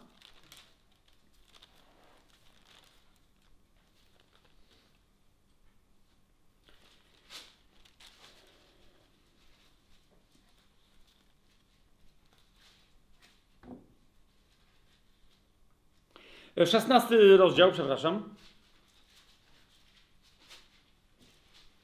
Jezus tam nam mówi, że on w innym miejscu mówi, że teraz jest godzina sądu i mówi, że władca tego świata jest sądzony. Pamiętacie? Ale już nie będę skakać po cytatach, tylko teraz idzie mi o to, że właśnie Jezus nie sądzi ludzi. Tylko tego, który myślał, że jest właścicielem ludzi. Ok? I, i, yy, i teraz popatrzcie, 16 rozdział. Mówi, że ludzie to zrozumieją, e, kiedy przyjdzie Duch Święty. On pozwoli nam to wszystko zrozumieć. Więc on jest pierwszym głosicielem dobrej nowiny. Spójrzcie, ósmy werset 16 rozdziału. Gdy on przyjdzie, będzie przekonywać świat o grzechu, o sprawiedliwości i o sądzie. To jest sąd Jezusa. O grzechu Jezus mówi: No tak, bo nie uwierzyli we mnie. To jest jedyny grzech, który Jezus rozważa. Kapujesz? Jeżeli uwierzysz w Jezusa, stajesz się bezgrzeszną osobą. Czy to jest jasne? To jest tylko tyle. A twoja, rozumiesz, grzechy, rozwiązłość seksualna, kradzieże, morderstwa, kłamstwa, fałszywe świadectwa itd., itd., itd., czynienie wszelkiego zła, grzechy, liczba mnoga, są wynikiem grzechu, który zamieszkuje członki starego człowieka, ale który nie zamieszkuje nowego człowieka, bo nowy człowiek, wierząc w Jezusa, unicestwia grzech w sobie. Tak? Dlaczego? Bo wierząc w Jezusa, doświadcza wymiany, zamiany, do której doszło na krzyżu. Jezus na tym krzyżu stał się grzechem, abyśmy my od, od tej pory, kiedy w Niego takiego uwierzymy, stali się sprawiedliwością Bożą w Chrystusie. Amen? Rozumiecie, o co idzie? A więc Jezus mówi, to jest to. Wiara unicestwia grzech. O sprawiedliwości pójdę do mojego ojca już więcej mnie nie zobaczycie. Rozumiecie, czemu on tam musiał pójść? Aby sprawiedliwości tam stało się zadość i aby sąd niebieski, najwyższy, to uznał, zatwierdził i ogłosił. Tak? A sąd dokonuje się nad kim? Jedenasty werset. O sądzie też przekona was Duch Święty, bo władca tego świata właśnie jest sądzony. Jest osądzany, a nie ludzie. Kapujecie? Więc sąd tak, władza sądu, natomiast e, nie jest, to jest władza, która nie ma decydować o tym, czy ludzie pójdą do nieba, czy do piekła. Tylko w wyniku tego swojego dzieła, w wyniku osądzenia diabła, Jezus teraz mówi: Uwierzcie we mnie. Zobaczcie, Ewangelia Jana, trzeci rozdział. W trzecim rozdziale Jezus mówi tak, od 14 wersetu. Pamiętacie, jak Mojżesz węża zawiesił na pustyni, kto na niego spojrzał, ten jak był ukąszony przez jadowitego węża, to uma, umierał, ale jak spojrzał na węża powieszonego na palu miedzianego, to samo to spojrzenie go uzdrawiało kompletnie. Pamiętacie to? Tą historię? Dobrze. I teraz do tego się odwołując, Jezus mówi tak, Ewangelia Jana, trzeci rozdział, od 14 wersetu. Jak Mojżesz wywyższył węża na pustyni, tak musi być wywyższony Syn Człowieczy. No tylko my wiemy na krzyżu, tak? Nie na pustyni, tylko za miastem Jerozolimą. Po co? Aby każdy, kto, w Niego uwierzy, nie zginął, ale miał życie wieczne. Tak bowiem Bóg umiłował świat, 16 werset, kiedy przed założeniem jeszcze tego świata, tak umiłował ludzi w tym świecie, że zdecydował dla nich, że są wybrani w Jego Synu. Czy rozumiecie, co się tu yy, wydarza? Że koniec końców, jak ludzie chcieli się pogrążyć, to dał swojego jednorodzonego syna. Słowo klucz, jednorodzonego, aby każdy, kto w niego uwierzy, nie zginął, ale miał życie wieczne. I teraz patrzcie, bo Bóg nie posłał swojego syna na świat, aby ten świat potępił, lecz aby świat był przez niego zbawiony. Tutaj świat w zrozumieniu świat ludzi. A więc Jezus dokonuje sądu potępieńczego dla diabła, niestety, nad diabłem, ale nie przyszedł, żeby dokonywać jakiegokolwiek sądu, który by potępiał ludzi. Dokonuje odkupienia ludzi. Czy to jest jasne? Tak? Jakich ludzi? Wszystkich ludzi, całego świata, ponieważ Bóg cały świat ukochał. Tak? Więc 17 werset. Bóg nie posłał swojego syna na świat, aby świat potępił, lecz aby świat był przez niego zbawiony. Kto więc w niego wierzy, nie będzie potępiony. Uwaga, ale kto nie wierzy, już jest potępiony, bo nie uwierzył w imię jednorodzonego syna Bożego. Lub też w innych tłumaczeniach, ten 18 werset, kto w niego wierzy, nie będzie potępiony, ale kto nie wierzy, już sam siebie potępił, bo nie uwierzył w imię jednorodzonego Syna Bożego. Słyszycie? Więc w tym sensie jest, rozumiesz, Twoje imię jest zapisane na orgi w oryginalnej księdze życia. Ale dlaczego Jezus jej nie otwiera aż do momentu, powiem od razu z góry, pochwycenia Kościoła? Tak? Czemu jej nie otwiera? W zasadzie, dlaczego ona nie jest w pełni otwarta aż do momentu, kiedy on będzie stępować na ziemię? Dla, dlaczego? Ponieważ dopóki jeszcze będzie ktoś, kto będzie w sercu decydował, czy tam zostać w tym dokumencie, czy nie, Jezus nie chce go otworzyć, żeby go nie odczytać przedwcześnie. Rozumiecie, co się, co, co się mamy następne to zrozumienie? Ma, mamy to? to? To jest dokładnie to. Jezus mówi, kto we mnie wierzy, nie. Zauważ, cały świat nie wierzy w Jezusa, więc już jest potępiony, ale dopóki ci ludzie żyją tutaj na ziemi, rozumiesz, ich imię tam jest zapisane. Kiedy umrą w tym potwierdzeniu, nie, nie wierzę w Jezusa, to wtedy jest koniec, wtedy de facto to wymarze ich. Jezus się nie zajmuje wymazywaniem kogokolwiek, bo nie po to on umarł za wszystkich, żeby następnie kogoś wymazywać. Rozumiecie? Tego, kto jest zwycięzcą. Naszym zwycięstwem, zwycięstwem jest nasza wiara, pierwszy list Jana. Więc Jezus mówi, tego, kto jest zwycięzcą, nie wymarzę. Nie tylko, że nie wymarzę, ale ogłoszę Jego imię. Jemu chodzi dokładnie o ten akt, że się przyzna, jak sam mówił na ziemi, że ja się przyznam przed Ojcem i przed Jego aniołami publicznie. To jest dokładnie to, rozumiecie? Będzie odczytany akt, Wszyscy, którzy zmartwychwstaną do życia wiecznego, wtedy, po otwarciu tej księgi, będą dokładnie wtedy odczytani. Jezus mówi, ja nie po to ją otwieram, żeby kogoś stamtąd wymazywać. Rozumiecie już ten Księga Objawienia, trzeci rozdział, piąty werset? Mówi, nie, nie, nie, nie, nie będę nikogo wymazywał, ponieważ tam zostaną tylko ci, których imiona zostaną. Po, po, po, rozumiecie? To jest jakby każdy, kto przyjmie na siebie krew Jezusa, cały Jezus całą swoją krew wylał na ten dokument. Rozumiesz? I ona spowoduje, że utrwali się w tym dokumencie tylko imię tego, kto na siebie wziął jego krew. Ma to sens, co, co ja mówię? To jest, to jest tak jak, nie wiem, atrament sympatyczny, nie wiem, wiecie o co mi chodzi, coś co wy, nie? Że musisz, napiszesz cytryną na, na papierze, potem musisz to ogniem i wtedy widzisz, to tam wychodzi, nie? Chodzi o to, że to jest tak zapisane, że gdyby to ktoś wcześniej otworzył, to tam by nic nie było dalej widać. Ponieważ to jest atrament sympatyczny e, między ojcem a synem. Oni i tak wiedzą, co tam jest napisane. Ale potem to jest nasza wiara w Jezusa albo nie. Rozumiesz, krew, kto, kto się przyzna do krwi, dlatego krew Jezusa mówi w niebie rzeczy większe niż krew Abla. Rozumiesz? Bo ona mówi w tej księdze. Jej głos jest świadectwem, czy ty tam jesteś, czy cię nie ma. Jeżeli krew nie wypowie twojego imienia, to ono się nie pojawi w tej księdze, a Jezus go nie odczyta, bo go nie zobaczy. Po, po, po prostu. Jasne? Więc dlatego, zobaczcie jeszcze raz, trzeci rozdział, osiemnasty werset jest tak kluczowy. To nie Jezus sądzi ludzkość, to ludzkość staje wobec wyboru, wobec sądu, którego już dokonał Jezus na diable. Jego osąd jest, wszyscy są zbawieni. Chcę, żeby wszyscy byli zbawieni. Co trzeba zrobić? Nic, tylko uwierzcie we mnie i oddajcie mi swoje życie jako Panu. Kto wierzy we mnie, kto wierzy w Niego, w Syna Człowieczego, trzeci rozdział Ewangelii Jana, 18 werset, nie będzie potępiony. Ale kto nie wierzy, już sam siebie potępia, bo nie uwierzył w imię jednorodzonego Syna e, Bożego. Mamy to? Więc teraz zobaczcie jeszcze raz w tym kontekście Księgę Objawienia, zobaczmy razem. Warto czytać i czytać i czytać i czytać, bo z jednej strony nas to pociesza, ale z drugiej strony, rozumiecie, powinno złamać to nasze serca, w, w, w myślach o grzesznikach, że rozumiecie, bo On chce, żeby wszyscy byli zbawieni. Jak my mielibyśmy się cieszyć z choćby jednego niezbawionego, którego my znamy? Rozumiecie, jak mielibyśmy żyć spokojnie w świecie, gdzie dookoła nas żyją niezbawieni ludzie i mogą tacy umrzeć, bo ludzie, jak się umacniają e, w łasce, tak mogą się utwardzać w decyzji, żeby odrzucić Chrystusa. Popatrzcie, 22 e, rozdział, 11 werset.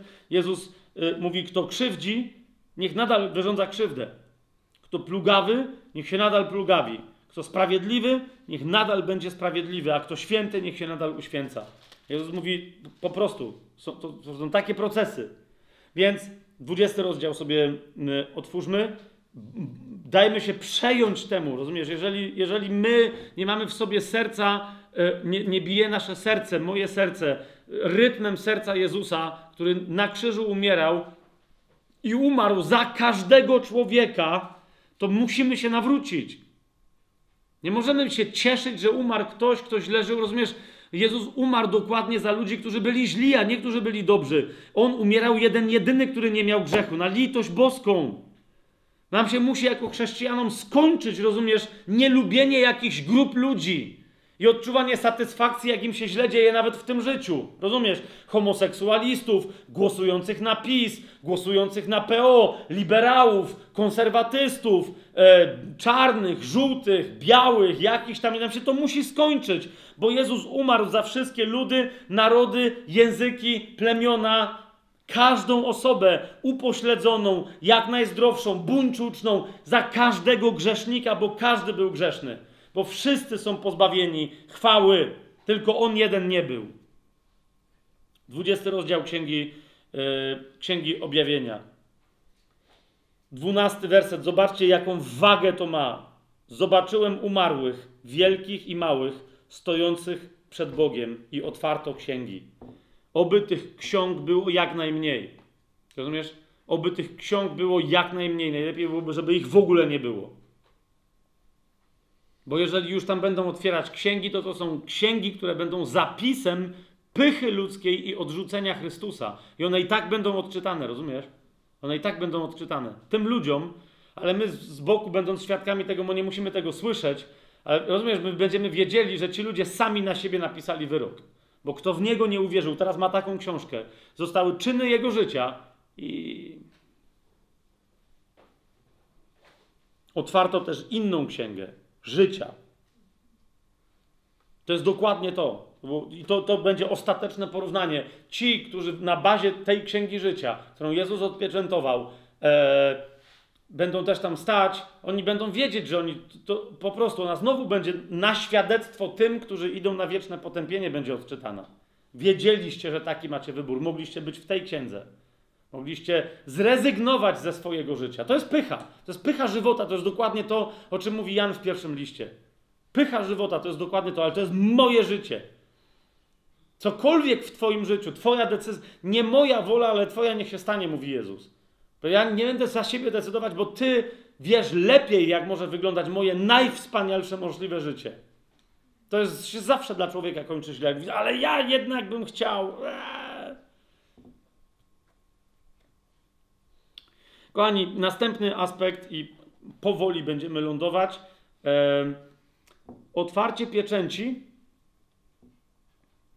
Księgi Życia oznacza, w momencie, kiedy Jezus zaczyna je otwierać, e, to już jest, rozumiesz, to już jest ostatnia chwila, on za chwilę wróci. Już nie będzie dalej możliwości wyboru. Dla tych, którzy w tym ostatnim pokoleniu są na ziemi. Dlatego zauważ, że kiedy Jezus zaczyna łamać pieczęci, zaczyna się wielki ucisk na, na ziemi. To jest bardzo istotne. Wraz ze złamaniem pierwszej pieczęci zaczyna się wielki ucisk na ziemi. Szósty rozdział od razu to, to opisuje. Okay? I te pieczęci są łamane aż do końca wielkiego ucisku. To jest odliczanie. E, to jest odliczanie. Jezus, e, kiedy przyszedł na ten świat, Ewangelia Łukasza nam o tym mówi. Już tam byliśmy dzisiaj, otwórzmy sobie jeszcze raz czwarty rozdział. Swoją drogą, nie bez przyczyny otworzył, rozciągnął, rozsunął zwój. Jest czwarty rozdział Ewangelii Łukasza e, i przeczytał tam sam o sobie, to jest czwarty rozdział od 18 wersetu do 20, bo podano mu, pamiętacie, zwój. Proroka Izajasza, rozwinął go i rozwinął go na następującym miejscu. Duch Pana nade mną, ponieważ namaścił mnie, abym głosił Ewangelię ubogim, posłał mnie, abym uzdrawiał skruszonych w sercu, abym uwięzionym zwiastował wyzwolenie, a ślepym przejrzenie, abym uciśnionych wypuścił na wolność, abym głosił miłościwy rok Pana i w tym momencie zwinął zwój. To było dziwne dla wszystkich, którzy byli uczonymi w piśmie, bo nie dokończył zdania. Okay? Abym ogłosił miłościwy rok Pana. W tym momencie zwinął zwój, oddał go słudze i usiadł, a oczy wszystkich w synagodze były w nim utkwione. I on wtedy powiedział, 21 werset czytamy, zaczął do nich mówić, dzisiaj wypełniły się te właśnie słowa w waszych ustach. Te słowa, które do momentu ogłoszenia miłościwego roku łaski od Pana. Jaki fragment Jezus czytał? To jest Ewangelia Izajasza, Księga Izajasza, 61 rozdział. I to jest to, co Jezus czytał. Zobaczcie, 61 rozdział. Jezus przeczytał od pierwszego wersetu. Tu dokładnie mu się księga zwój rozwinął. Duch Pana Jachwę jest nade mną, bo Jachwę mnie namaścił, abym głosił dobrą nowinę cichym, posłał mnie, abym opatrzył rany skruszonym w sercu, abym zwiastował uwięzionym wyzwolenie, a związanym otworzenie więzienia, abym ogłosił miłościwy rok Jachwę. Widzicie, co jest dalej? Jezus zamknął tę księgę, ponieważ powiedział: Te słowa właśnie się realizują na waszych oczach, w waszych uszach. Jak słyszycie, to właśnie to jestem ja. Dlaczego? Bo Jezus właśnie zapoczątkował rok jubileuszowy, epokę jubileuszową dla ludzkości, czas łaski, ale w momencie, kiedy będzie musiał otworzyć wreszcie księgę życia, ten czas się skończy, bo to będzie koniec czasu łaski, rozumiecie? My przez łaskę żyjemy. Czy to jest jasne? Nie? Więc, więc kiedy będzie nadciągać moment, że Jezus będzie musiał powiedzieć i dzień pomsty naszego Boga, abym pocieszył wszystkich płaczących, bo ile można czekać, po prostu to jest cierpliwość Jezusa. Ale przyjdzie dzień, kiedy będzie otarta każda łza z naszego oka. One są zbierane w bukłakach specjalnych bożych abym sprawił radość płaczącym w Syjonie i dał im wreszcie ozdobę zamiast popiołu, olejek radości zamiast smutku, szatę chwały zamiast ducha przygnębienia. I będą nazwani drzewami sprawiedliwości, szczepem Jahwe, aby był uwielbiony. To widzisz, to jest to, co Jezus ogłosił. On ogłosił rok łaski, ale będzie musiał ogłosić dzień pomsty. To jest dzień pański, w którym się znalazł Jan na początku Księgi Objawienia. Jezus nie czyta dalej ale w momencie, kiedy będzie musiał obwieścić Dzień Pański, to rozumiesz, łamanie pieczęci na ziemi oznacza katastrofy i owszem, niektórzy mówią, to już jest sąd, który zaczyna się nad ziemią. Tak, ale nie sąd ostateczny, tylko sąd ostatecznie ostrzegający, że zaczęło się odliczanie. 7, 6, 5, 4, 3, 2, 1 i wróci. Przez te ostatnie 3,5 roku. Księgę Objawienia, 14 rozdział. Sobie otwórzmy. Księga Objawienia w 14 rozdziale niespecjalnie, yy, znaczy inaczej. Najpierw nas pociesza, bo widzisz, już nie będzie wtedy kościoła na ziemi.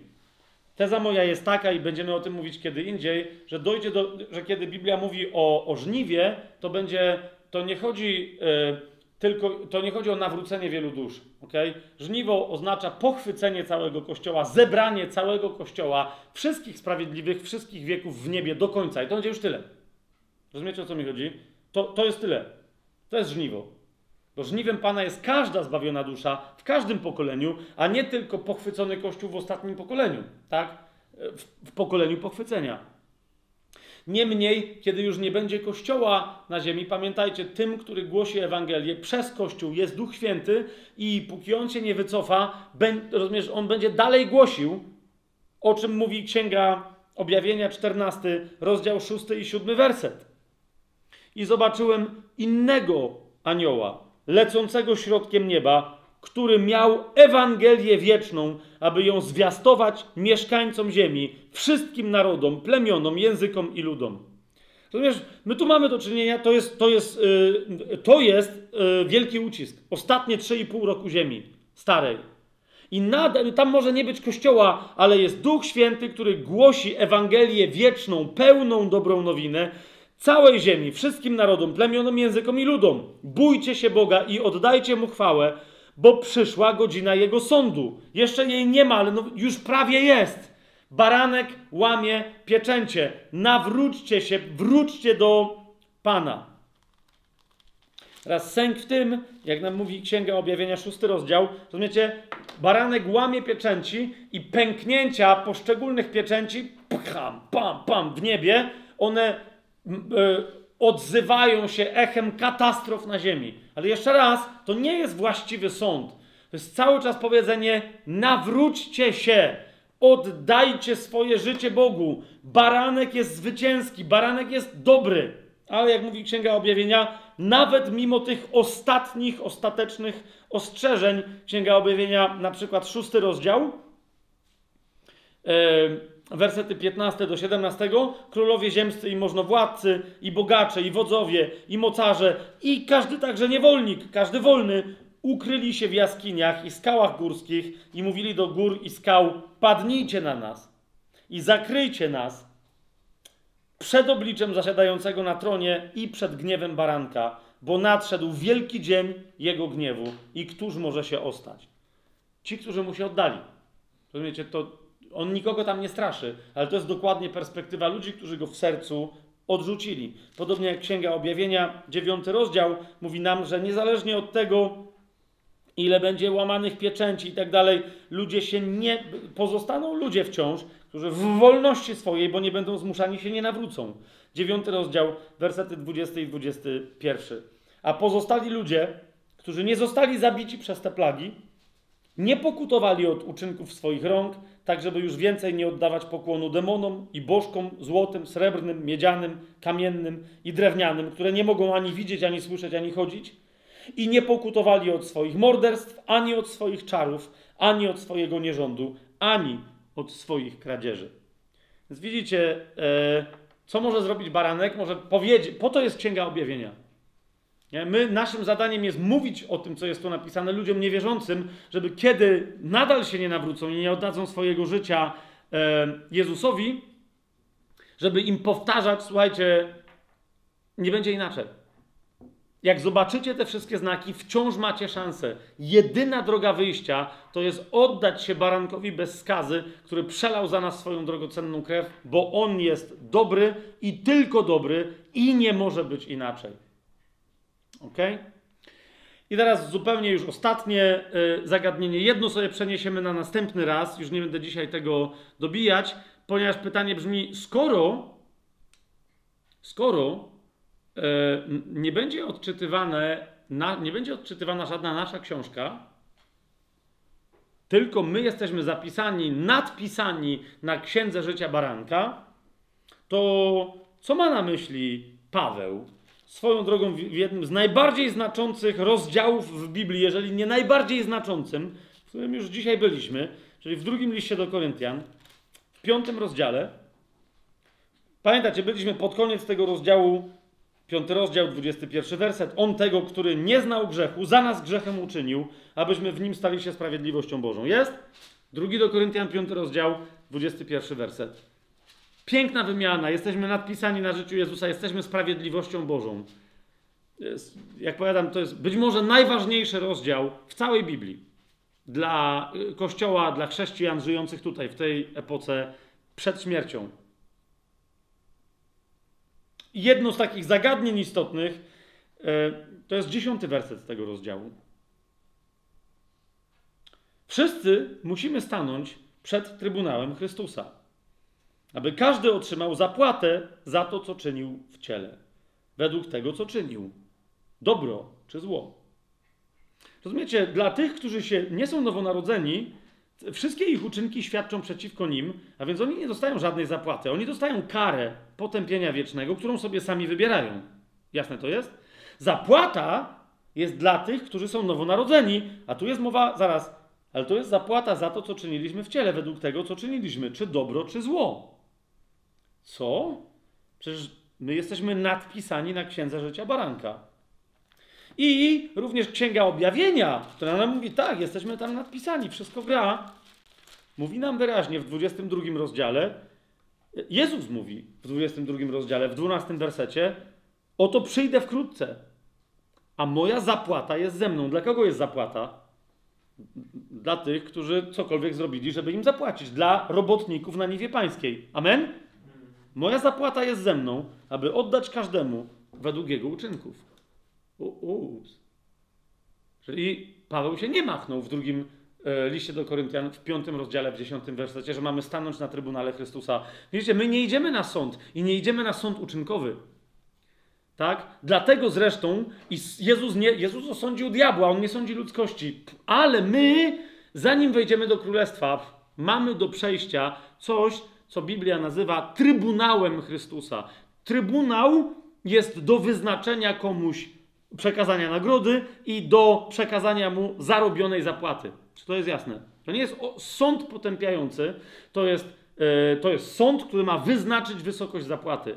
Ale jednak ona będzie liczona przy pomocy tego, co uczyniliśmy w ciele jako nowonarodzone osoby, tego, co dobre i co złe. Więc co z tym? Nie? O tym sobie powiemy następnym razem. I teraz już zupełnie ostatni punkt tyczący się całego naszego rozważania, bo niektórzy powiedzą, yy, dzisiaj niektórzy mi mówili, inni już po poprzednim spotkaniu, ale dzisiaj to jest dziesiąte, to jest dziesiąte studium Księgi Objawienia, czyli zostały nam jeszcze dwa. Już nawet ktoś tam mi mówił, że ludzie w komentarzach piszą już pod piątym, szóstym, yy, siódmym, nie wiem, który tam był publikowany już do tej pory. Ile było publikowanych? Siódme było publikowane, ale że no właśnie, że ludzie piszą, człowieku, ale to jak ty chcesz skończyć księgę objawienia w 12 odcinków? Po pierwsze, kto powie, hej, jesteśmy wolni w Chrystusie, możemy zrobić 24. Yy, nasi testerzy sugerowali, żeby zrobić 24. Spokojnie. Otóż uważam, że możemy się swobodnie wyrobić w 12. Może zrobić jeden czy dwa ekstra odcinki, ale ekstra o pewnych ciekawostkach na parę rzeczy odpowiedzieć. Natomiast możemy się wyrobić teraz na temat całej reszty Księgi Objawienia w dwa odcinki. Dlaczego? Bo zauważcie, że cała reszta Księgi Objawienia w ogóle nie jest dla nas. To nie jest, rozumiecie, cała Księga Objawienia, ona y, y, ze szczegółami nam opisuje, co się będzie działo w, e, w wielkim ucisku i tak dalej, ale kochani, ona te szczegóły nam przekazuje po to, żebyśmy my je stosownie przekazali ludziom, którzy jak się zdarzą te rzeczy, oni będą tam, żeby jeszcze się nawrócili. Ona ma nas wezwać do głoszenia Ewangelii ludziom. Rozumiecie? Ma nam przypomnieć księga w niebie i tak dalej, pokazać, jak to dokładnie wyglądało. Biblia nie traci dzieła Jezusa z oczu. Czy rozumiecie o co chodzi? Od momentu, kiedy on się pojawił na ziemi, wstępuje do nieba, nie ma ani momentu, jak czytamy właściwie Księgę Objawienia, żeby on nam zniknął z oczu.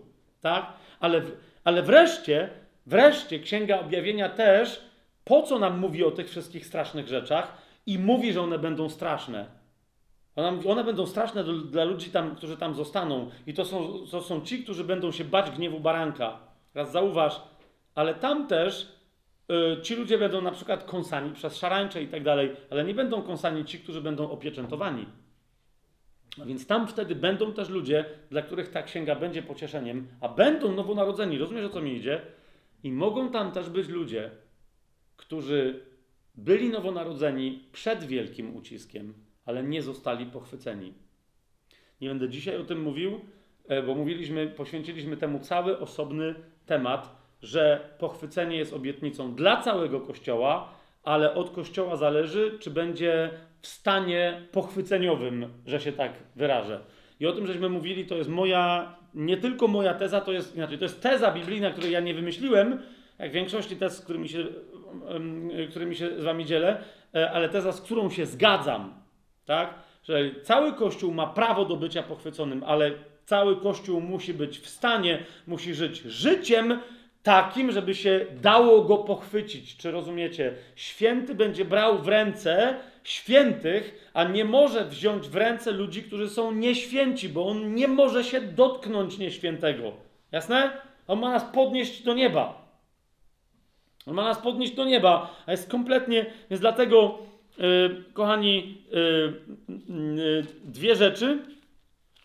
Po pierwsze, Księga Objawienia, trzeci rozdział.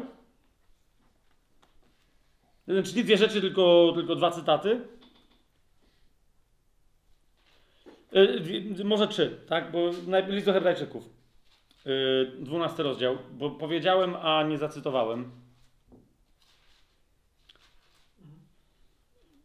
Zobaczcie, do w dwunastym rozdziale to jest list do Hebrajczyków, ale to są chrześcijanie. Pamiętacie nasze studium na temat listu do Hebrajczyków? To są chrześcijanie, do których Paweł tutaj pisze. Nie niewierzący, nie, nie nowonarodzeni ludzie, to są nowonarodzeni chrześcijanie. Tak? Wciąż pisze im Paweł dosyć interesującą rzecz w 12 rozdziale, w 14 wersecie.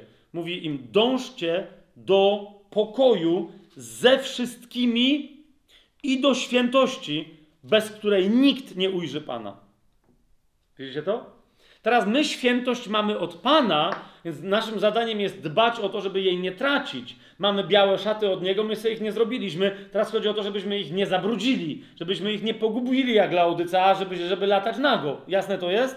Ale jeszcze raz, nie, bez świętości nikt nie może ujrzeć Pana i Pan nie będzie pochwytywać Kościoła tylko dlatego, że on tu w jakimś dziwacznym przekonaniu swojego uprzywilejowania będzie siedzieć na ziemi rozbestwiony, rozpasiony, grzeszący, wredny, brudny e, i następnie krzyczący, no panie, ale jak już bierzesz, no to o, my tu siedzimy, nie? Zobaczcie, co jest napisane w Księdze Objawienia w trzecim rozdziale, w dziesiątym wersecie. Do kościoła filadelfijskiego Pan mówi, ponieważ zachowałeś, zachowałeś słowo mojej cierpliwości, o, teraz się nam takie fragmenty Księgi Objawienia bardzo powinny rozjaśnić i pogłębić i widzicie, z jak wielu się warstw składają. Więc Jezus mówi, ponieważ zachowałeś słowo mojej cierpliwości, ja też zachowam Ciebie od godziny próby, która przyjdzie na cały świat, aby doświadczyć wszystkich mieszkańców ziemi. Jasne? Według mnie pierwsza obietnica, że część Kościoła będzie e, pochwycona przed wielkim uciskiem, a drugie miejsce są słowa samego Pana Jezusa. Inne miejsce słów samego Pana Jezusa to jest Ewangelia Łukasza. I tym cytatem skończymy.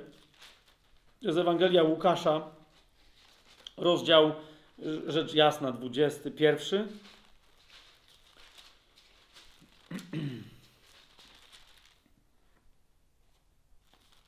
Dwudziesty pierwszy, wersety od 34 do 36.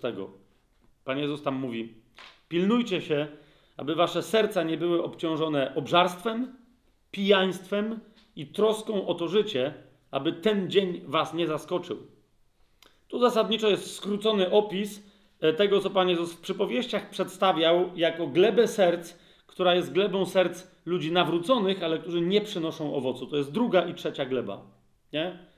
E, obciążone obżarstwem, pijaństwem, troską o to życie. To jest skrót tego, co tam Pan Jezus opisywał na temat drugiej i trzeciej gleby. Jak sidło bowiem przyjdzie na wszystkich ten dzień, którzy mieszkają na powierzchni całej ziemi. 36 werset. Dlatego czuwajcie, modląc się w każdym czasie, abyście byli godni uniknąć tego wszystkiego, co ma nadejść i stanąć przed Synem Człowieczym. Jeżeli ktoś z Was, tu obecni wszyscy wiecie, ale z tych, którzy nie wiem, może słuchają teraz tego nagrania, e, czy nie wiem czego, e, jakoś to studiują i nie, e, nie słuchali tego nauczania na temat pochwycenia, to też damy linka do tego nauczania o pochwyceniu. To było osobne nauczanie, żebyście lepiej zrozumieli, o czym tu mówię. Osobiście uważam, że pochwycenie będzie przedtrybulacyjne, pretrybulacyjne, przed wielkim uciskiem, ale nie będzie, oby było pochwyceniem całego Kościoła, ale nie jest gwarantowane całemu e, Kościołowi. Dwa kluczowe cytaty tutaj przedstawiłem, natomiast tam jest większe studium, które to e, głębiej przedstawia. Czemu więc służy Księga Objawienia, kochani? E, I w, całości pokaz książeczki życia. Ona służy też przypomnieniu Kościołowi, do którego Jezus pisze listy, do całego Kościoła, siedem listów, że błaga go i prosi cały swój Kościół, aby był gotowy na pochwycenie. Jeżeli nie, to daje również Kościołowi ostrzeżenie, który nie zechce dać się pochwycić, przez to będzie musiał przejść w ostatnim pokoleniu, w ostatnich trzech i pół latach e, historii ziemskiej. Rozumiecie, o co mi idzie? Więc tamte wszystkie historie, kto jest czym, bestia, głowy, e, morza głów ludzkich, kometa nadciągająca z kosmosu, która uderzy czy nie uderzy w, ziemi, w ziemię, ile wody się zatruje, kto wyjdzie z podziemi. Istotne jest, żebyśmy znali chronologię tych wydarzeń na Ziemi, żebyśmy wiedzieli, z czym one się wiążą, ale dla mnie one są milion razy mniej ekscytujące, bo mnie nie tyczą i ufam, że nie będą się mnie tyczeć w, w porównaniu z, z wszystkimi innymi milion razy bardziej ekscytującymi rzeczami, którym jest poświęcona Księga Objawienia. Jak na przykład temu, że jesteśmy zapisani w Księdze Życia. Amen.